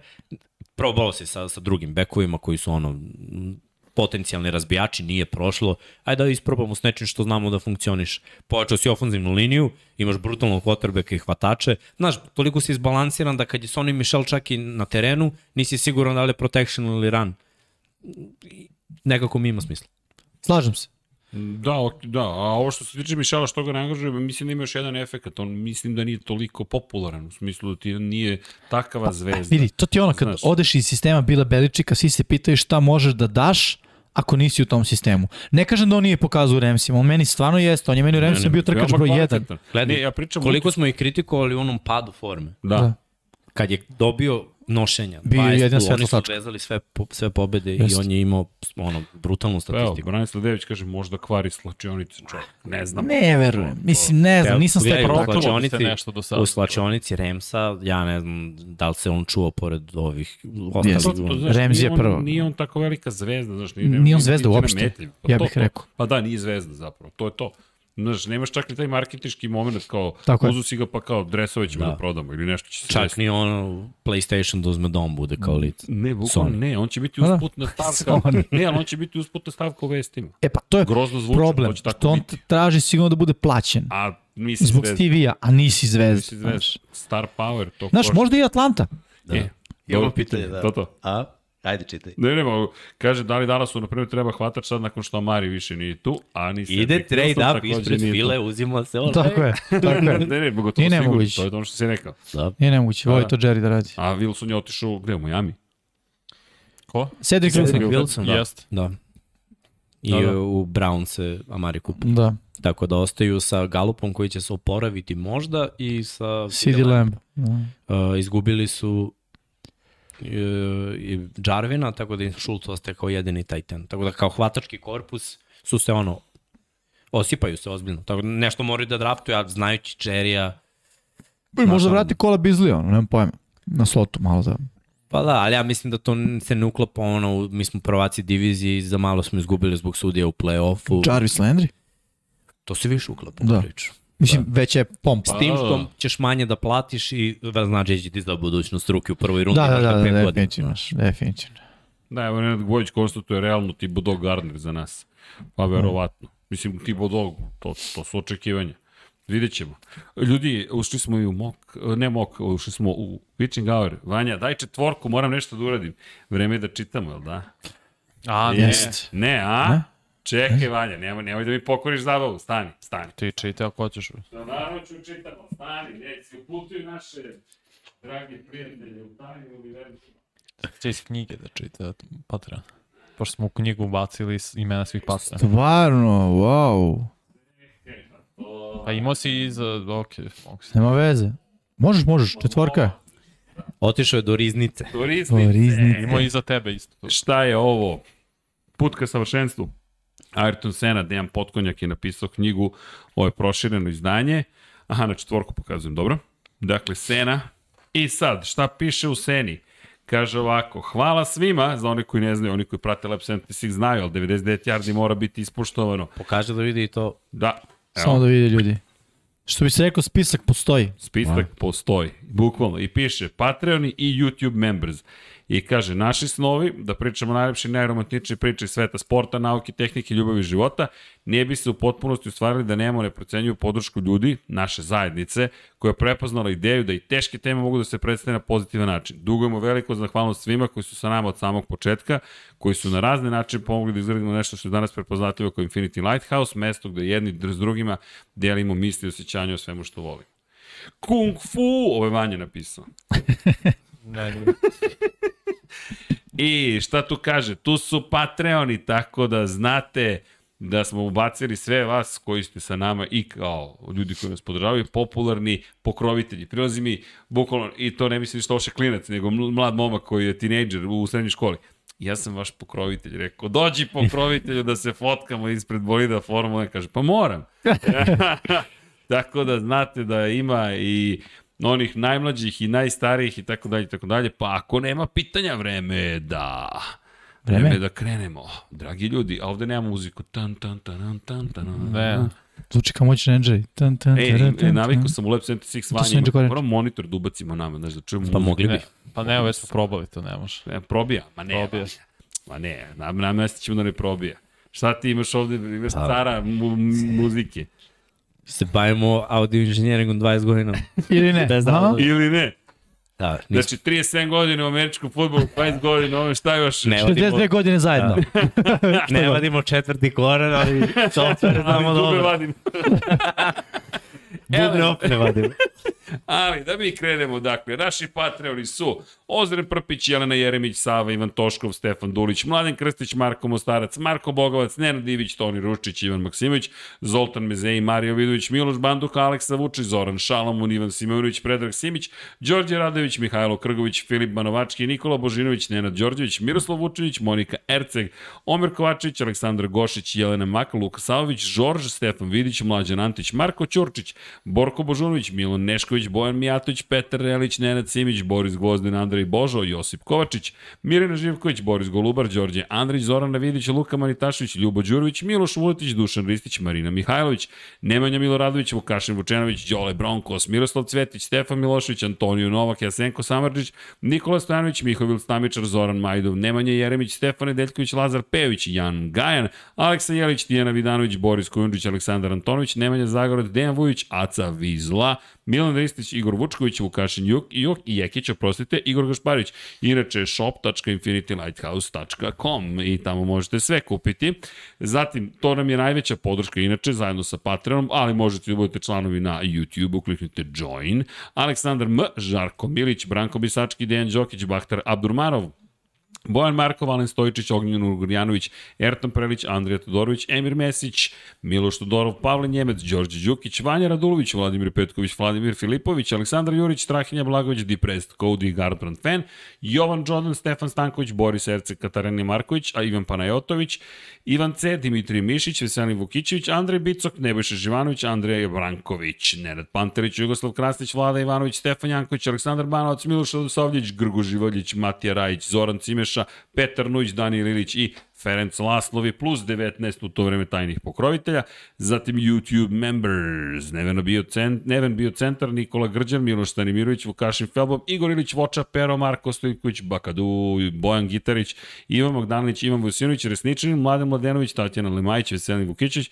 Stojan Sabo, Mladen Dukić, Marko Bogovac, Branislav Dević, Vukašin Vučerović, Ahmedin, Almedin Ahmetović, Nemanja Labović, Aleksandar Kockar, Miloš Zed, LFC, Nikola Kojić, Nemanja Miloradović, Zvonimir Papić, Ivan Božanić, Marina, Vlada Ivanović, Oliver Nikolić, Andrija Todorović, Jelena Jaramić, Kalabi Jao, Aleksandar Nikolić, Lukas Koh, Petar Bijelić, Milorad Relić, Nemanja, Nemanja, Bojan Markov, Danilo Petrović, Nemanja Cimić, Nemanja Bračko, Kosta Berić i Aleks Vulović, plus još neki ljudi koji su se pridružili, sledeći počitamo sva imena, a umeđu vremenu, eto, možete to, možete na Patreon, inače join kliknete, ako možete za Jelly Beans da plaćate po 20 eura mesečno, udrite 3 eura za join members, ili 4, nećem se koliko je, Ne, očigledno ne igraš dovoljno igrice. Ne igram Čini igrice moramo uopšte. da napravimo novi biznis. Znači igricu Koju? koju igra mnogo ljudi i 3-4 eura mesečno plaća da bi ubrzali čišćenje jelly beansa. Šta je Jelly Beans?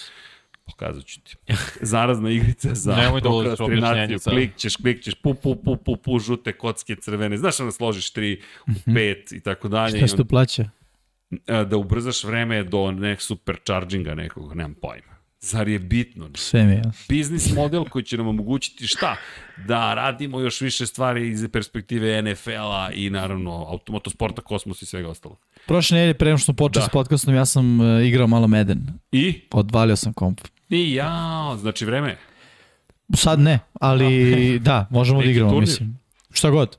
Ono, malo mi fali samo, 9 yardi. mislim, znaš šta mi fali? Da ti podnesem Sony kući i da igram jedno 7 Imam dana. bolju ideju. Bez da Dođeš se- ovde i živiš ovde i twitchuješ. Da. Meni se sviđa, ali Ali, druga polovina mene Ali- kaže, a, a, ako gleda sad, ono, ovaj like bit će, sad kad doktore vrati, kao šta si rekao? ajmo, ajmo, hoćemo kućemo ljudi. Pa mogli... A Pa, možemo i u kafanu. Kako ko?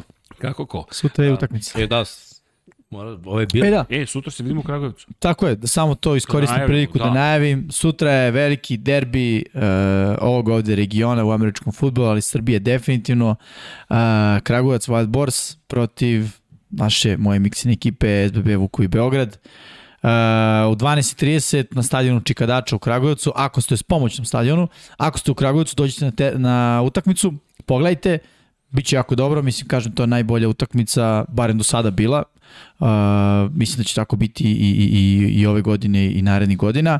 Ako ne, imate link uh, za direktan prenos. To je i na YouTube-u, YouTube kanalu mm -hmm. Safa i na sajtu. Znači, Tako je. sada od ove godine sve to može da se prati uživo. Svaku I bilo je do sada korektno što se tiče streamova bez ono Jeste. kočenja i nerviranja, nego samo pustite, ali ono, sutra, koliko znam, lepo vreme, vedro je večeras, Srki najavio pun mesec boje njegove majice, tako da mom, momci i djevojke u koliko, jedan, pola, dva? U 12.30, pola jedan. Pola, jedan, lepo na čekadaču malo, da se uvati boja ovako, budete ko Srki preplanuli. Tako je. Dobro ti boja, bre. E, Ares, Jeste. kafić boja. Prava. Espresso brigada. Sutra da dođeš na stadion, tamo da pojačaš malo. Može, Tako može, je. može. Tako je. Zasuci rukave i bit ćeš do ramena. Ok. Ok. Sami recite za koga navijam i... Evo, navijam za brate, koga gasi hoćeš. ga odmah, ako je to pitao. Znam ja, znam ja za koga. Au! Strašno. Dobar izbor. A? Howling, Howling Wolves. I tako. Nema, izvinite, svi ostali predsednici ostalih klubova, ali ovde sedi ekipa jedna vrlo ozbiljna i tu nema šale. Pratite američki futbol. Da, I u pratite Srbiji. gde god, dakle da. Da. da živite, pratite u vašim zemljama, podržavajte ga, to i dalje na nivou entuzijazma, ali od, entuzijaz, entuz, od entuzijazma sve kreće, pa tako je krenuo i NFL, tako je krenuo Infinity Lighthouse, tako je krenulo sve, tako da ljudi, ljubav će pobediti. Tako je. 917 na 30-30, Human 917 na 455 u Švajcarskoj i udrite like, subscribe, join i sve ostalo, drugari. Najzad smo zajedno ponovo i nam se će Kako tako... si falio da odradiš ovaj posao na kraju, brate. Nisi sad. Manje znamo ugasti, to je to. Sve ti rekao već. Ne, ima još jedna stvar. Šta? Ćao svima! Ćao.